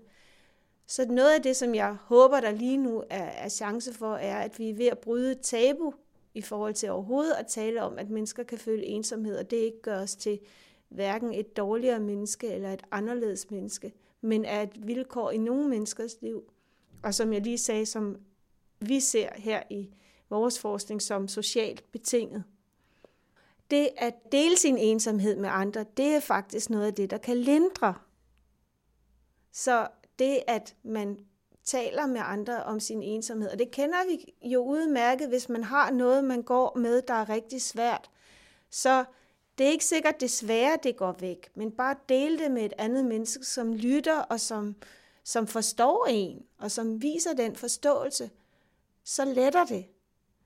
Og ved at de ikke får talt med andre om deres ensomhed, så får de for det første ikke lettet og lindret den ensomhed man kan sige, hvis man, man sidder og taler med andre mennesker, jamen så er det også i gang med, at man er i gang med at skabe relationer, og nogen, der lærer en at kende på de vilkår, som man nu er som person. Så det er uhyre vigtigt, at vi skaber et samfund, hvor vi bliver bedre til også at anerkende det sociale, og, og hvor forskellige vi er rustet socialt set. Og det er ikke nogen mennesker, der bare vælger at holde sig for sig selv, eller bare ikke har fået det lært, og så kan man sige, at det kommer ikke os andre ved. Jeg synes, vores sociale liv er jo det grundlæggende. Altså, vi kan jo være nok så rige eller træne vores kroppe nok så meget i, i hvilken som helst alder. Men hvis ikke følelsen af at være et menneske sammen med andre mennesker, som holder af en, hvis man ikke kan få etableret det, så er man der på spanden. Og det synes jeg også, vi er som samfund, fordi det er jo noget af det, der skal få os til at, at hjælpe hinanden og være forbundet til hinanden. Hvem er det så, der har det ansvar? Den enkelte, men øh, er det så også et samfundsansvar at bekæmpe den ensomhed? Man taler jo meget om økonomi i vores samfund, fordi det ligesom er det dominerende parameter i forhold til utrolig mange ting. Og der kan man sige, samfundsmæssigt, udover moralsk og socialt, så er det altså også en rigtig god investering at tænke i menneskers sociale liv, fordi vi ved, at hvis man har svage sociale relationer, så bliver man mere syg, og man kommer mere på hospitalet, og man går mere til lægen.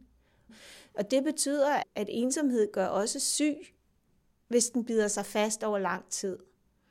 Og folk faktisk også lever kortere. Så der er jo øh, sådan sundhedsøkonomisk og samfundsmæssigt altså også en interesse her. Udover den, som ligger i, at jeg synes jo, det er vigtigt, at vi skaber et inkluderende samfund.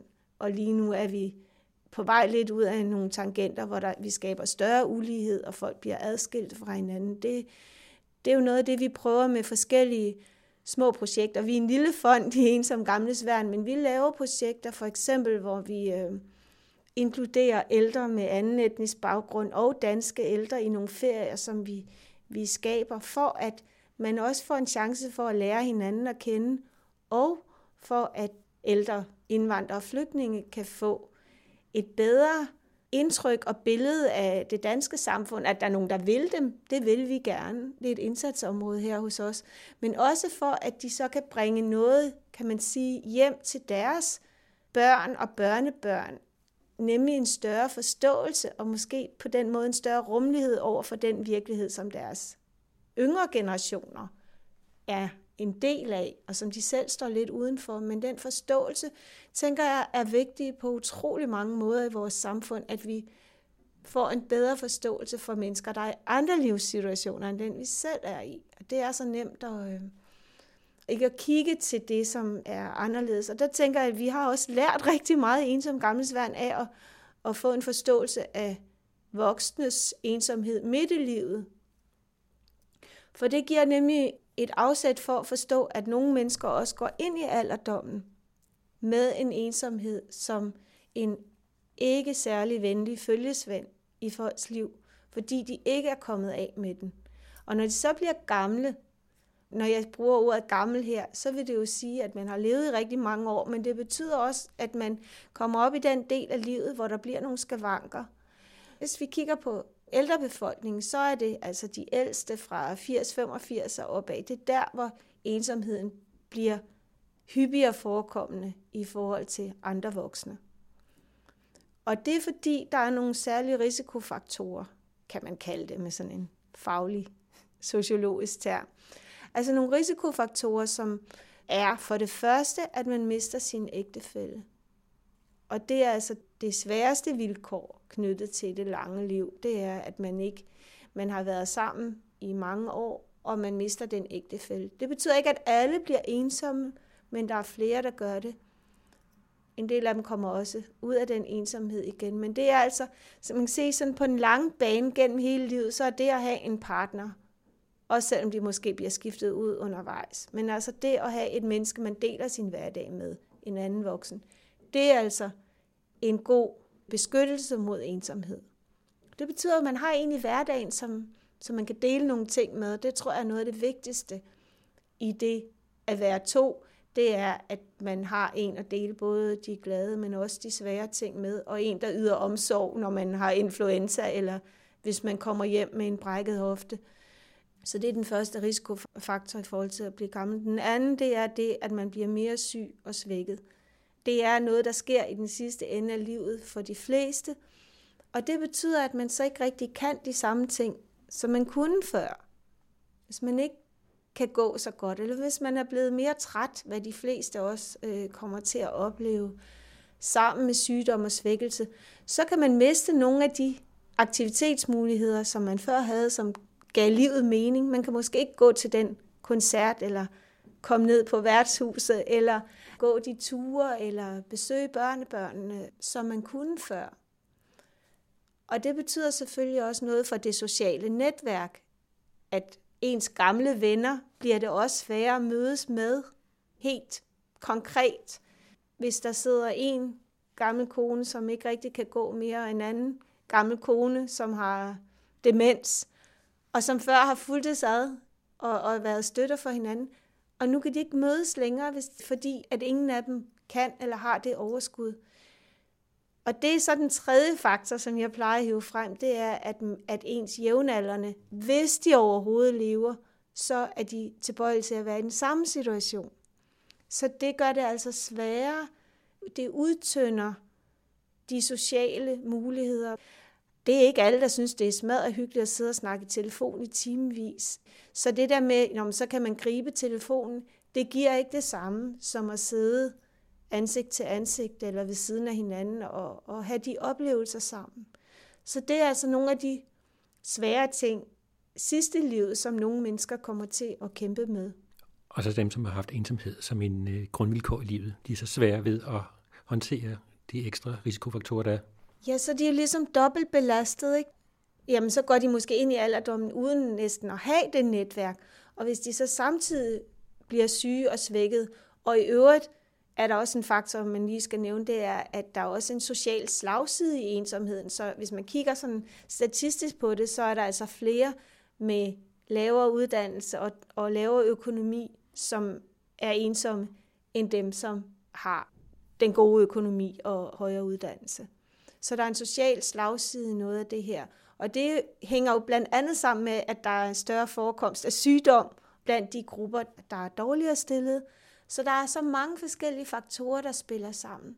Men i forhold til de voksne, som har slæbt den her ensomhed med sig gennem livet, så er det jo helt klart, at de er ekstra udsatte.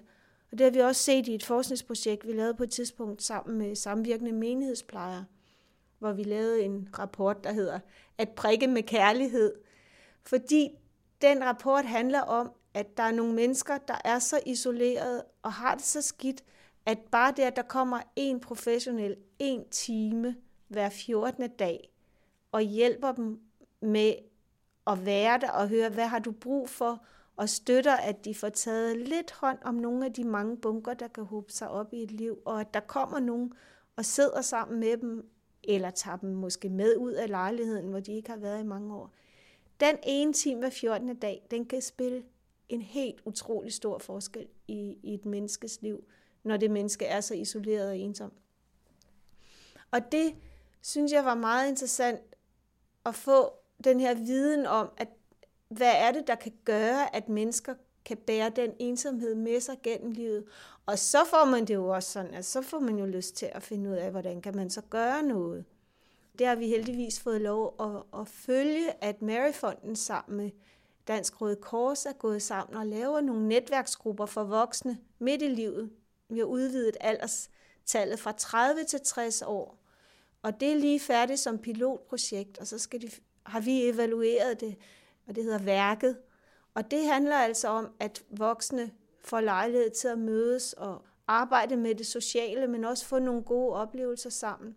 Fordi Røde Kors også har mærket, at der er altså en målgruppe. Vi kommer med besøgsvenner til de ældre, men der er altså også mennesker midt i livet, som, som har det rigtig svært i deres ensomhed. Og hvad kan vi gøre ved dem? Og den bold har, har Maryfonden taget op. Så øh, det er meget interessant at se, at der faktisk kan gøres noget, når man vælger at gøre det, som også kan hjælpe nogle mennesker. Og øh, det synes jeg er, er dybt meningsfuldt at få lov til at følge og, og forske i. Man kan jo godt opleve, når man øh, ser folk, og der er nogen, som siger nej tak til at deltage i aktiviteter.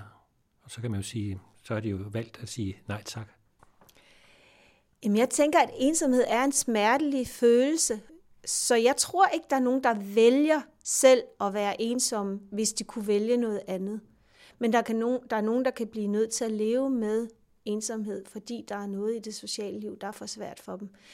Og jeg støder også tit på, øh, når jeg har været ude og holde foredrag, at, at der er nogen, der siger, jamen, jamen jeg har prøvet at spørge hende, anne Sofie der, om hun ikke vil med. Hun er blevet alene nu, og, og vil hun ikke med hen i, til, til noget hen i aktivitetscenteret? Og så siger hun nej. Og så siger de, så, så er folk jo også selv ude om, at de er ensomme. Så er det jo noget, der er jo nogen, der vælger det selv. Men det er noget, jeg prøver at beskrive ensomheden, og hvad det er, der sker på en måde, så folk får en forståelse af, at det gør de altså ikke.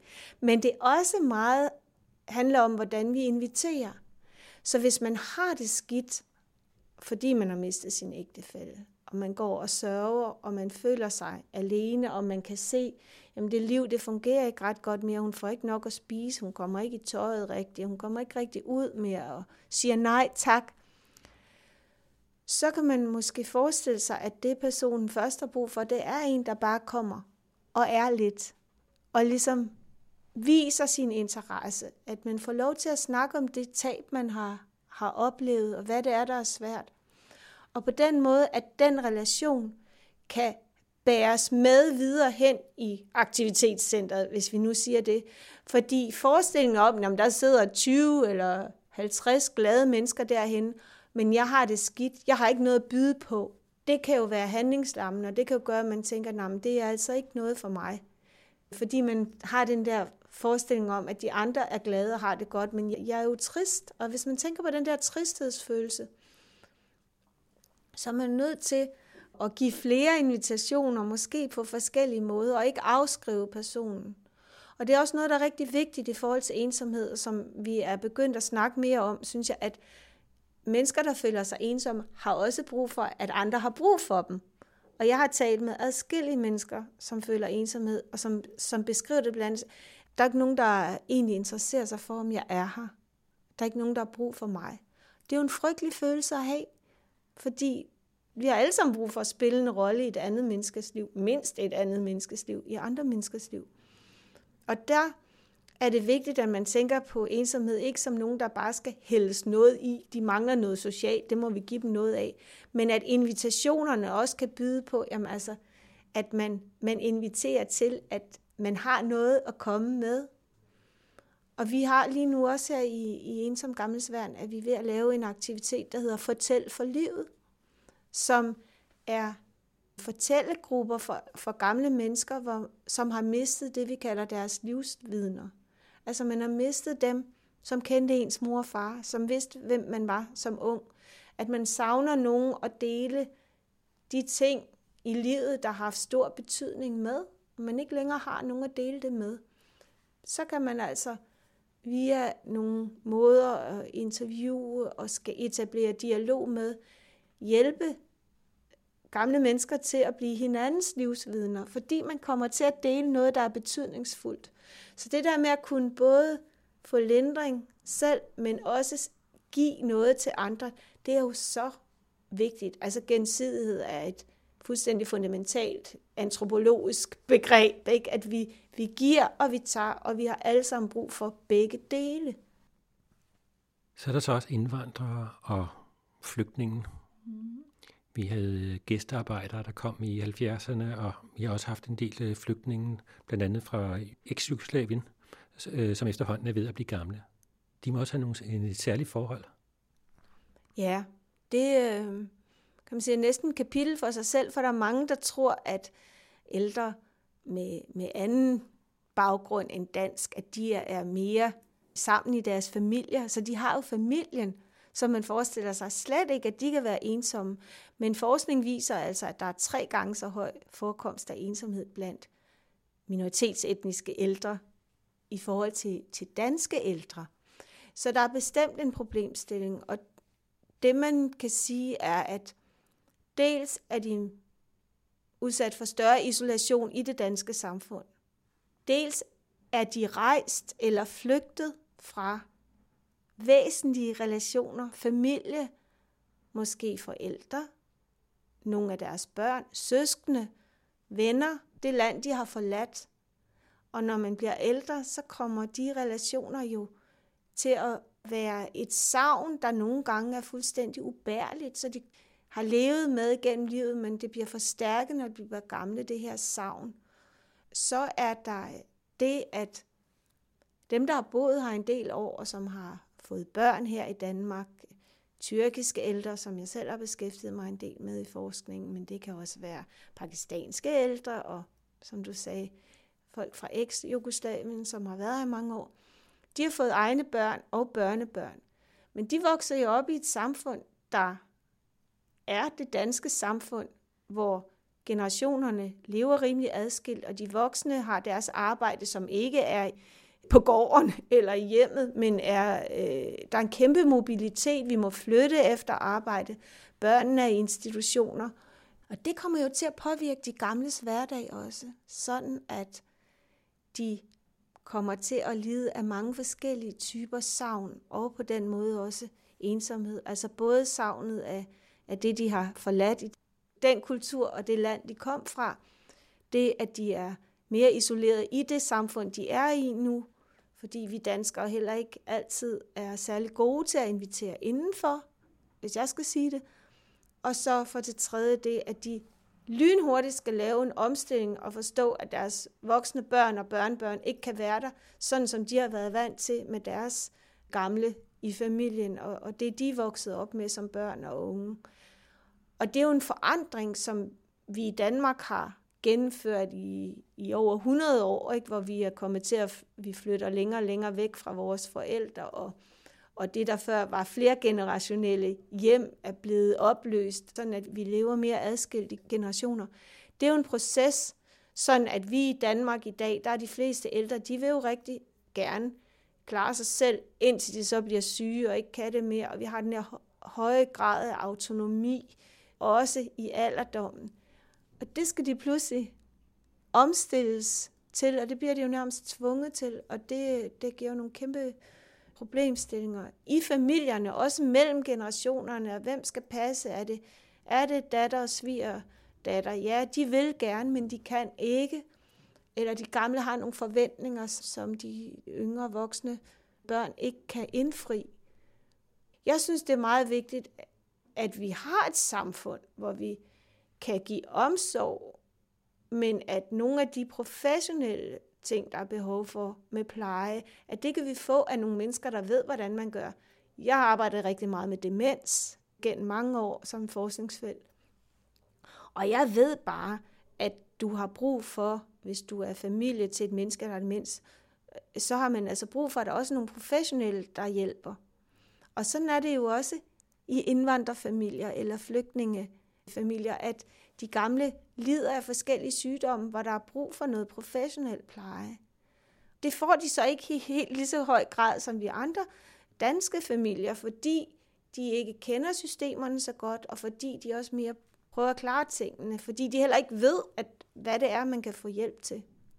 Her i Ensom Gamle Sværen, sammen med Københavns Kommune, har vi et forskningsprojekt, hvor vi følger et plejehjem, Peder Lykke Center, som har fået sådan en mangfoldighedsprofil, kalder man det, hvor de skal blive bedre til at invitere ældre flygtninge og indvandrere ind i plejehjemmet og prøve at lave nogle bedre muligheder for at have et godt liv der, uanset hvilket land man kommer fra.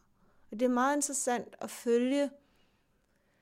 Jeg har haft lejlighed til også at interviewe for eksempel pakistanske ældre, øh, ældre flygtningekvinder, ja, forskellige grupper for at høre om deres tanker om plejehjem, og, og nogle af dem frygter virkelig, at det at flytte på plejehjem i Danmark er ensbetydende med den ultimative ensomhed. Og der er altså nogle måder overhovedet at forstå, hvad et plejehjem er, som vi mangler at informere om. For hvordan kan de vide det? Altså, danskere ved meget lidt om, medmindre de har deres daglige gang på et plejehjem, hvad et moderne plejehjem kan og er og kan byde på, så kan man jo ikke forvente, at mennesker, der kommer fra samfund, hvor man ikke har haft plejehjem, skal have en idé om, hvad det er. Så det er meget interessant at følge og komme på besøg også på det her konkrete plejehjem med nogle af de her grupper, som jeg har gjort, og, og se, hvordan de kan se, at de gamle, vi møder, de ser jo ikke ensomme ud. De vil faktisk gerne snakke med os, om de så kan eller ej. At man stadigvæk har ret til et privatliv og et familieliv, selvom boligen er i en, en ramme, hvor man kan få pleje. Så det er meget spændende at følge, og også se de muligheder, som ældre indvandrere og flygtninge kan øjne fordi de jo også lever med færden af, at den her forventning om, at ens egne børn skal passe en, det er noget, man lover hinanden, men det er jo svært at indfri i den hverdag, som de yngre generationer lever med. Men det er vel ikke bare nogle metoder, man skal udvikle. Der er også en hensyn til, hvad det er for en person, det er, man møder, som man skal tage hensyn til noget individuelt. Det er det jo altid. Det synes jeg er utrolig vigtigt, at man tænker, uanset om man er dansk, eller man er en tyrkisk kvinde, eller en, en bosnisk flygtning, øh, eller kommer fra Iran, at så er folk stadigvæk forskellige. Det er ikke noget med, at man kan udvikle et eller andet. Sådan gør vi, når vi skal øh, lave hjemmepleje til folk fra Iran eller, eller fra Bosnien. Men det at finde, finde ud af, hvordan overkommer vi de sproglige barriere, hvordan finder vi ud af, hvem det her menneske er.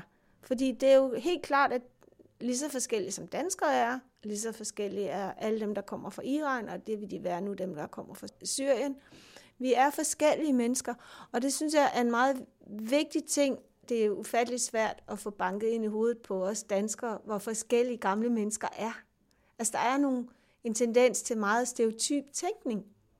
Når man tænker, om sådan er gamle, og vi snakker om de ældre på den ene og den anden måde. Men vi er vidt forskellige, når vi bliver gamle som danskere. Og det er folk, der kommer fra Somalien eller, eller Tyrkiet jo også. Så det er da helt rigtigt, at man skal først og fremmest have en forståelse for, hvem er det her menneske, og man skal altså rydde tavlen hver gang og sige, nu må vi starte med at få en indblik i, har man været medicinsk professor, eller har man været fisker, har man en ægtefælle, har man børn? Altså, hvad er det for et menneske? Hvad er vigtigt for det her menneske? Det spørgsmål tror jeg, vi kan blive meget bedre til at stille. Hvad er det, der betyder noget for dig? Fordi man kan ikke bare tegne sådan et skelet over og sige, nu ved vi, hvor er hun han født og arbejder og, og antal børn og civilstand. Så ved vi de vigtigste ting. Jamen, hvad er det, der er vigtigt i det her menneskes liv, og hvordan kan vi møde hinanden? Det var Henrik Moral, der talte med Christine E. Svane, direktør for Ensom Gamles Værn, EGV. Den anden radio.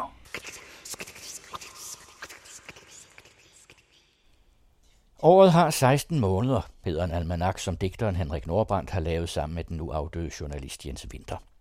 Almanakken har fået navn efter Nordbrands nærmest folkekære digt om november, november, november, november, og derfor har året jo altså 16 måneder. Almanakken indeholder et kapitel per måned, og den begynder med marts og foråret, men først digtet for håndens skælven i november.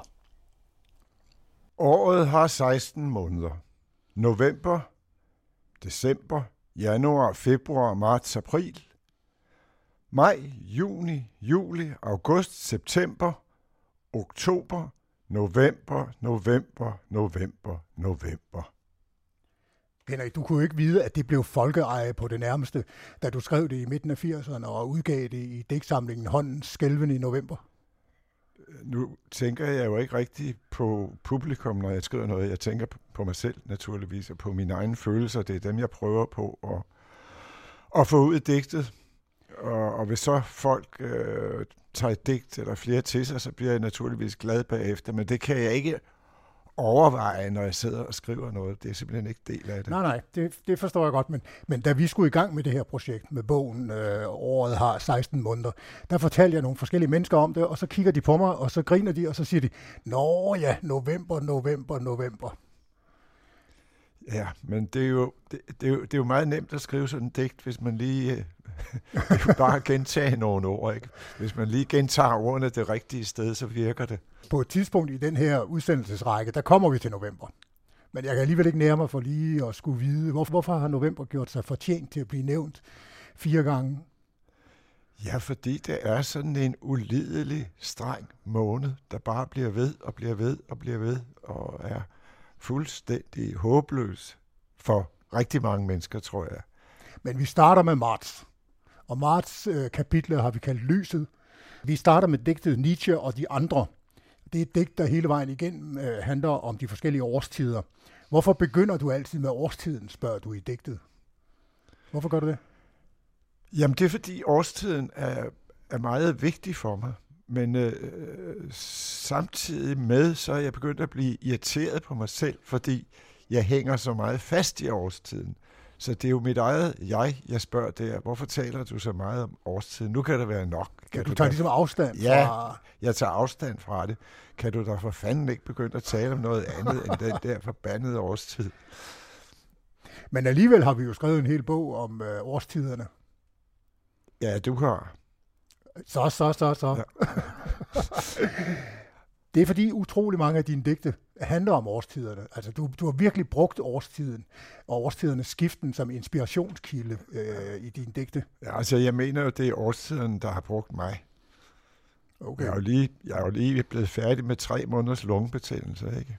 Altså, Så, så du føler... Fra, fra, fra, ja, faktisk fra, fra, fra september til nytår. Så du føler dig tyranniseret af årstiderne? Ja, for at sige det mildt. Okay. I bogen, der tager vi jo faktisk øh, året under behandling fra en ende af. Hver, hver måned har fået et kapitel, men vi begynder og slutter optimistisk. Vi begynder med marts måned og lyset, og vi slutter med februar, hvor foråret er i sin spiren. Og øh, jeg synes, vi skal høre det digt, som vi starter kapitlet om lyset og marts måned med. Det er det, der hedder Dage sent i marts. Dage sent i marts. Dage bevæger sig i en retning, ansigter i den modsatte. Uophørligt låner de hinandens lys.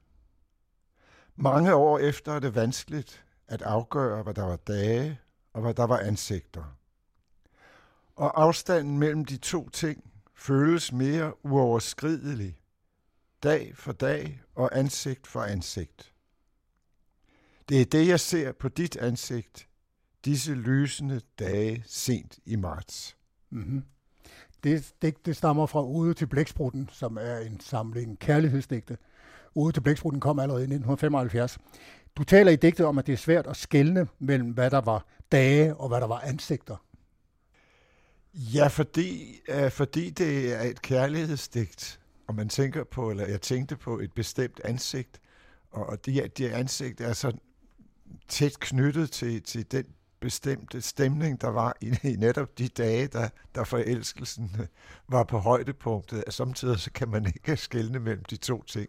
Hvad var, hvad, var, hvad var kærlighed? Hvad var stemning? Hvad var ansigt? Altså, fordi det hele øh, hænger sammen på sådan en intens måde. Det er et par dage siden. Du, Det var, et par- 30, du var 30 dengang. Ja, det var jeg vel. Ja, jo, i 75 var jeg vel 30, ja. Ja. Hvorfor flyder de der dage Nå, du spurgte, jeg troede, du spurgte om, hvorfor vi flyttede sammen. Det gør vi altså ikke. Nej, okay. Øh, men nej, fordi så, så oplevelser kan være så øh, intense, at man råder tingene sammen simpelthen. Altså, det er jo, øh, det, det, er jo, et- det er jo et klassisk motiv i kærlighedsdækning i, i, i Ja, ja. virkeligheden. Jeg har bare udtrykt det på en lidt anden måde her. Man kan sige, at jeg har simplificeret det, eller sat tingene op mod hinanden for at, at gøre det klarere. Jeg synes, det er en utrolig flot slutning. Øh, Det er det, jeg ser på dit ansigt, disse lysende dage sent i marts. Kan du huske, hvad du så? Ja, jeg så nogle lysende dage sent i marts og et ansigt. Det står jo i digtet. Så Så det skal vi ikke komme nærmere ind. Nej. Hvorfor er marts en god måned at starte den her almanak, som det jo også er, øh, med? Altså, jeg ved ikke, om, om det er en god måned, fordi altså, det har noget med at gøre, at jeg blev født i marts. Jeg blev født den 21. marts 1945, men det var jo ikke en god dag, for jeg var også lige ved at blive bumpet. Kvarteret, hvor jeg blev født, blev bumpet. Den franske Ude skole- på den franske skole Ja, den franske skole. Det fandt, sted, det fandt sted to timer før jeg blev født. Så jeg har, har fornemmelsen af, at jeg er født med granatschok. Så, så, jeg, så jeg kan ikke sige, at øh, det gjorde marts til en god måned. Du er et rigtig, Men jeg har du er et rigtig krigsbarn. Ja, ja, det er. Men jeg har jo siden altid opfattet marts som en god måned. Men det, det tror jeg har at gøre med lyset, som, som kommer op, som jeg har også beskrevet det her.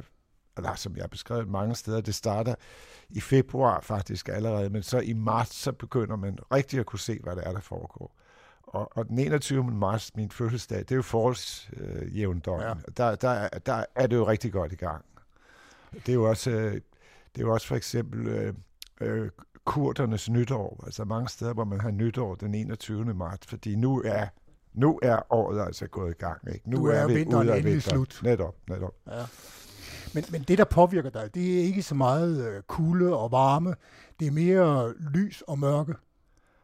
Ja, altså kulde og varme kan man jo gardere sig mod, øh, men, men øh, mørket kan man ikke gardere sig på, mod. Det er ligegyldigt, hvor, hvor meget elektrisk eller kunstigt lys man, man tænder. Det hjælper jo ikke rigtig noget. Så um, Hvad gør du om vinteren? jeg bliver syg, som regel. Og hvad så om foråret? Bliver, så bliver jeg rask. Så vi går en god tid i møde. Ja, ja, ja, ja. Er der forskel på den måde, øh, på hvordan årets gang påvirkede dig, da du var ung, og så i dag? Nej, desværre ikke. Altså, man skulle tro, at det var sådan noget, man vendede sig til. Ja, det er det, jeg mener. Du har haft et par år til det. Ja, men øh, nej, det synes jeg ikke. Det er det samme. Altså det eneste, der kan redde mig fra, fra vinteren og, og mørket, det er at, at være et andet sted end, end Danmark, ikke? Altså øh, til, til sydpå et eller andet sted, ikke? Altså, jeg har jo de gange, jeg har været ved ekvator, har jeg befundet mig ganske glimrende. Jamen, det kniber jo lidt, når du har Det- fået skole, skolebarn. Ja, det kniber lidt, så, så nu er jeg nødt til at være her. Og jeg har, jeg har jo tit sagt til mig selv, efter så mange års forløb, så må du da have vendet dig til det her, eller gjort dig selv lidt ufølsom over for det. Men det virker ikke. Det virker ikke, siger du, og ryster på hovedet. Jamen, det virker ikke. Altså, jeg har prøvet at være min egen psykolog og sige, prøv nu at se fornuftigt på tingene her, ikke? Og så videre. Kan du ikke få fornuften til at, at, at råde? Jamen, det her har jo intet med fornuft at gøre. Ens følelser har jo ikke noget med fornuft at gøre, vel? Altså, hvis, hvis, du, kan jo, du kan jo sidde med et stearinlys, og så kan du sætte fingeren ind i stearinlyset og sige, altså, øh, smerte, øh, det er, jo ikke, det er jo ikke vigtigt, det er noget rent psykologisk. Ikke? Og så blive ved med at have fingeren ind i stearinlys, indtil den brænder væk. Men det, hjælp, det gør jo stadigvæk ondt. Så, så, så enkelt synes jeg, det er. Altså, du er ikke modtagelig for fornuft. Jo, jo. Altså i mange henseender. Altså når det gælder politik, når det gælder logik og så videre, så er jeg meget modtagelig for fornuft. Men ikke når det gælder vejret og lyset. Der rækker fornuften ikke Nej, til. det gør den ikke. Hvad rækker så til? Der er ikke noget, der rækker til. Jeg, kun, jeg kan kun lide Danmark om foråret, har du sagt. Så må den netop overståede vinter jo have været god for dig, har den ikke? Fordi det har da stort set ikke været vinter. Nej, jamen den har været bedre end de fleste andre vin- vintre. Det vil jeg nok sige. I vores kapitel om lyset, der taler vi blandt, øh, om blandt andre Grundtvig, som i sine øh, salmer ofte bruger lyset. Ham kan du ikke lide. Det passer ikke helt. Det kan, kan lide nogle af hans Der er øh, faktisk hans en salme, der er faktisk en salme, du godt kan lide. Nemlig Nu falmer skoven trint om land. Hvorfor lige den salme, synes jeg? Det er da tristesse, så det, Jamen så det er, vasker. jo, den har han jo fanget fantastisk godt. Det, jeg kan jo ikke lide efteråret, men jeg kan godt lide det Grundtvig siger om efteråret. Noget af det i hvert fald. Ja. Fordi han rammer det. Altså på samme måde, som jeg har prøvet at ramme noget ved at gentage ud af november adskillige gange. Ikke? Så, har, eller så har Grundtvig selvfølgelig på en anden måde øh, sagt noget meget centralt om, om, om efteråret. Det der med det manglende lys, det førte jo faktisk til, at du blev sådan en slags flygtning i dit eget liv. Altså, du, du tog til Grækenland. Ja, det var i hvert fald en, en meget væsentlig grund til, at jeg tog til Grækenland og senere til Tyrkiet og Spanien og Italien. Fordi jeg, øh, jeg havde det bedre, når der var mere lys, ganske enkelt. Hvad var det lyset i Grækenland kunne? Lyset i Grækenland kan noget helt fantastisk. Eller jeg synes dengang, det kunne noget helt fantastisk. Det påvirkede mig på en måde, så jeg synes, jeg blev et nyt menneske at være der. Ja, du skrev blandt andet det der fantastiske digt, der hedder Simi, om øen der, som er, hvor der ingen træer er, og hvor der, vandet er sådan set, det er så krystalklart, så man kan se øh, 10, 15, 20 meter ned. Ja. Øh, Det er jo lys. Det er lys, så det batter. Det, ja. det var fantastisk at opleve det. I din essaysamling Breve fra en ottoman, der skriver du blandt andet, Grækenland er simpelthen den største udfordring for sanserne. Det er den største udfordring for sanserne, jeg kender, og når sanserne drives til det yderste, renses intellektet. Intet sted ser man som i lyset over Grækenland. Nej, altså sådan skrev jeg det dengang. Lidt romantisk, øh, naivt vil jeg nok sige. Det ville jeg ikke have kunnet skrive i dag, og jeg ville heller ikke synes, det var sandt.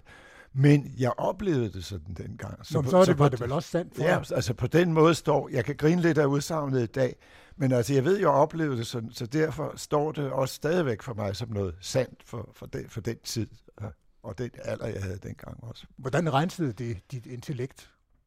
Jamen, det er svært at sige. Det var første gang, jeg kom til Grækenland, var det jo som en, en åbenbaring, at man, når man havde boet hele sit liv i Danmark, så synes man jo, at man var godt klar over, at der var anderledes andre steder, men man havde ikke oplevet det. Og pludselig, så oplevede jeg, at det kunne jo faktisk lade sig gøre. Det kunne måske lade sig gøre ikke at være deprimeret om vinteren, ikke? Ikke at, at blive syg fra, fra, fra november til marts. Øh, at, man, at man var i live. Det var et helt nyt liv. Ja, ja, at man var i live i den tid, i stedet for bare at være syg og dårlig og deprimeret. Og, ja, sådan. Den første gang, du kommer til Grækenland, der rejser du hjem før tiden. Ja, fordi jeg havde ikke økonomisk mulighed for at blive der. Og det synes jeg var forfærdeligt, så jeg vil hellere tilbage til Danmark så hurtigt som muligt, for ikke at vende mig for meget til det gode liv. så kunne Og hvad skete, og hvad skete der så bagefter? Jamen altså, det, jeg, jeg fik jo nærmest nervesammenbrud. Det var forfærdeligt. At, øh, men så fik jeg jo i løbet af nogle få år økonomisk mulighed for at være der i længere perioder. Ikke? Slå mig ned i Grækenland, så var det jo noget andet. Og så blev du smidt ud øh, i forbindelse med juntaen. Ja, men det er jo en anden historie. Ja. Ja. Hvordan vil du sige, at Grækenland forandrede dit liv? Jamen, det, det forandrede det på den måde, at jeg dengang synes, det gjorde mig til et nyt menneske. Det gjorde det måske også. Det kan jeg jo ikke vide, hvordan jeg ellers var blevet. Men øh, den overvældende melankoli, som jeg øh, havde følt altid havde ligget over mit liv, den var jeg nu i stand til, om ikke at fordrive, så i hvert fald drive lidt tilbage i baggrunden, så, så jeg var i stand til at dyrke en, en øh, livsglæde, som jeg måske ikke havde øh, kendt så meget til før. Så Grækenland, det var en lykkelig tid for dig. Ikke hele tiden, men, men i det store hele, når jeg tænker på Grækenland, så, så tænker jeg på en lykkelig tid. Det er helt klart. Det bedste, jeg ved, er at forlade et sted, har du skrevet. Ja, det er løgn. Det er igen, det, er igen, det er igen en af de, det er en af de løgne, man kan bruge som et digterisk øh, udsagn for at få tingene til at, på plads. Ikke? Altså man siger noget yderliggående, som man måske ikke mener helt, men for at markere et eller andet. Man siger måske, at det kunne være sådan. Ikke? Alle synes, det er forfærdeligt normalt at forlade noget, man kan lide. Man kunne også vende den om og sige, måske er det godt. Lad os nu prøve det her. Det er igen en måde at stille tingene op på hinanden, når man siger, hvad, hvad er godt og hvad er dårligt. Og hvad er hinandens modsætninger, og hvad, er der ikke altid en tredje mulighed måske? I bogen, der snakker vi om, at, at det er godt at forlade et sted, men det er ikke nødvendigvis godt at forlade nogle mennesker. Ja, men det er jo rigtigt nok. Det er jo altid øh, smertefuldt at forlade nogen, man kan lide eller elsker. Det er jo ikke nok. Men øh, det kan jo også være sundt for en periode. Fordi det kan jo også være sundt at savne nogen, fordi så, så ved man, hvad det vil sige. Hvordan, hvordan vil du sige, at lyset i Grækenland forandrede dit syn på poesi? Mm, det, hvis jeg skulle besvare det spørgsmål, så ville det jo altså blive en længere historie, hvor øh, jeg skulle citere en masse øh, digte, som jeg har læst i tidens løb.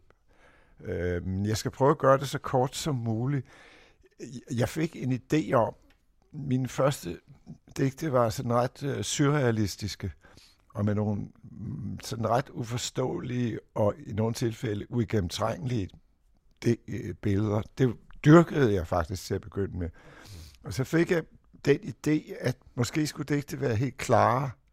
I stedet for surrealistiske, så skulle det være klare og gennemskuelige og også logiske. Og det prøvede jeg så at... Sådan at dine digte kunne forstås i flere lag i virkeligheden. Ja, men de skulle hænge sammen helt logisk.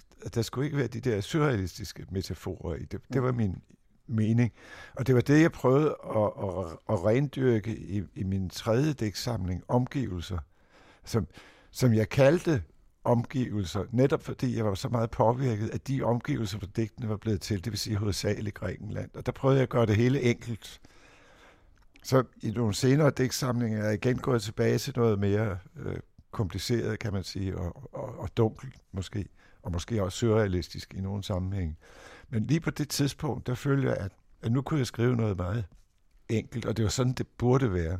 Og, og, det var simpelthen på grund af lyset. Hvad er det, poesi kan, efter din mening? Jamen, altså ved du hvad, jeg, jeg, det, den slags kategoriske øh, udsagn kommer jeg normalt ikke med. Nå, så, skal jeg, så skal jeg sige noget okay. om, hvad poesi kan. Poesi kan skabe nye meninger. Og det vil for dig øh, en gang imellem sige, at du kan opleve, at du ligesom stiller dig ved siden af dig selv og skriver. Ja, men det er jo rigtigt nok. Det er jo, øh, det er jo når, det, når det er sjovest, vil jeg sige, at man oplever det, at man, at man kommer ud af det der øh, gamle hylster, som man er så træt af, og, og, og pludselig kan te, se tingene på en ny måde, og man, man er ikke rigtig sig selv, og man laver noget, der overrasker en selv. Det, det er klart, det er en dejlig oplevelse. Det er ikke så tit, det sker. Kan du men, gøre det med vilje? Jeg, jeg kan ikke gøre det med vilje, men jeg kan forsøge at sætte mig selv i en tilstand, hvor, hvor, hvor, hvor det opstår. Og hvordan gør du det? Det kan man gøre på flere måder. Nej, der findes ikke nogen metode. Man kan... En måde at gøre det på, men den er ikke anbefalet, det er, at man kan drikke sig lidt fuld. Det kommer det, der sjældent noget Nej, det gør der nemlig ikke. Det kan ske en enkelt gang imellem, ikke? Okay. Nej, det er mere, man gør det mere ved at stirre ud i luften, vil jeg sige, når vejret er godt. det, det, det, det er bedre. Var det ikke Taja Vesos, øh, du citerede for, at han blev spurgt af en tv-journalist, hvad laver du? Og så sagde han, jeg laver ikke noget, jeg kigger ud i luften. Netop, det imponerede mig meget, fordi han så sådan meget så modig ud, da journalisten spurgte ham, og journalisten sagde, de tænker vel på mange fantastiske ting, når de så sagde, nej, jeg sidder bare og kigger ud i luften. Så. Og det, man skal heller ikke beskylde dig for at tænke over en hel masse ting. Ah, nogle ting tænker jeg nok på, men okay. jeg, jeg synes, det er meget sundt at stige ud i luften. På Møn, hvor du har et lille refugium, et hus, der har du oplevet at se helt nye sammenhænge. Det er næsten som den måde, Picasso ser virkeligheden på, kan jeg huske, vi snakker om. Han ser den jo sjældent naturalistisk. Kan du give et eksempel på det? I forbindelse med Møn? Ja. Nej, det kan jeg ikke, men jeg er da nok klar over, at der er kommet noget nyt ind i, i, i min digte, efter jeg begyndte at komme på Møn. Men jeg, jeg ved ikke, hvor meget der har med Møn at gøre. Det, jeg tror ikke, ikke, det har så meget med Møn at gøre. Det har mere i, noget at gøre med, altså, med hele min livsform med skiftet. Ikke? Og så synes jeg også, der skulle ske noget, i, eller det automatisk, så kommer der til at ske noget i det, jeg jeg skriver. Ikke? Men man udvikler sig jo hele tiden. Ikke? Og i, i alt det, man skriver, ligger jo altså alle ens erfaringer bag det hele og påvirker hinanden. Det er jo fuldstændig uundgåeligt og banalt, så at sige. Ikke? Men det vil sige, at hele det spektrum, man skriver ud fra, det bliver mere og mere komplekst og sammensat. Forhåbentlig også klarere. Det skulle det også gerne blive samtidig med. Mm-hmm. Picasso han sagde, jeg søger ikke, jeg finder. Ja. Gør du også det? det altså, når jeg finder en gang imellem, så er jeg meget glad, men jeg vil, jeg vil ikke sige, at jeg ikke søger. Altså, så, så fantastisk øh, er det ikke for mig, at jeg, at jeg bare går og finder hele tiden. I øvrigt må jeg sige, at nede på Møn har jeg ikke fundet en eneste stenøkse. Det plejer jeg ellers at gå rundt og finde. Men det var en sidebemærkning. Nej, fordi det, det handler jo om din, din sans for historie. At du som, Jamen, knægt, det... du som knægt fandt en masse Jamen, det er lidt af det samme. Mm. Altså, at finde en stenøkse eller et digt, det er for mig næsten det den, den samme oplevelse, den samme glæde. Og samme skønhed. Ja. Okay. Men lyset, som vi snakker om i marts-kapitlet, det kan også være grimt. I bogen der fortæller du, at Danmark er et land, som ikke kan tåle for skarpt lys. Det er landet simpelthen for grimt til. Ja, det, sådan kan man godt føle det en gang imellem. Men det er igen et sted, hvor jeg sætter tingene på spidsen, ikke? For, for at få dem til at stå klart. Øh, det er selvfølgelig heller ikke rigtigt, vel? men det, det er igen et ekstremt udsagn. Ikke? Altså, jeg, jo ikke, altså, det, er, det er jo ikke 100% rigtigt måske. Jo, men nu kan jeg godt sige noget. Ikke? Jeg er jo ikke ekstremist og har aldrig været det i en politisk sammenhæng. Men man kan godt være æstetisk ekstremist for at belyse nogle ting på en lidt anden måde. Sætte, belyse, sætte noget lys ind over noget, øh, for at, at se nogle hjørner, som man ikke har set før, nogle kontraster, som man ikke har set før. Det er, jo, det er jo sådan noget, jeg siger med den slags udsagn, som vi nu har været inde på flere gange mm. i den her samtale. Vi skal slutte den her samtale med øh, et besøg på et af de grimmere steder i Danmark og i København, nemlig på Toftegårds Plads. Øh, jeg synes ikke, at Toftegårds plads er nogen specielt smuk plads i Valby i København. Jeg er desværre enig med dig. På Toftegårdsplads. Samme sprog. Gråvejr og busser. Busserne står på række. Ingen skal ud at køre. Vi har talt om alt, hvad der var at tale om. Alligevel er ordene ikke sluppet op. Tæller man efter, er der sikkert flere, end da vi begyndte. Det er det, der på samme sprog gør gråvejr så gråt, så gråt. Samme sprog betyder, busserne kan ikke køre. Underverdenen hed det sted, vi løste billet til. Altså eksisterer det heller ikke længere. Det er gråvejr. Jeg synes, jeg burde skrive, jeg kan bare ikke. Det er det samme sprog. Digtere, der ikke kan finde på noget at skrive om, kan altid skrive om Odysseus. Odysseus elsker de gule busser under den grå himmel. Når de tænder deres lygter og kører frem, ligner det helenernes flåde. Helenernes flåde set fra kysten af trojanerne vel at mærke. Og de har været i underverdenen lige siden. Martslyset fra Henrik Nordbrands almanak i samarbejde med den nu afdøde journalist Jens Winter.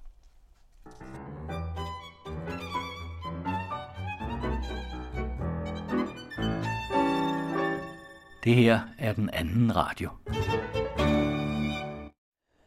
Forfatteren John Benedicto Kreisler er nu gæst i studiet hos Jonas Østergaard og Andreas Møller, hvor han fortæller om filosofen Gilles Deleuze. Her i starten af oktober udkom en bog, som er den første i en bogserie, der hedder Umulige Tænkere. Mm-hmm. Og den første, den er du forfatter til, og den hedder øh, At analysere med Gilles Deleuze, en rejse i nomadebegreber, tilblivelser og kontrolsamfund. Allerførst kunne jeg godt tænke mig at spørge dig, inden vi går i dybden med mm. denne her franske filosof. Hvorfor hører han til i en serie, der hedder Umulige Tænkere? Man kan sige, problematikken med de tænkere, det er, at øh, de tit er meget svære at gøre til en metode. Man kan sige, at det er et problem måske i moderne presset uddannelse, er, at man skal hurtigt fra modul til modul. Det fremmer tit en tænkning, hvor man sådan gerne vil have nogle metoder, som er til at gå til. At, hvordan skal jeg undersøge det her? Og er der nogle redskaber, jeg kan anvende til at undersøge det her? Gilles Deleuze er et rigtig godt eksempel på det. Men også Michel Foucault og, og mange andre modsætter sig ligesom at blive gjort til en metode. Og ligesom at komme ind i den tænkestil, som de repræsenterer som teoretikere, er ligesom at netop at komme ind i en måde at tænke på, hvor man ligesom bliver inviteret ind, og hvor man ikke får at vide, at man skal analysere på nogle særlige måder, men hvor man skal lære sig at læse de her tænkere med henblik på at gøre dem levende i ens måde at tænke problematikker på. Så på en eller anden måde, så er det det her tidspres i moderne studier, som øh, har en tendens til at udelukke mange af de mest interessante tænkere. Og hvordan man får dem gjort tilgængelige, uden at få dem simplificeret så meget, at øh, man misser pointen i dem. I dit forsøg på at gøre det løs mere praktisk anvendeligt, skriver du meget inden for læreruddannelsen, eller lærergærningen, eller mm-hmm. det pædagogiske område, mm-hmm. og mm-hmm. sygeplejerskerne osv. Hvis man studerer til sygeplejerske eller til lærer, vil det også være en relevant bog? Det vil jeg godt mene, den kunne, når man er kommet i gang, altså når man for eksempel skal skrive sin, sin bacheloropgave og er kommet derhen. Hvis man får den her interesse for den her type filosofiske tilgang og gå til forklaringer på, så vil jeg øh, mene, at jeg sagtens skulle bruge den hen omkring øh, bacheloropgaven, når man er kommet godt i gang. Hvor hovedpointen sådan set er, at videnskabsteori er uhyre praktisk, og teori er i høj grad, vil jeg mene, og det, det, det kan vi jo være uenige om, vi, vi lever af at være uenige med hinanden. Jeg mener i høj grad, at øh, teori og videnskabsteori er en slags værktøjskasse for tænkningen. Og øh, det i høj grad netop er et formidlingsspørgsmål, det her med at få gjort for eksempel en tænker som Gilles Deleuze anvendelig for forskellige menneskers tolkningsbehov. Og der, der tror jeg, man som studerende har, der drejer det så meget om det her med at få kontakt til intuitionen, så at sige. Til sin egen intuition i den her forstand, at det er i ens egen intuition, at øh, ens potentielle originalitet ligger, ens særlige måde at stille spørgsmålstegn på, osv. Og det er ligesom den tænkning hos en selv, man skal have fat i. Jamen lad os prøve at kaste os Mhm. Ja. ud i det, fordi til at starte med, bogen står der bag på, at det er et forsøg på at omsætte hans tænkning i empiriske analyser. Mhm.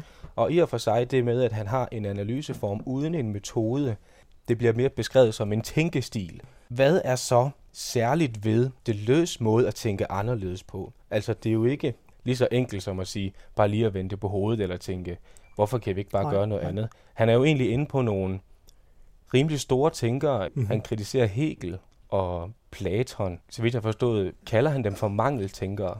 Hvad ligger der bag hans måde at tænke anderledes på?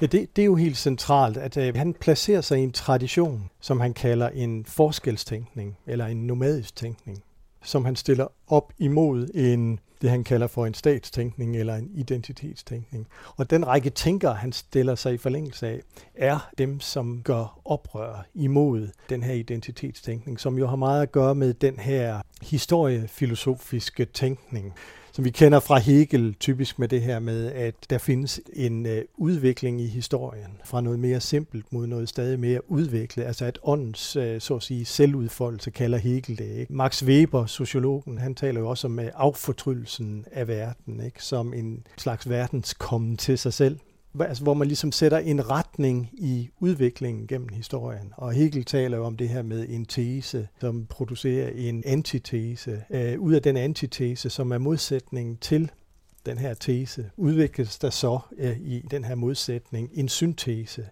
Og det der spil mellem tese, antitese, antitese, syntese, er så at sige en kontinuerlig proces, hvor igennem ånden kommer til sig selv. Eller hvis det er marxisme, øh, hvor igennem historien øh, udvikler sig i nogle, øh, hvad skal vi sige, retningsbestemte forløb. Og det er den der tænkning om en retningsbestemmelse, som gør det umuligt at tænke andethed. Man har tænkt meget lineært, altså nærmest kronologisk, jeg siger, vi starter her, og så udvikler vi os lige så stille, og så ender vi et sted. Og det er det, som han så stiller spørgsmålstegn ved, eller siger, det kan du godt se på en ja. anden måde. Ja, det er jo det, han med inspiration fra for eksempel Nietzsche og Henri Bergson og øh, Spinoza, som jeg nævner, netop stiller spørgsmålstegn ved. Ja. Han er mere optaget af, hvordan vi kan tænke andethed på en måde, hvor vi ikke gør det andet til noget, der er afhængigt af den her tese som dets antitese, men udvikler en tænkning, hvor vi kan tænke andethed som radikalt anderledes. Du siger, at det andet er radikalt anderledes. Mhm. Mm-hmm. Hvad er det andet så? Kan man definere det og sætte det på en fin formel? Ja, det er, jo, det er jo så netop pointen. Det kan man jo ikke gøre i den der forstand, at man kan sætte den ind på et sted, altså en, en retningsbestemt journey, som styres af nogle særlige udviklingslove. Det er jo den identitetstænkning, som Deleuze gør oprør med. Mm-hmm. Så den der andethed er jo mere en helt anderledes øh, filosofisk attitude. Et typisk eksempel på den her statstænkning, øh, hvis nu vi tager lærere, pædagoger, sygeplejersker og, og alle de her velfærdsprofessioner, kunne jo for eksempel være den her professionstænkning, som vi i stigende grad fanges af. Som jo er øh, en måde at tænke erhvervsgrupper på, hvor man ligesom siger, her har vi en erhvervsgruppe, som har en monopol eller et monopol-lignende øh, adgang til et særligt erhvervsfelt, en særlig indhegning, vil Deleuze kalde det. Hvor de hævder at have en særlig viden, hvor de har et fællesskab med en særlig etik om at forbedre vilkårene for børn, hvis det er skolerne eller daginstitutionerne, eller, eller for patienterne, hvis det er hospitaler osv., som øh, så at sige legitimerer, at de får et øh, monopol eller et monopol-lignende øh, rettighed til at dyrke det her erhverv. Ja, det er deres profession. Øh, Det, det, er, det er jo ligesom øh, professionstænkningen. Og der, der kunne man jo godt spørge sig selv i dag, lyder det ikke lidt feudalt, kunne man sige, det her med, at vi har nogle særlige erhvervsgruppe, som har monopol på et særligt vidensområde, som om vidensområder i dag stadigvæk kunne fanges helt i de her øh, disciplinære tænkninger. Øh, der kunne man godt undre sig over, hvordan kan det være, at når læring, som skolen jo tidligere i høj grad havde monopol på, som øh, en, en dannelsesinstitution, hvor man havde respekt for læreren og så videre, hvor læring jo i stigende grad med internettet og med mere og mere veluddannede forældre og med mere og mere tværfaglige konstellationer, der diffunderer læring jo mere og mere ud i alle mulige hjørner af samfundet. Øh, man taler jo også øh, i OECD og EU om livslang læring og livsomspændende læring. Man lærer altid. Man har coaches til at lære osv. Og der taler Deleuze med nogle begreber. Han siger, at den måde at tænke professioner på, som vi er vant til, det er ligesom med trærodsstrukturen. Ikke? Altså, at vi har den her idé om, at en profession har nogle særlige vidensformer, ligesom grene, og de har en særlig genealogi. Ikke? Altså, de har vokset sig op i en kamp til at tilegne sig nogle rettigheder og udvikle et felt osv., som ligesom kan spores hele vejen tilbage til nogle rødder. Altså der ligger ligesom en forførende tanke med træet og dets rødder og dets grene, som hele tiden kan udvikle sig, som nærmest kan ekstrapoleres ud i, i fremtiden også. Ikke? Med hvordan vi skal, hvis der er problemer, så er det bare et spørgsmål om, så at sige, at få reformeret og få udviklet videre.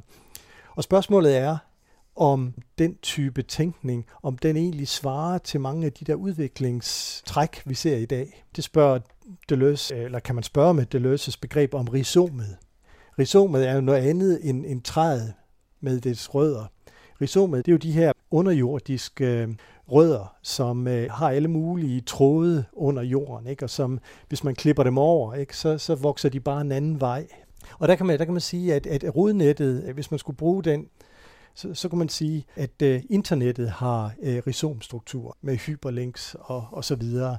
Man kan spørge sig selv, om det ikke er sådan i dag, at der er noget farligt i at fokusere for meget på en særlig lærerprofession eller en særlig lægeprofession, som har en velafgrænset øh, faglighed. Og de gamle klassiske rødder. Og de gamle klassiske rødder og alle deres grene øh, osv.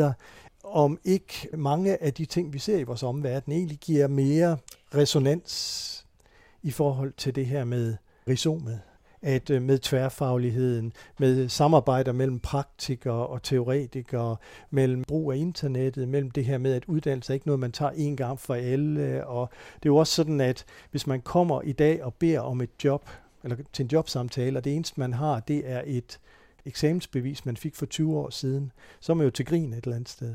Og der, der bliver man nødt til at tænke rhizomatisk med CV'et for eksempel, ikke? hvor man bliver nødt til at tage alt, hvad man kan hente fra sin erfaring, skrive det sammen på en måde, så det passer til det her job, man for eksempel gerne vil have. Ikke? At øh, der tilbyder Deleuze en måde at lave en kritik af den her professionstænkning. Og det var der, jeg for eksempel har prøvet at udvikle et begreb, som hedder kompetencenomaden, som en slags modpol til den professionelle. Altså ikke forstå på den måde, at den professionelle er forsvundet, men forstå på den måde, at hvis vi skal kunne forholde os som dem, der har at gøre med læring i skolen for eksempel, eller øh, omsorg på hospitalet, så kan det være en god idé at have en skala, for eksempel fra kompetencenomaden til den professionelle, så man kan begynde at udvikle en sensitivitet i forhold til mange af de her nye ting, der sker. Kompetencenomaden, mm-hmm. er det et, kan det være et menneske, eller er det sådan en, en figur, der har den her tankegang, og så en med professionen er en anden figur? Deleuze, han kalder det for en begrebslig person det er jo en, en, en figur i ens indre dialog for eksempel, eller i ens samtale, som har en særlig identitet, og som insisterer og gør modstand. For eksempel den professionelle, ikke? Det er jo, hvis man skulle tale i en deleuziansk sammenhæng, øh, statstænkningens figur i en eller anden forstand, som hele tiden øh, påtvinger tanken og drejer tanken i, i nogle særlige retninger. For eksempel i forhold til, at der er en bestemt type øh, disciplinær viden, man skal have, der er nogle bestemte eksamener, man skal have taget, der er nogle bestemte øh, ting, man kan sige og ikke sige osv. Hvorimod kompetencenomaden er jo så et forsøg på at skabe en begrebslig person. Det er også derfor, man taler om skizo. Ikke? Altså, at, at altså, man har den her øh, mulighed for at kunne håndtere flere begrebslige personer i samme dialog, så at sige. Det vil måske være værd lige at sige, at den her analyse, som Deleuze taler om, eller ja, den her bog ja. primært handler om, den hedder jo skizoanalysen. Ja. Hvis vi tegner en tændstikmand og siger, at han er skizoanalytikeren, så vil det altså sige, at hvis man som enten som studerende eller som filosof med den her skizoanalyse er ens øh, mål at udføre den, mm-hmm. det er så inde i hans hoved, at der er de her øh, kompetencebegreber, eller den her kompetenceperson. Det kunne det være. Det kunne også være i samtalen. Man kan sige, at, at uh, Deleuze er jo filosof, men han er også sociolog, og han er også alle mulige andre ting. Han er meget tværfaglig i den forstand, men han siger det på den måde, at filosofiens formål, det er at skabe begreber, der gør det muligt at tænke anderledes. Det behøver jo ikke, at man skal tænke anderledes hele tiden, fordi så bliver man jo træt. Men det betyder, at det kan nogle gange være en fordel at have nogle begreber, der gør det muligt for en at tænke anderledes, så man ikke hele tiden fanges i, det ligger jo også i begreber, ikke? Begribe, begreifen, ikke? At man mm. griber og, og ligesom fastlåser noget, og så kan man ligesom få det gjort til en mursten, som man kan få lavet færdig. Aha, nu har jeg forstået det hele, og så lægge det ned i en skuff. Kompetencenomaden ja. kan fungere som en figur i fantasien, eller i ens overvejelser. Jo, man kan sige det på den måde, at både Foucault og Deleuze... Som jo var gode venner i øvrigt. Eller ja, ja, absolut. Og man kan sige, at, at noget af det, de begge to var enige om, det er, at de sådan set begge to har en relation til oplysningen.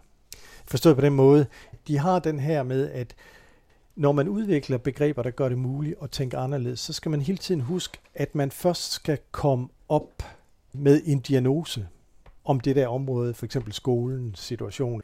Det bliver så udgangspunktet for det her eksperimenterende arbejde med at prøve at skabe begreber, der gør det muligt at tænke anderledes. Deleuze's diagnose er, den her, er en overgang fra, hvad han kalder disciplinær samfund til kontrolsamfund. Det er sådan en hypotese. Og man kan sige, at et eller andet sted, hvis man skulle sætte det lidt på spidsen, så kan man sige, at det på en eller anden måde er den her øh, gradvise overgang fra industrisamfund til service- eller øh, videnssamfund, ikke? kommunikationssamfund, hvor han udvikler øh, nogle begreber, der gør det muligt at få fat i lidt af det der med de der elever, du snakker om. Det er jo, det er jo så den her diagnose, ikke? hvor han siger, at, at, at industrisamfundet, altså den her disciplinære skole, den findes jo stadigvæk, at der er to roller, man kan tage på sig, enten som man lærer, eller også som man elev. Der er en hel masse binariteter, ikke? Og så er der timen og frikvarteret. Og der er det, han kalder for paranoide teknologier. Altså at de fungerer industrisamfundets skole, eller disciplinærsamfundets skole, øh, fungerer jo meget igennem tre typer teknologier. Den ene, det er overvågning, den anden, det er sanktion, og den tredje, det er eksamination. Og det er jo den, du taler om der, ikke? Den findes der jo stadigvæk mange elementer af i skolen, ikke? Øh, og det er jo klart, at, at, at det er jo en, hvor man først og fremmest skal adlyde. Man skal leve op til nogle standarder, for ikke at blive ekskluderet som ikke læringsegnet det, det er ligesom en stærk tendens i skolen. Men der er også øh, postdisciplinære problematikker, som jo også findes i mange skoler, hvor det mere handler om, at man kan ikke længere, altså hvis man skal så at sige appellere til eleverne, så bliver man nødt til at appellere til deres passioner. Man bliver nødt til at kildre deres, han kalder det subjektiveringspunkter. Man bliver nødt til at kildre deres begær. Altså det bliver sådan, at hvis man ikke kan kildre elevens begær, så trækker eleven sig tilbage. Så på den måde, så kan læreren ikke, øh, så at sige, fungere efter en professionel standard mere. Læreren bliver nødt til hele tiden at blive elevens ven, eller terapeut, eller coach i en eller anden forstand. Øh, hvis jeg skulle give et eksempel fra øh, en gang jeg selv var folkeskolelærer, var det, at, at jeg fik en syvende klasse, som var ved at gå helt bananas. Og der blev smidt ind, fordi at, der var ingen andre, der ville have den. Og jeg vidste ikke, hvad jeg skulle gøre. Det eneste, jeg kunne gøre, var egentlig til sidst for at få noget som helst øh, meningsfuldt ud af det, og lave en aftale om, at hvis de lyttede på mig i en halv time, så kunne vi gå ud den sidste halve time. Og dengang vi så gik ud i den sidste halve time, så kom en af de værste bananer hen til mig, mens de andre spillede fodbold. Og så kom jeg til at sige, at jeg havde været i Los Angeles. Og så, så lyste han fuldstændig op. Har du været i Los Angeles? Tror du også, jeg kan komme til Los Angeles? Og på den måde så, så, så fik jeg som lærer postdisciplinært muligheden for at tilegne mig en viden om ham, som gjorde, at jeg fremover kunne kilde hans øh, subjektiveringspunkt af, af hans begær. Ikke?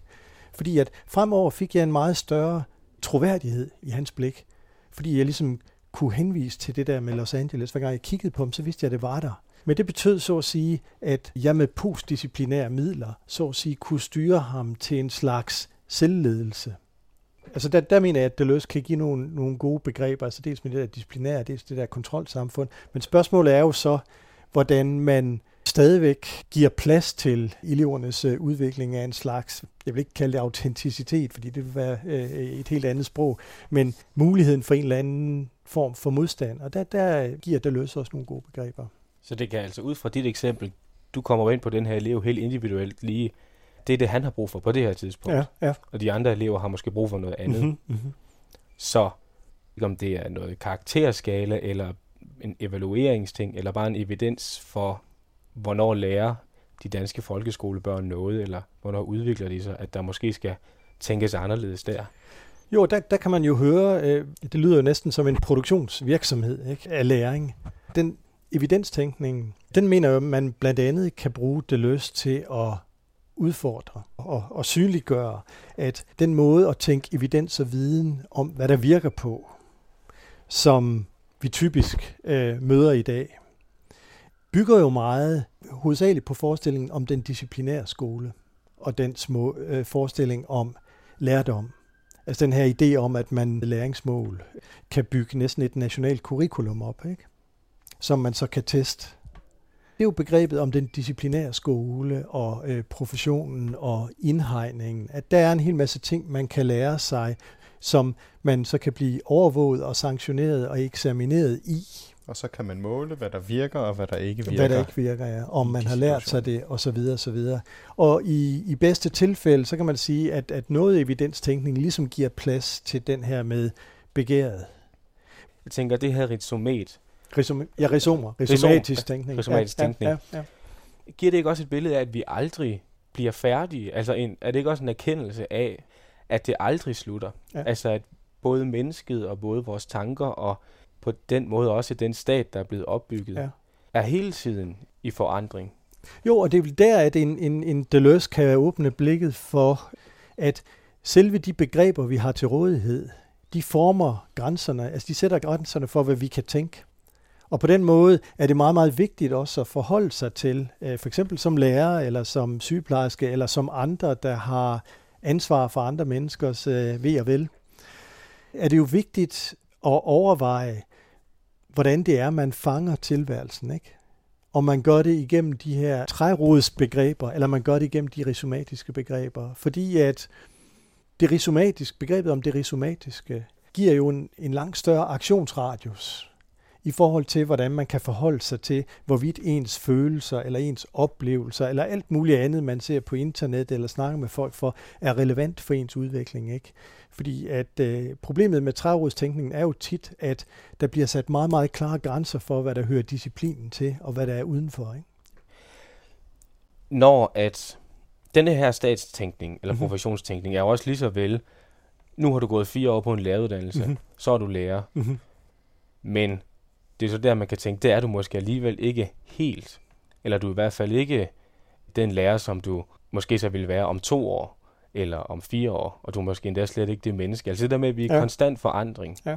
Altså er det rigtigt forstået, at det er noget af det, han er inde kan på? sige, Den første halvdel af din beskrivelse er jo typisk, øh, det er jo professionstænkning, det er jo trærodstænkning, det er jo øh, den her med de paranoide teknologier, at du lukkes ind på grund af et gennemsnit, og så bliver du overvåget og så at sige sanktioneret og eksamineret, og når du er eksamineret og fundet god nok, så bliver du lukket ud igen. Og så får du et eksamensbevis. Det er jo ligesom øh, en type tænkning. Den anden type tænkning, det er jo netop det, der kommer til sidst i din øh, beskrivelse, det her med, jamen det der med at være lærer, øh, det er jo sådan set en, en praksis, man aldrig bliver færdig med. Og hvis man tager det der med det rhizomatiske alvorligt, ikke blot i forhold til, til det her med, at man skal lære og ville, hvad man skal. Altså man skal lære at gøre, hvad der bliver forventet af, af en, som om man selv havde valgt at gøre det. Men også med det her med, at, at man ud over det faktisk øh, våger at lege med tankerne, våger at tage sine erfaringer og sine fornemmelser af, hvad der sker omkring en alvorligt. Så bliver det der med at være lærer jo en potentielt en visdom, kunne man sige. Ikke? Så vil Deleuze være enig i, at alle erhverv er rhizomatiske? Det er jo også et attitydespørgsmål. Forstået på den måde, at hvis du opfatter dit liv trærodsbaseret, altså det er jo ligesom det der med familiegenealogien. Jeg er en familie, der gennem mange generationer er kommet op af det. Vi har vores familievirksomhed osv. En måde at tænke trærodsgenealogi på. Altså at, at bladene kommer fra grenene, som kommer fra øh, stammen, som kommer fra rødderne osv. Det er jo en attitude til sit liv og til, hvordan man bygger familie og hvordan man forholder sig til et erhverv og til samfundet osv. Hvorimod en rhizomatisk attitude vil jo være helt anderledes og måske være mere tænke i, at for tiden laver vi det her, og øh, rejser måske en del til USA og sådan noget. Men der sker nogle ting i verden, hvor man måske fornemmer, at nu skal vi i stigende grad over mod det kinesiske. Vi skal ud og have nogle andre erfaringer. Så bliver man jo nødt til at forlade, at man måske har fået sin kandidatgrad i amerikanske studier, og bevæge sig et andet sted hen. Professionstænkning, det er så noget fra barndommen, men når man lærer øh, børnesangen, øh, fuglen fra ægget, ægget redden, Mhm. mm-hmm. inden for bladet, bladet og så videre, indtil Mhm. til bjerget ligger langt ude i skoven. Mhm. Og så den ritualistiske tænkning er, at det sådan set aldrig slutter. Altså der er altid Mhm. mulighed for udvikling, Ja. eller mulighed for at blive til noget mere. Ja. Fordi jeg kom til at tænke på, i en anden bog, øh, en filosof, der, der også skriver om øh, Deleuze, Mhm.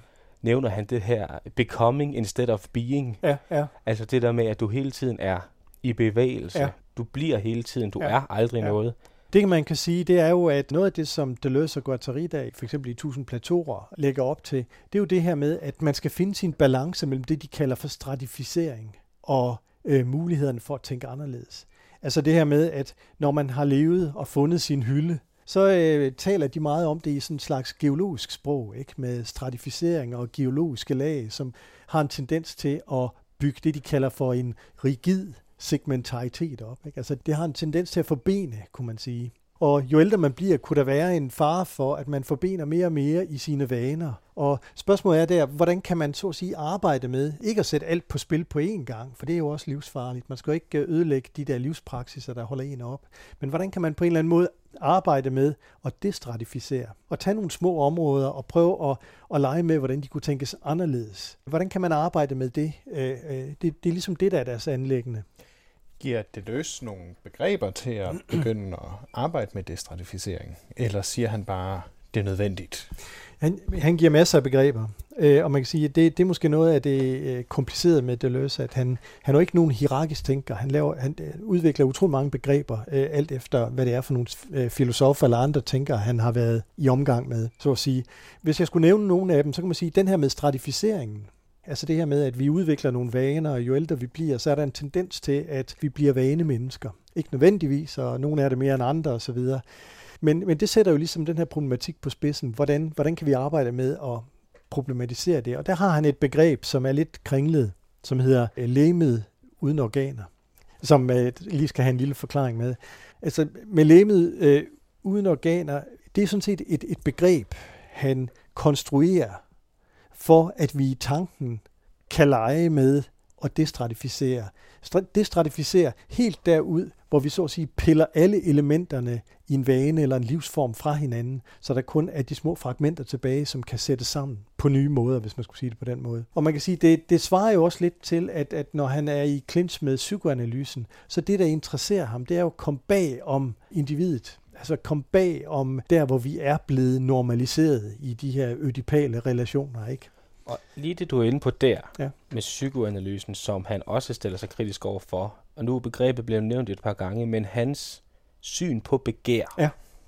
det var noget af det, der jeg strejfede, eller Ja, det stussede ja, over, ja, ja. fordi for det første så øh, har han jo en anden holdning til øh, begær, end for Mhm. eksempel Nietzsche har. Og så også det, at dyr har en begærsproduktion.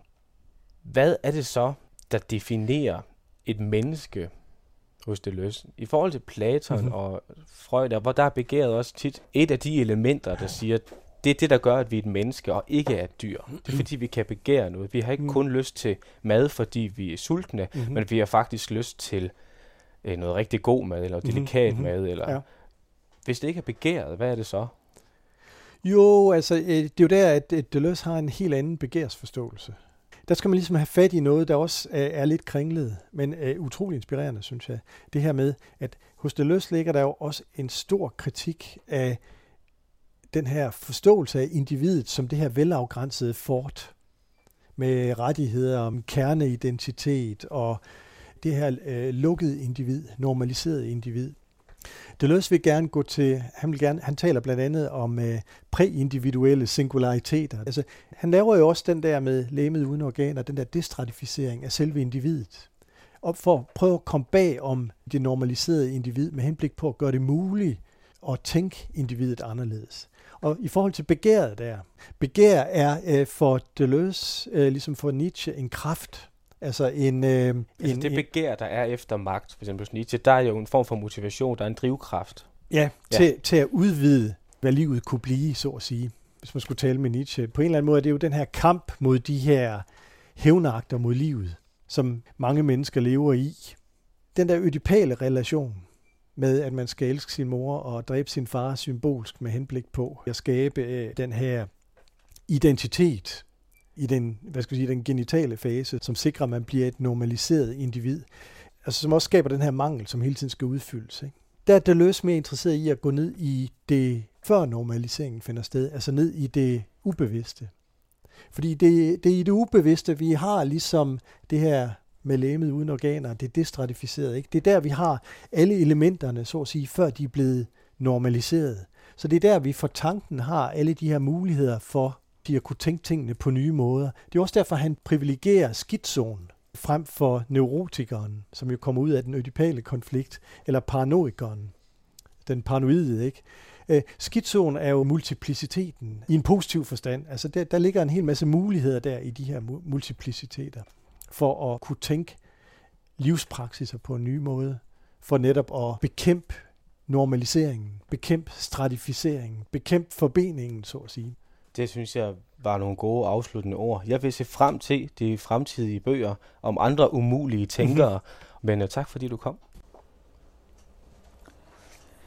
Det var John Benedicto Kreisler, der fortalte om Gilles Deleuze. Programmet blev tilrettelagt af Jonas Østergaard Pedersen og Andreas Møller. Du lytter til den anden radio.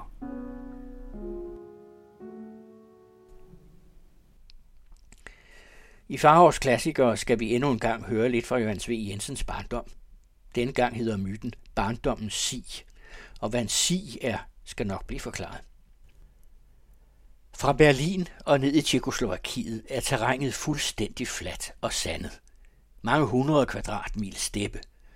Toget ruller, ruller. En hel dag sidder man med udsigt til dette ubegunstigede land. Nogle steder dækket med tynd fyreplantage, de højstammede brandenburgske kiferen, andre steder åbent, omtrent nøgen sand, langt ned i Slesien. Efterhånden græsklædt og dyrket, det fattigste agerland, men hele tiden fuldstændig plan som et gulv. Der er anledning til at tænke på mange ting, mens man kører den lange, ensformige tur. Det var en søndag. Ved stationerne og de sjældne landsbyer så man folk på spaceretur på vejene, hvor de udstrakte afstande, milene, virkede som et åbent fængsel. Små grupper, familier med børn, kærestefolk, som gik med hinanden i hånden, de fjernede sig lidt ud under himlen, med ryggen vendt til, hvor de var fra, og ville jo snart vende om og opsluge sig hytterne igen. Besynderligt, hvor man kan se søndagen på folk sådan en stille dag, mens toget ruller og ruller, og det uendelig flade land i en langsom vals drejer sig under himlen. Vildt fremmede steder, men alting i grunden så nær. Sneen var just tøet af jorden, milevidt vissen græs. I landsbyerne så man drenge, som trak på fødderne i den opblødte jord. Et vand, de opholdt sig ved bag husene med åben steppe om, så langt øjet nåede, i færd med at sætte en gammel træsko ud af sejle. Det kendte man. Og noget i det stærke, kolde solskin kendte man igen.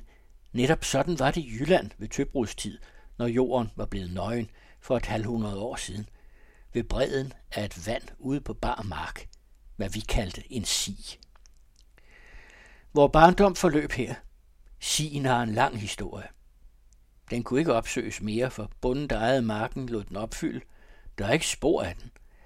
Men hvis man træffer grave nogle alen ned, der ville man støde på et lille kulturlag, bestående af gammelt emaljeret bliktøj, alle ting, som man hiver i et vand, sunkne baljer og flåder, som vi havde flyttet på mellem isflagerne om foråret, stylter, slæder og pikkæppe, som var endt her, uden skeletter af katte og hunde, og, hvis man analyserede mudderet, vidnesbyrd om en rig vegetation engang af siv, flæg, bukkeblad og svømmende pileurt, der smykkede vandspejlet de lange sommerdage. Flydende haver med guldsmede knitrende over i solskinnet. Liv for år tilbage.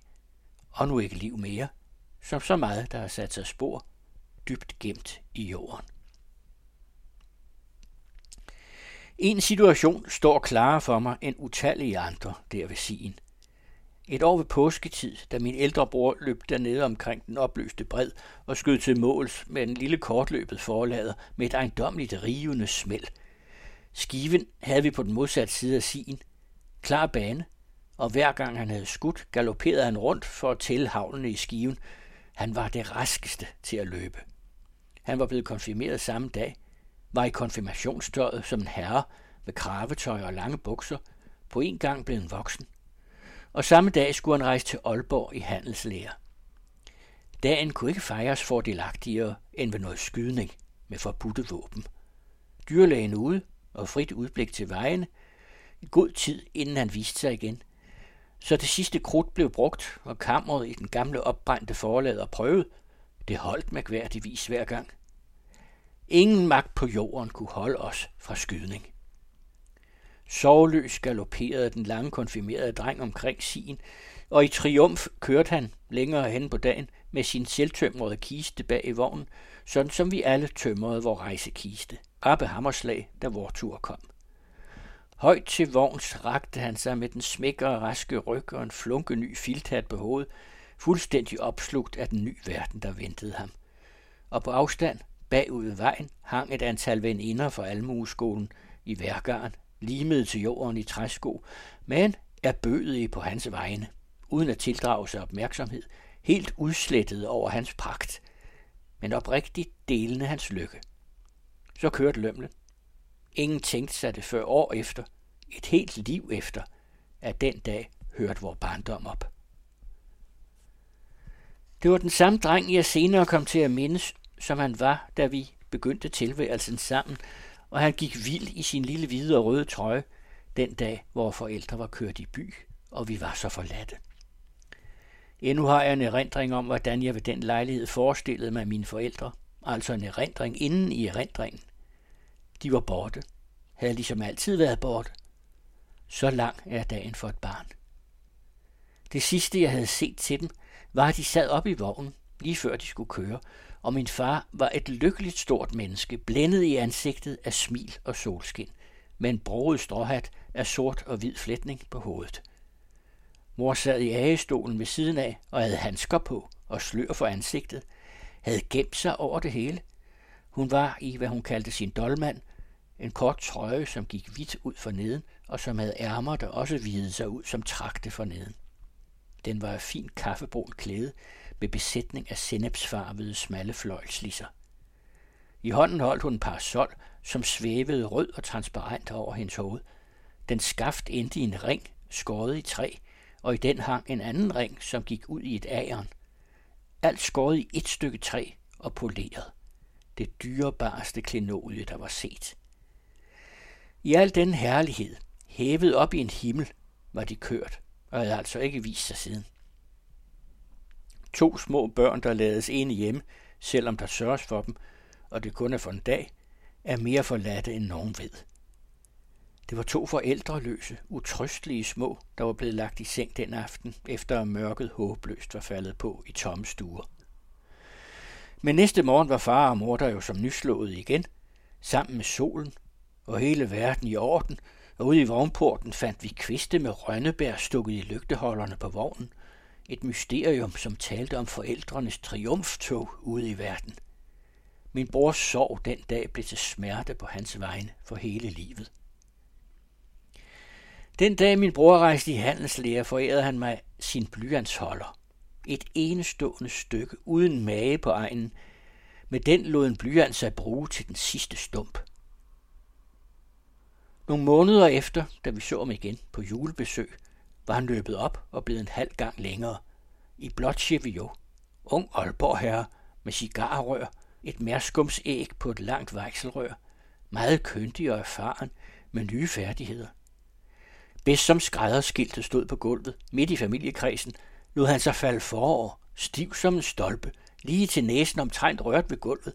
Almindelig forfærdelse – så i sidste øjeblik åbnede han hænderne og faldt på begge flader med sin fulde vægt og ansigtet ned i gulvet, men uden at komme det mindste til. Utroligt, hvad man lærte i købstederne. Men snart så vi hans navn i avisen, mellem dengang nationale helte i provinsen, som uovervindelig landevejsrytter på cykel. Det var i cyklernes første tid, da vedløbsrytterne var omfattet som heroer, ja som guder. Et blændende, næsten ondseligt lys faldt tilbage på den beskidende vrå gladiatoren var fra. Han bedækkede så sit bryst med medaljer og samlede sammen på landevejen, uden klæder på kroppen, til flere gikfeber, som knækkede ham for kommende år. Mere end han nogensinde vidste af. Et fotografi fra den tid viser ham ved siden af maskinen, et museumstykke at se til nu, mager og i tæt sluttende jersey, med opbørstet hår og nøgne hårede ben, som kødet stod ud på i kamme.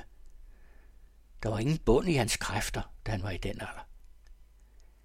Han var som født på en hest. Jeg ser ham for mig endnu. Den ranke smækker ryg foran, når vi red heste forkeret. Til hestebetvingeren Vav i Breen, mange år efter, havde jeg ham til model. Han var som vokset ud af naturen, så længe han var dreng.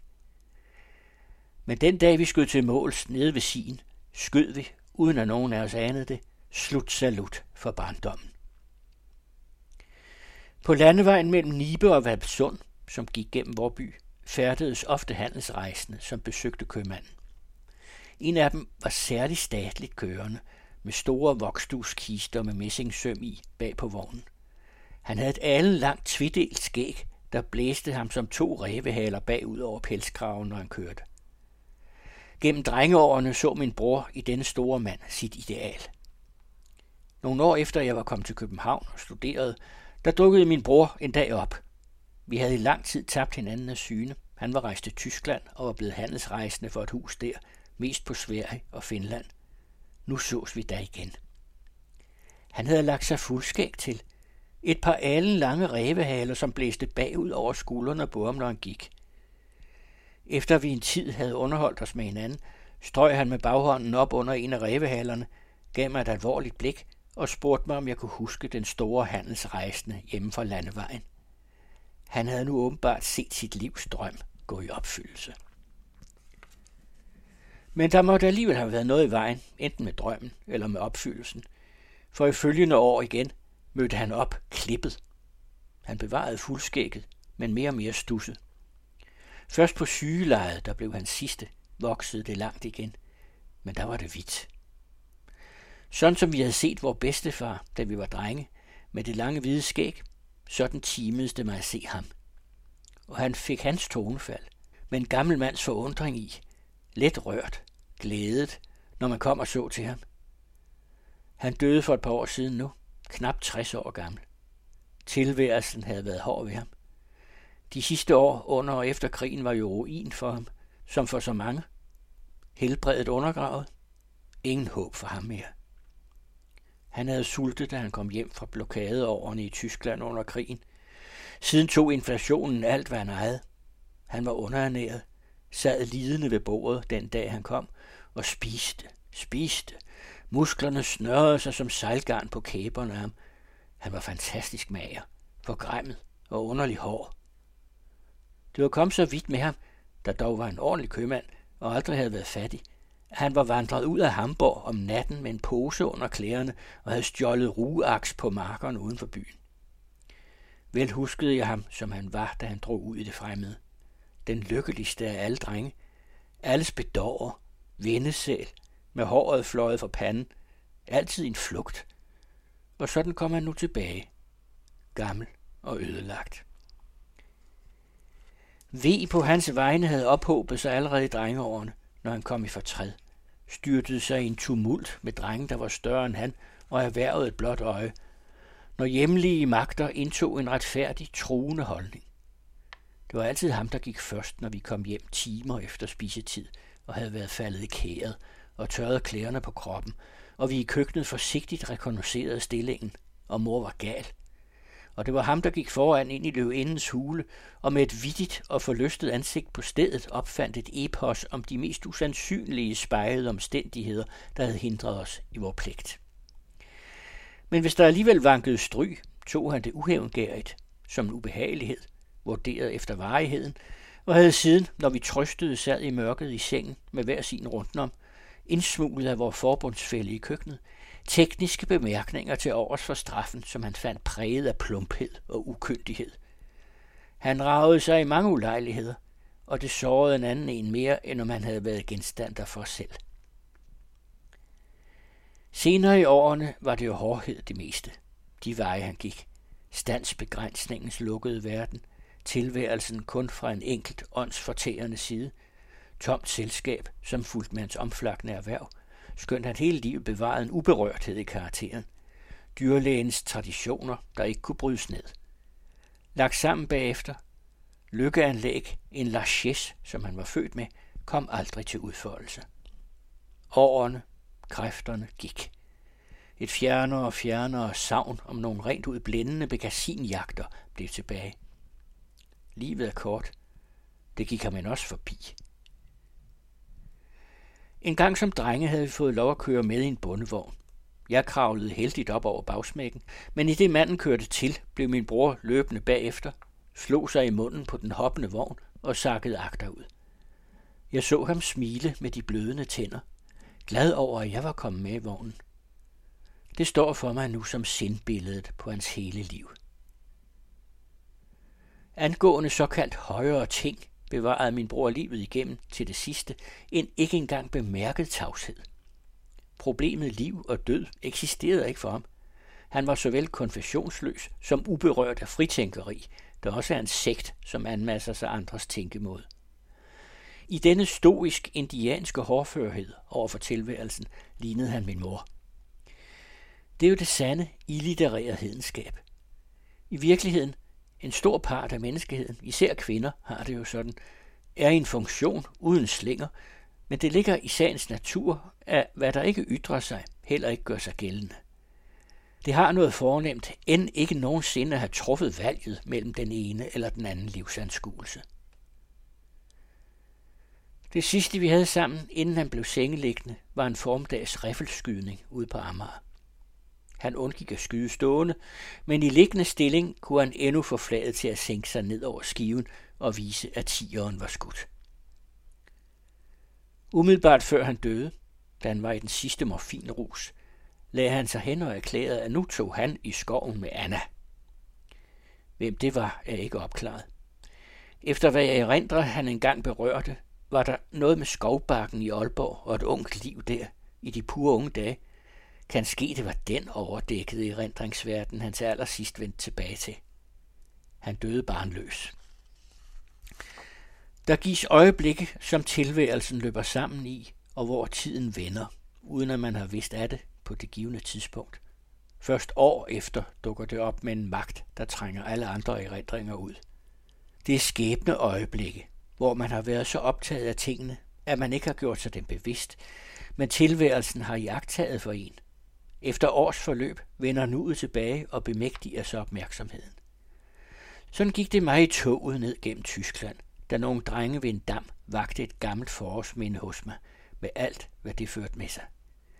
Visse øjeblik, som tiden jagede henover, vil ligesom ikke blive færdige. De kommer igen, og man søger at gøre dem færdige i tanken. Kommen igen er det øjeblik, da jeg drog ud af barndommen, uden dengang at skænke den en tanke. Det var et par år efter, at min bror var rejst. Efter forskellig spredt forberedelse blev jeg sendt til en præstegård et par mil fra mit hjem for at læse privat til Artium der. Senere kom jeg ind på latinskolen i Viborg. Min far kørte mig derhen. Han skulle samme vej i praksis, og satte mig af ved en bivej, der førte ned til mit nye opholdssted. Jeg hoppede af med en lille let vadsæk, hvis vigtigste indhold var et latinsk leksikon og en stor forbudt pistol, og begav mig med et flygtigt farvel ned ad vejen, helt rettet på, hvad der ventede mig i nye omgivelser. Alligevel må jeg være kommet til at se mig tilbage, for siden, år efter, stod det som indbrændt i min erindring, hvad jeg så. Den gamle, han var dengang omkring de 40, hvad man ville kalde en ung mand nu, dyrlægen, var blevet holdende på landevejen og så langeligt fortænkt efter mig. Han sad lidt sammensunken i agestolen i den lille gamle fjedervogn med medicinkassen bagi, uden overtøj, med hatten ned i øjnene. Det var en varm augustdag. Vognen var støvet og knisten efter en lang sommer. De af landevejens skårne jernbeslag slækkede på fælgene. Hvis noget køretøj havde et væsen, som man var fortrolig med, så var det det. I det samme lettede dyrlægen på sig og hyppede på hesten, kørte af med et lille vink med pisken. Hvad tænkte han? Jeg kom aldrig tilbage mere. Vi skiltes den dag. Naturligvis, der var besøg, mange besøg, men i mit hjem kom jeg aldrig til at leve til bestandighed mere. Jeg var hoppet ned af en vogn og for altid ud af barndommen. På det sted, hvor vognen holdt, var der hede på begge sider af vejen. Et ensomt sted.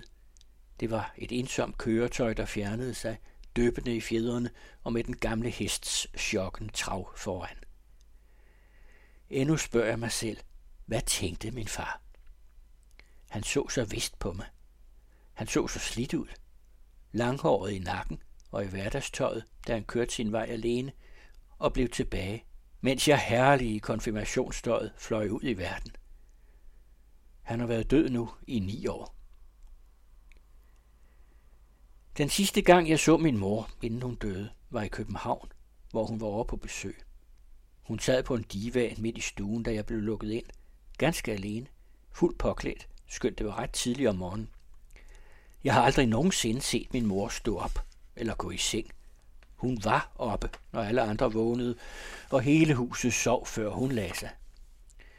Nu er hun altså som sædvanligt kom tidligt op og sad vasket, endnu lidt våd i håret, umagelig ret op og ned på divanen. Hun havde sat sig hen og ventet, med hænderne foran sig. De små, tætte arbejdshænder, som hun ikke havde skånet i sit liv. Hun sad indsunken i sig selv, med stille træk, var kommet til at sidde her, med livet bag sig, og hun hørte ikke mig, for hun var jo døv. Hun strøg sig over håret ved tændingen, en bevægelse jeg kendte. Mig en resignation og energi, som blev ved at fødes i hende, trods alt. Der må der have været en bevægelse i luften, som sagde hende, at nogen var i stuen. Hun så pludselig op og fik øje på mig. Og det skyede indadvendt i hendes træk, gik som en på en gang frembrydende sol over i et smil. Et henrevet, sødt smil. Sådan som man lærer, når man ser små børn. Ja, jeg var mere end en halvgammel mand allerede da, men det var jo barnet, hun så i mig endnu, og altid ville se. Det lille væsen, hun engang havde givet liv, og som havde været hendes lykke. Sådan som man selv bliver ved at se sine børn som små, endnu efter de er blevet voksne. Hvor tiden smeltede sammen i hendes smil. Min mor havde været sådan et nidkært menneske, men skønnere gennembrydende lys, end da hun blev overrasket og lå til sin dreng, har jeg aldrig set. Hun døde ret snart efter, 77 år gammel. Mens toget rullede, rullede ned gennem Tyskland, kom disse øjeblik til at stå så levende for mig. Øjeblikke i flugten, genoplevet i flugten. Barndommens si, hvor vi satte vores fantasiskibe ud af sejle, er jævne med jorden. Ploven går hen over den. Men i mytens ring er den altid lige nærværende. De svømmende pileurters røde øer i vandspejlet om sommeren, med dyb under og besøgt af guldsmede med solild på vingen. Den første is om vinteren, som vi prøvede med træskoen en rimet morgenstund, inden vi gik i skole. Tøbrudet ved forårstid, når det krystalklare levende vand åbnede for ny, dybtliggende, forlangende instinkter. Med hien begyndte tilværelsen, og med hien vender den tilbage i sig selv. Hermed ender myten om barndommens sig. Der kommer endnu et par myter af Johannes V. Jensen i de kommende ugers Farovs klassikere. Den anden radio. Public Service Radio om kultur og samfund. Internationale danske klassiske solister sætter denne gang fokus på dirigenten Thomas Søndergaard.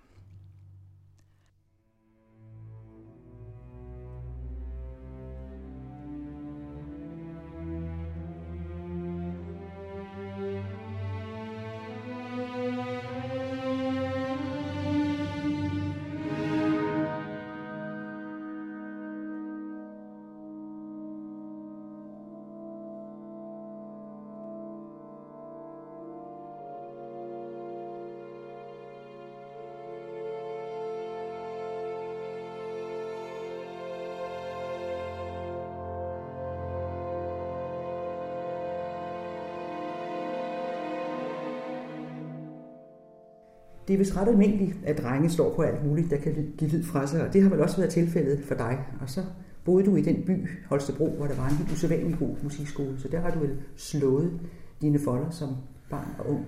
Ja, altså det var jo sådan her, at min onkel, han spiller stadigvæk basun, øh, underviser også på harmonika i Holstebro. Jeg tror, han så, at hans nevø her var interesseret i musik. I hvert fald den måde, jeg måske har talt om Holstebro Garden. Jeg så, de gik på gaden, og stadigvæk den dag i dag, når jeg hører musik på gaden, så giver det et lille gib i mig. Specielt hvis jeg kan høre det i en større flok.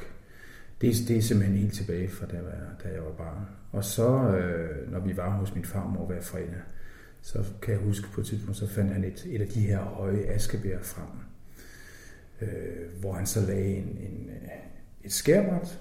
Det kan jeg stadigvæk huske også, hvordan det så ud. Og så havde han taget to trommestikker med, så skulle han bare lige teste, om, om det var noget, der fangede mig. Og så kan jeg huske, at jeg synes, at det var meget sjovt, at man kunne få de her stikker til at trille, men egentlig sagde det mig egentlig ikke så meget. Men han kunne høre, at jeg var musikalsk, som han sagde, og havde lyst øh, til at, at, at føre det videre. Så fandt vi en god lærer på Holstebro Musikskole, og så var det bare sådan, at Niels Burkhardt Andersen, som han hedder, ham som var leder af slagtøjssektionen der, en fantastisk ildsjæl, som fik os til at øve os, og havde masser af gulerødder, blandt andet i kraft af, at han sagde, I kommer med på turné til Japan eller til Holland, og for et barn, der er det jo en kæmpe oplevelse at komme ud og rejse med sine venner, helt gratis. Så jeg tror, det var en meget stor del af det. Plus at jeg selvfølgelig mærkede, at jeg boede i en by, der var meget interesseret i kultur, og stadigvæk er det, håber jeg. Øhm, så der startede det. Men fra at være stærk til at stå rytmerne, er der jo stadig et stykke vej til musikkonservatoriet og til en professionel stilling. Var du tidligt klar med den tanke? Ja, det tror jeg, jeg var. Og det var alt fra, at jeg kunne mærke, at jeg, jeg kunne finde ud af at spille, og at jeg, der var kræfter omkring mig, som, som så mig dybt i øjnene og sagde, det her, det kan du godt finde ud af. Øh, Det skal du tage videre. Og det synes jeg virkelig var spændende. Og så bliver jeg tit trukket frem, og det gør jo også, at selvtilliden vokser hos et barn. Så må det jo være noget om, at, at jeg er god nok. Så var jeg så heldig, at mange af de her Holstebro-drenge, så at sige, fra Slagtøjshuset, som, som det er også bekendt her i, øh, i Holstebro på musikskolen, de var jo flyttet til København og fået stillinger i de store symfoniorkestre her i København. Og der tog Gert Mortensen mig under hans vinger og sagde, Thomas, du skal til København. Jeg skal hjælpe dig med at komme ind på vores, øh, eller Københavns musikskole og undervise. Det gjorde jeg altså i en alder allerede af 16 eller 17 år. Der underviste jeg børn herovre på forskellige musikskoler. Så du kom så tidligt til København, altså faktisk, mens du stadigvæk skulle gå i skole i virkeligheden? Ja, det var med fire tog, så at sige. Jeg kom ind, og så tog jeg afsted igen om aftenen hjem. Så det var nogle lange ture. Det var jo dengang færgen stadigvæk var der. Jeg kan huske, hvor utrolig træt øh, jeg var. Både af at stå tidligt op og komme meget sent hjem og sådan noget. Ikke? Men han var fantastisk til ligesom at lidt efter lidt få mig til at forstå, hvad storbyen kræver. Og at man måske godt kan være verdensmester i sin egen lille by, men når man kommer til storbyen, så er der hurtig konkurrence.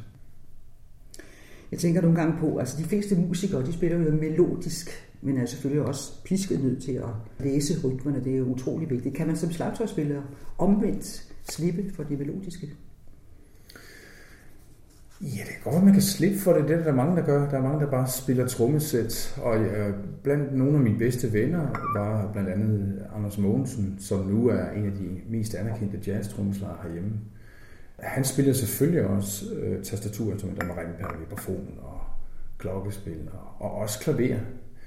Musikskolen var jeg også, hvis ikke den første, så i hvert fald nummer to til at få musikalsk grundkursus, som det hedder, altså forberedende kursus til konservatorerne af MGK. Og der øh, skulle vi jo også spille klaver. Men altså slippe for det, det havde jeg aldrig lyst til, fordi det er faktisk der, det er i virkeligheden frøet til, at jeg nu dirigerer. Det er det her med, at, at melodikken og harmonikken, kunne jeg mærke allerede som barn, betød utrolig meget for mig. Og jeg øh, havde meget nemt ved at opfange de ting, som jeg nu læser i partiturerne, som jeg øh, videreformidler mm-hmm. til, til orkesterne. Altså, øh, jeg skal ikke sige, at jeg har eneret på den måde, jeg opfatter, at komponisterne har skrevet harmonikken eller melodikken, men jeg har i hvert fald, det taler meget tydeligt til mig, meget mere end noget øh, rytmisk instrument.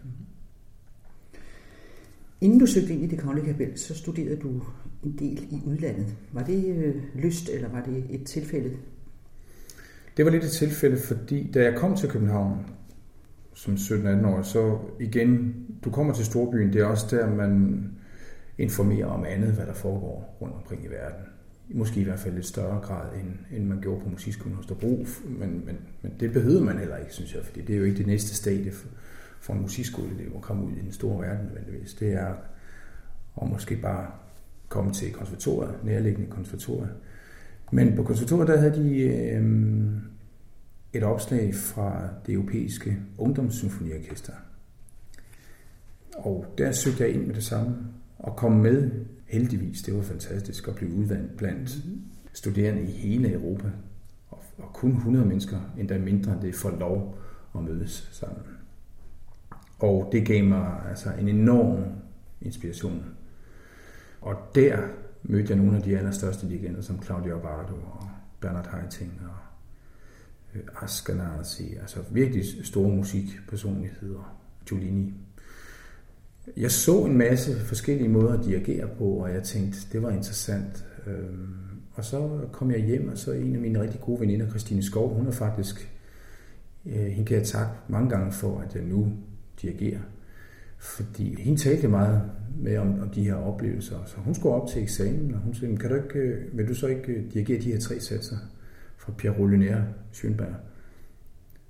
Jo, hvis du giver mig en kopi af nåderne, så sad jeg sådan en hel nat og studerede de her tre satser, og så mødte jeg op til prøven næste dag på konservatoriet, og så var det som om, at der skete et eller andet. Det synes jeg var lidt spændende. Og måske var det også et behov for at dykke lidt dybere ned i musikken, end på det her tidspunkt havde jeg allerede spillet en hel del repertoire på det kongelige teater. Og der var selvfølgelig meget i vente, men jeg synes, det her det er endnu mere spændende, fordi her kan jeg virkelig dykke ned i ikke bare min egen slagterstemme, men, men, men i hele organismen, orkestret. Men i forlængelse af EU og ungdomsorkester, havde du aldrig tænkt på, at du ville søge ind som paukist i et af de store tyske orkester, for eksempel? Interessant, at du spørger om det. Jo, det havde jeg da på et tidspunkt, fordi jeg tog jo så i forbindelse med EU-orkester, så, øh, eller EF-orkester, som det hed dengang, det europæiske fællesskab. Der tænkte jeg, at jeg ville videre studere. Og det øh, tænkte jeg, det skal jeg ikke gøre i England, for der har jeg for mange af mine drukvenner fra EU-orkester, fordi vi, øh, vi kunne godt finde ud af at drikke øl og have det sjovt. Og jeg tænkte faktisk, der var jeg virkelig øh, seriøst, seriøs, jeg tænkte, at hvis jeg skal videre i det her, så skal jeg ikke over bare have det sjovt i London. Så skal jeg lære noget, og så besluttede jeg mig for at tage til Freiburg i Tyskland, fordi der var der en lærer, som ikke bare underviste netop i pauker, hvor jeg havde lidt planer om at... Øh, der blev nemlig en, en ledig stilling på det, på det kongelige teater som paukister, så tænkte det kunne være interessant som det næste skridt. Men omvendt, så var jeg jo begyndt at lege lidt med tanken om direktion, og der var altså en herre dernede, som kunne undervise mig i begge dele. Desværre viste det sig så, præcis på det tidspunkt, hvor jeg tog ned, der var han selv meget optaget som dirigent. Så han, ikke, han havde ikke tid til at undervise mig i direktion. Så det endte faktisk med, at jeg studerede kun slagtøj, og så brugte jeg en hel del af de penge, jeg havde opsparet til at spise på gode restauranter i stedet for. Men du søgte altså den stilling i kapellet, der var, og, og så har du også siddet og spillet der i mange år faktisk, ikke? Jo. Og på et tidspunkt, så tager du det store spring og siger op, fordi du er ved at dirigent på fuld tid. Hvordan turde du det? Hvordan kunne det lade sig gøre? Om igen, jeg har, jeg har været så heldig, og jeg er meget taknemmelig over, at jeg er omgivet af folk, som jeg gennem mit liv har haft tid til at lære at kende, og når de så har henvendt sig til mig på en god og seriøs måde, og har sagt, jeg tror på dig, jeg vil gerne øh, give dig den her chance. I det her tilfælde var det Michael Sjøland, som jeg virkelig troede på. Jo. Og Michael øh, havde bedt mig om at assistere ham på Paul Ruders opera Kafkas Trial. Nu har jeg næsten sagt titlen for mange gange på engelsk, til jeg kan huske, hvad den hed på dansk. Men i hvert fald så sagde jeg ja tak til det. Han har talt med instruktøren og øh, solisterne, selvfølgelig også øh, med Kasper Holten om det. Og de var enige om, at de så ville give mig produktionen. Og det gik så godt, så at øh, den fik rigtig gode anmeldelser, og så er det jo nok både øh, godt og skidt sådan, at øh, nu siger jeg skidt, fordi der er mange musikere og sanger, som ikke har agenter rundt omkring i verden, som er fantastiske musikere. Øh, men på det her tidspunkt har jeg hørt, hvor vigtigt det er at anskaffe sig nogen, som kan arbejde for en, det vil sige et agentur. Og de har allerede hørt om den her succes i København. Så jeg havde allerede fået mails, om de måtte komme og se en forestilling og møde mig og tale med mig. Så det endte altså med, at jeg selv efter, øh, jeg måtte selv tage til London og vælge, hvilket agentur jeg ville arbejde med. Det er jo altså virkelig en luksus, ja. fordi øh, mange musikere søger hele deres liv for at få den chance. Ikke sandt? Øhm, og det åbnede så selvfølgelig døren til resten af verden. Mm. Et internationalt agentur i London. Det er rigtig godt.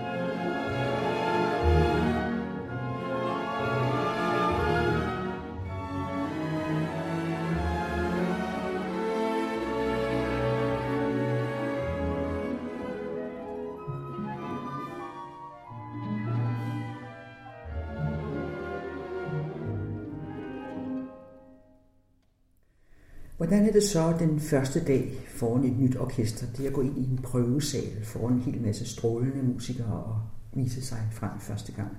Har du en særlig måde at gøre det på? I hele min ungdom har jeg jo set det der hver dag. Nej, det passer ikke, at det er hver dag, men jeg har ofte set en dirigent komme til et orkester første gang.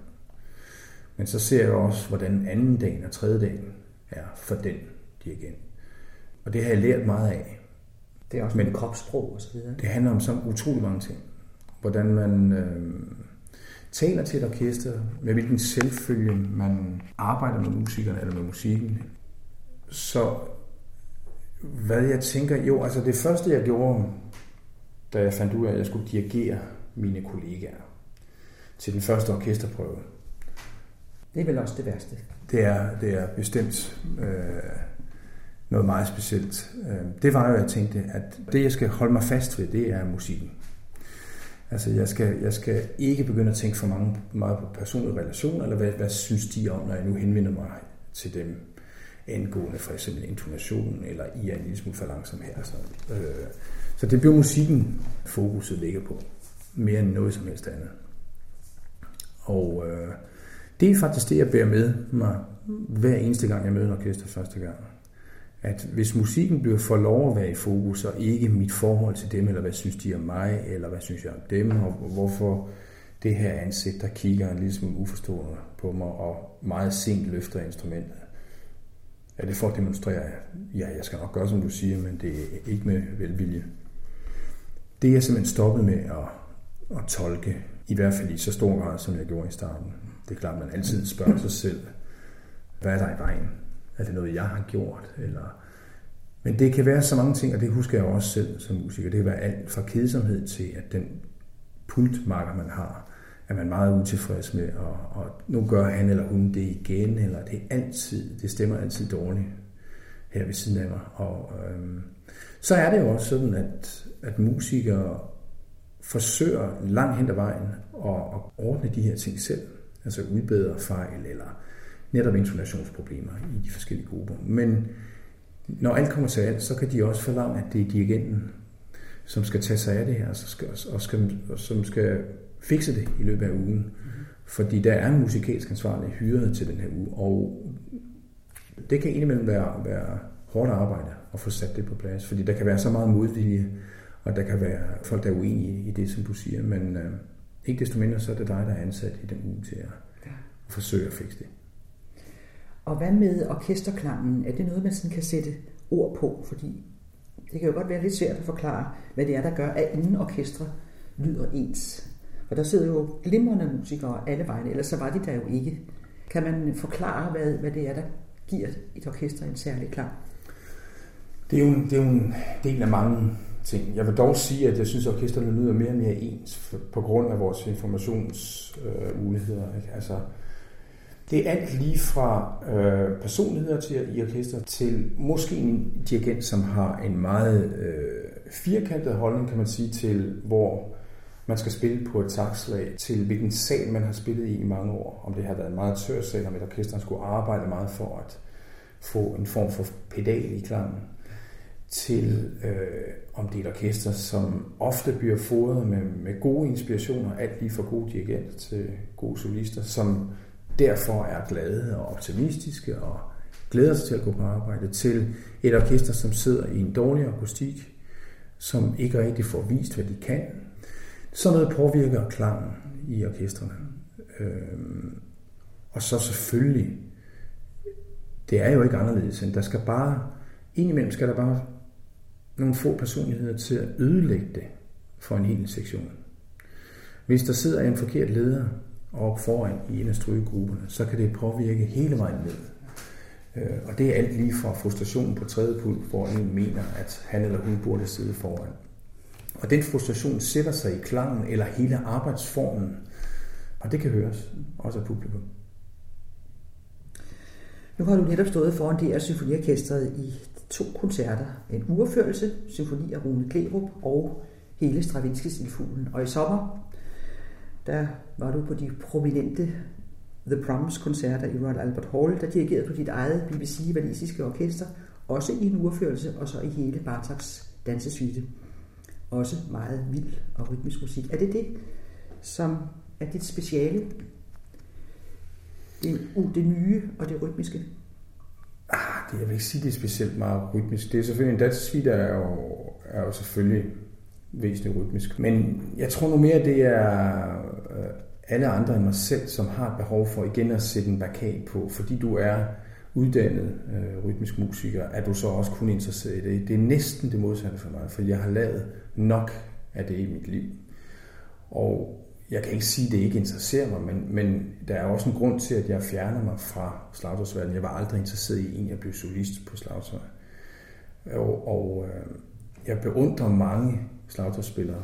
Øh, ikke mindst mange af mine kollegaer i det kongelige kapel, som jeg også jo selv arbejdede sammen med i mange år, og var selv var med til at ansætte. Altså det er næsten det mod, den modsatte vej, jeg går. Øh, det er klangverdener, det er harmonik og melodik, som jeg sagde tidligere, som jeg synes er interessant. Hvis der så også er rytmiske elementer i det, så det er der jo meget musik. Men, men for eksempel sådan en som John Adams, komponist, det, det er noget som, og Bernstein, er der også en del øh, orkester, som har spurgt, om jeg vil lave, men jeg, det interesserer mig ikke specielt meget. Og det er jo i den grad rytmiske komponister. Og det gør det, det er delvis fordi, at, at, at de klassisk uddannede øh, orkestermusikere har ikke deres interesse der, begynder heller ikke at spille deres instrumenter på grund af rytmisk musik, og derfor ligger det heller ikke så naturligt for dem at spille med det swing, som, som jeg synes, jeg kan læse i de noder, som Bernstein og, og Adams også har skrevet. Men så kan jeg sagtens tage fejl, fordi de kan måske netop synes, at det er meget interessant at bede en klassisk musiker om at spille rytmisk musik. Så kommer der en helt specielt swing ud af det. Det øh, var BBC Valisiske Orkester, du dirigerede på The Prom, så det er der, du er chefdirigent. Hvordan foregår sådan en proces egentlig, der fører frem til den person, som orkester vil have, og hvordan de beslutter sig for, at det skal være dig, og nu er du også blevet forlænget?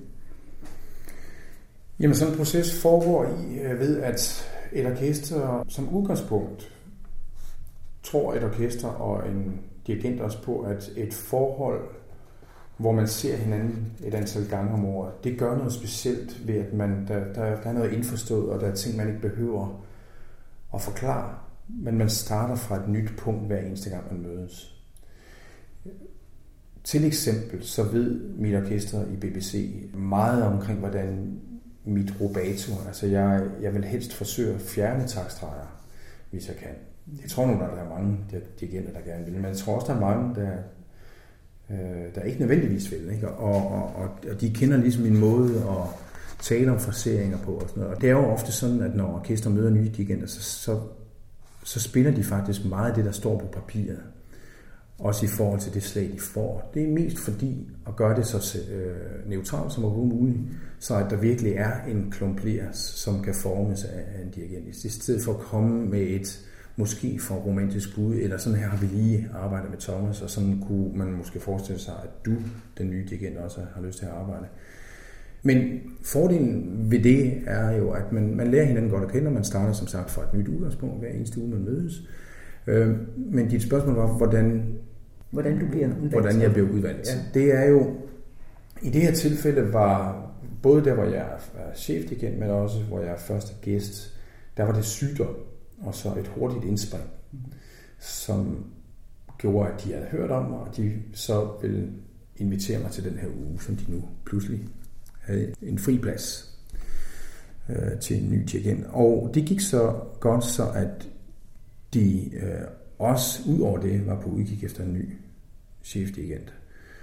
Så heldigvis er orkesterne meget påpasselige, så de hyrede mig ikke efter første uge, men de vil lige høre mig et lidt andet repertoire. Men de var så også godt klar over, at de måske skal skynde sig, fordi sådan er det egentlig, når der kommer nye navne på markedet. Så efter anden gang, så viste de meget stor interesse for, og ville så høre også, om jeg ville være interesseret i at være chef dirigent. Det er en chance at tage, fordi to uger, det er ikke så lang tid at arbejde med en person. Hvis man så til gengæld har en kontrakt på fire år, for det kan jo sagtens være, at det viser sig, at det var et repertoire, som lå rigtig godt til mig, men at øh, resten af repertoireet ville blive, øh, være en katastrofe i forhold til, hvordan de mener, at den musik skal spilles. Men sådan har det jo ikke været. Nu har vi, nu har vi forlænget, og vi elsker at arbejde sammen. Og øh, det, det er et helt fantastisk orkester. Ja, for det må jo også være fint at være et sted, hvor man kender musikerne godt, i stedet for at man hele tiden kommer et nyt sted.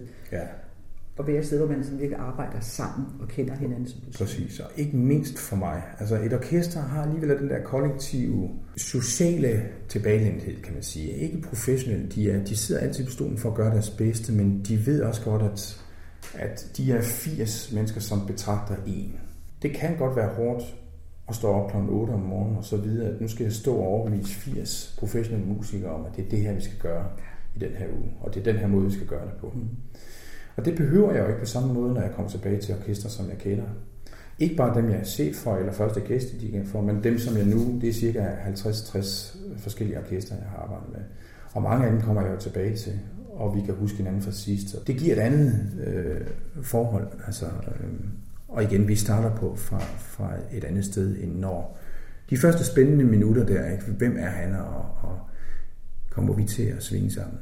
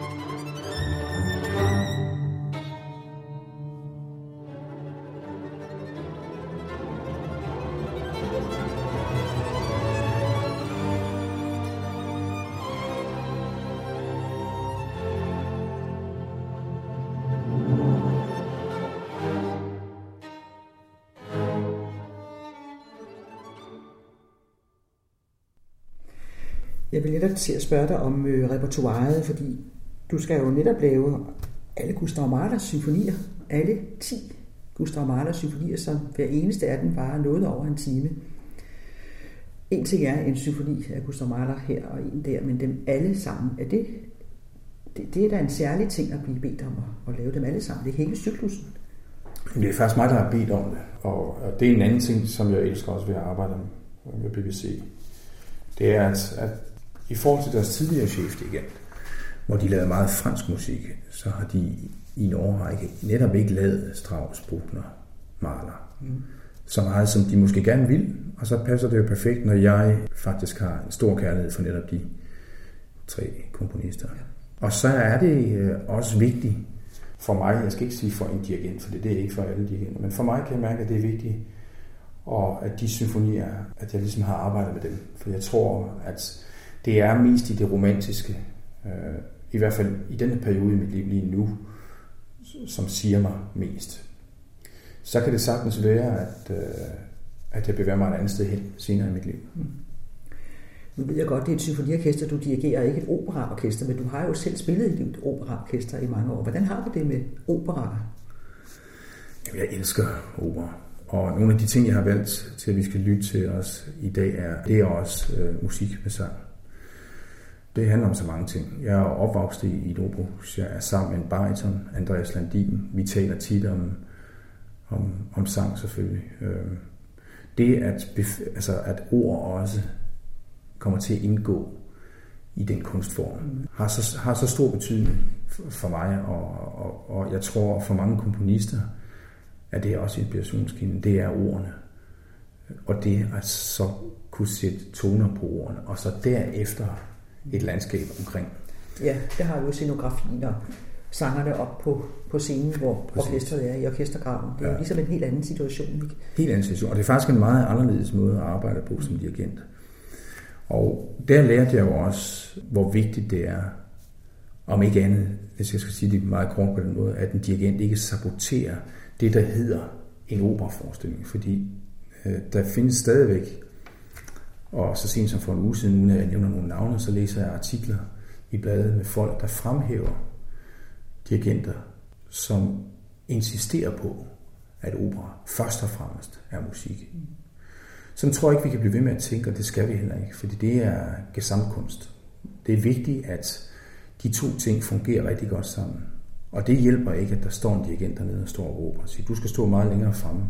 Fordi det kan være lige så slemt for selve formen, og for, ikke for, for ikke at tale om, og for publikum i salen. Fordi vi skal ikke have tre sanger, to sanger eller en sanger, der bare står og synger til publikum. Hvorfor har de så betalt for at komme ind og se en opera? Vi skal tro på de figurer, der er på scenen. Så er det klart, at man sammen skal finde ud af, at de ikke nødvendigvis skal hænge på hovedet og synge, hvis ikke de kan, og hvis det virkelig ikke giver mening.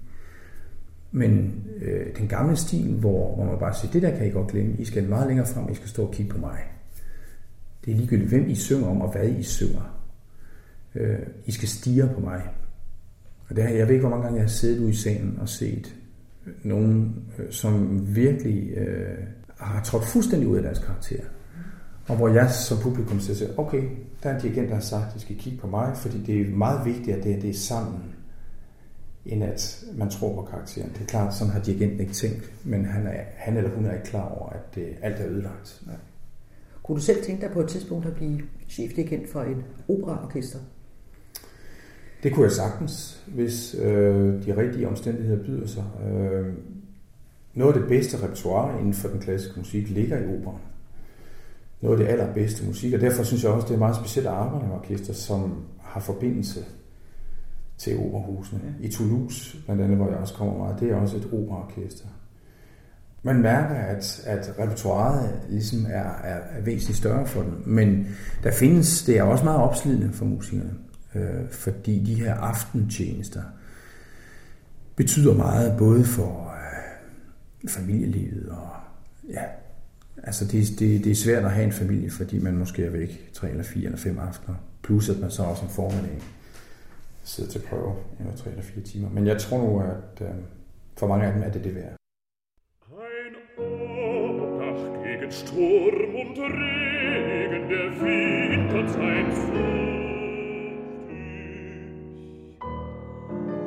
Und fand den Himmelssegen der Ewigkeit.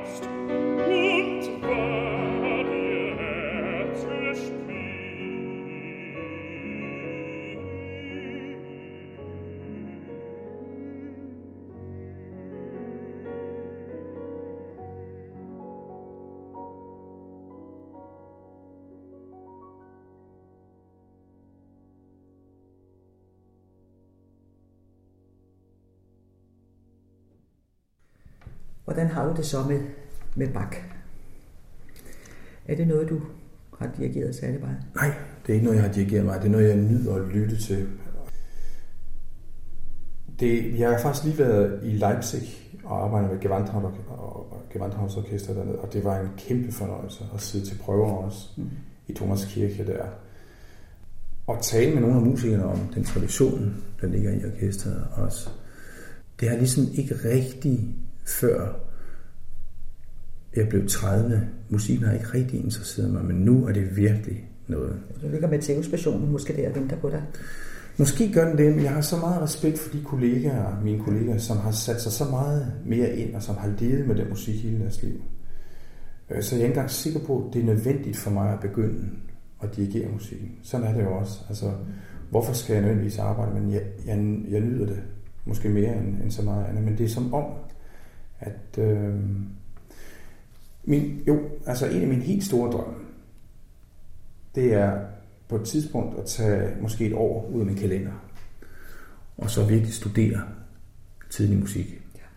Altså virkelig sidde til prøver. Jeg har også med Lars Ulrik Mortensen har jeg talt med en del gange om, jeg ikke måtte, om jeg må komme til nogle af deres prøver, og det har jeg selvfølgelig sagt, det skal du bare gøre alt det, du vil. Men jeg er alt for lidt hjemme til, at jeg kan føre det ud i livet. Men øh, jeg tror at kunne lære en masse omkring musik og om, om opførselspraksis ved at sidde til nogle af de prøver, ja. og ikke mindst koncerter selvfølgelig. Tror du, vi vil beholde den klassiske musik, som den er nu? Der orkester som Copenhagen Phil blander repertoireet, og der er musikere, der tager ud i skoler og for at vise børn og unge, at der er andet end rock og pop. Tror du, den musik vil forsvinde, efter den har eksisteret i 400-500 år, at den er ved at blomstre af? Jeg tror så meget på det, som den klassiske musik indeholder. Altså virkelig den dybeste, den sjæl, som det musik har. Den kan jeg simpelthen ikke tro kan være uinteressant for de kommende, mange, mange, mange kommende generationer. Så jeg tror aldrig nogensinde, at det forsvinder. Mm. Det, jeg selvfølgelig bliver bange for, det er, at når man også ser, hvad der sker i verden lige nu, at man i så mange år har kæmpet for at få os til at forstå, hvad kunst og kultur betyder for, for det at være menneske, og det at færdes blandt hinanden, og at det ikke bare er tal og bogstaver det hele.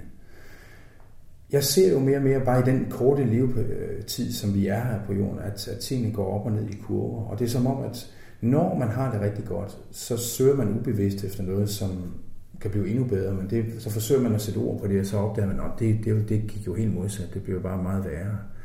Og så vender man tilbage til nogle ting, som, som jeg tror, og det er det, jeg synes, musikken indeholder. Noget kærlighed, noget hjerte, noget, noget som vi behøver øh, blandt os, som ikke kan siges med bogstaver og metal og beregninger. Så jeg tror aldrig nogensinde, det kommer til at forsvinde. Øh, vi lavede et, et stort projekt, og måske et af, et af de projekter, BBC har været mest øh, stolte af de sidste mange år på uddannelsesområdet. Noget, der hedder Ten Pieces. En meget passioneret dame, som desværre døde øh, her for, for nylig for et halvt år siden. Hun så for sig, at, at børn og voksne skulle sætte sig i biografen i en time, så skulle de indvise 10 værker, klassiske værker. Når musikken blev fremført, så skulle man se orkestret altså på lærredet. Så skulle man ikke distraheres altså, af tegnefilm noget. Men til gengæld så er alle de, de 10 værker introduceret af personligheder, som børn kender. Det kan være det, altså Bubber, øh, eller hedder han, øh, Sigurd, vil kunne være karakterer herhjemme, som kunne strikke det her sammen, fortælle om musikken, og så er det altså i en tegneserie verden, eller de her forskellige gadgets, som, som børnene har, hvor de kan trykke sig gennem forskellige verdener. Og den her time, hvor du bliver introduceret til 10 meget vigtige klassiske værker, har gjort så stor indtryk på børn i England. Så bare for at give dig et eksempel, der var en skole på ca. 350 elever, hvor ingen af dem spillede et instrument eller sang. Jeg mødte hende, som stod for musikundervisningen der, og hun kom hen til mig og gav mig et kæmpe kram, og så sagde hun, hvis du vidste, hvad der har gjort for børn i den her skole, nu er der 140 af dem, som spiller et instrument. Og de er ovenud taknemmelige for, at BBC har lavet det her projekt. Og hun siger, at det her, det, øh, det kommer til at betyde noget for ikke bare børnenes, ikke at vi har musikere i fremtiden, men at de her børn bliver andre, anderledes mennesker. Og det er jo det, når jeg ser sådan nogle eksempler der, så er det det, der gør, at jeg tror på, at den klassiske musik gør en forskel for os alle sammen. Og specielt hvis vi oplever det på et, bedre, eller på et tidligt tidspunkt i vores liv. Og det, vi skal heller ikke glemme, at, at informationen, altså alt hvad vi bliver bombarderet med fra børn til voksne nu en dag, det kan være så svært at finde ud af, hvad der egentlig interesserer mig. Og den klassiske musik har måske de midler, der skal til for at stå i forreste række, når det gælder om reklame.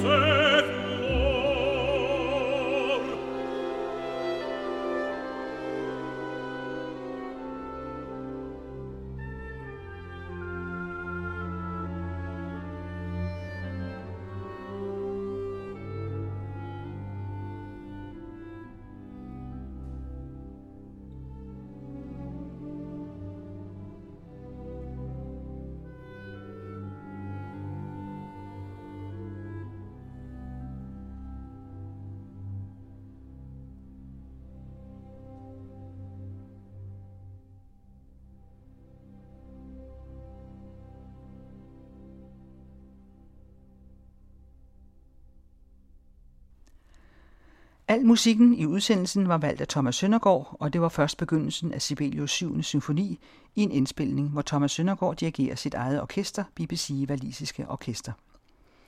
Så fik vi to af Ravels Vals Noble i Sentimental med det franske nationalorkester med dirigenten Eliahu Indbal.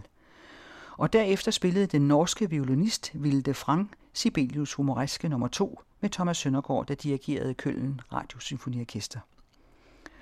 Den tyske bariton Andreas Schmidt sang Ein Obdach gegen Sturm und Regen for Richard Strauss Rückertlieder opus 46 med Rudolf Jansen ved klaveret. Og her til sidst fik vi slutdelen af Wilhelm Stenhammers ballade Flores og Blanze Flor med den svenske bariton Ingvar Wicksell med Stockholm Philharmoniske Orkester og dirigenten Johan Arnell. Udsendelsen kan sammen med de foreløbige 16 andre internationale danske solister altid findes i kategorien serier og under klassisk musik, og alle udsendelser kan podcastes og streames, og flere solister er på vej. Udsendelserne er tilrettelagt af Kirsten Røn.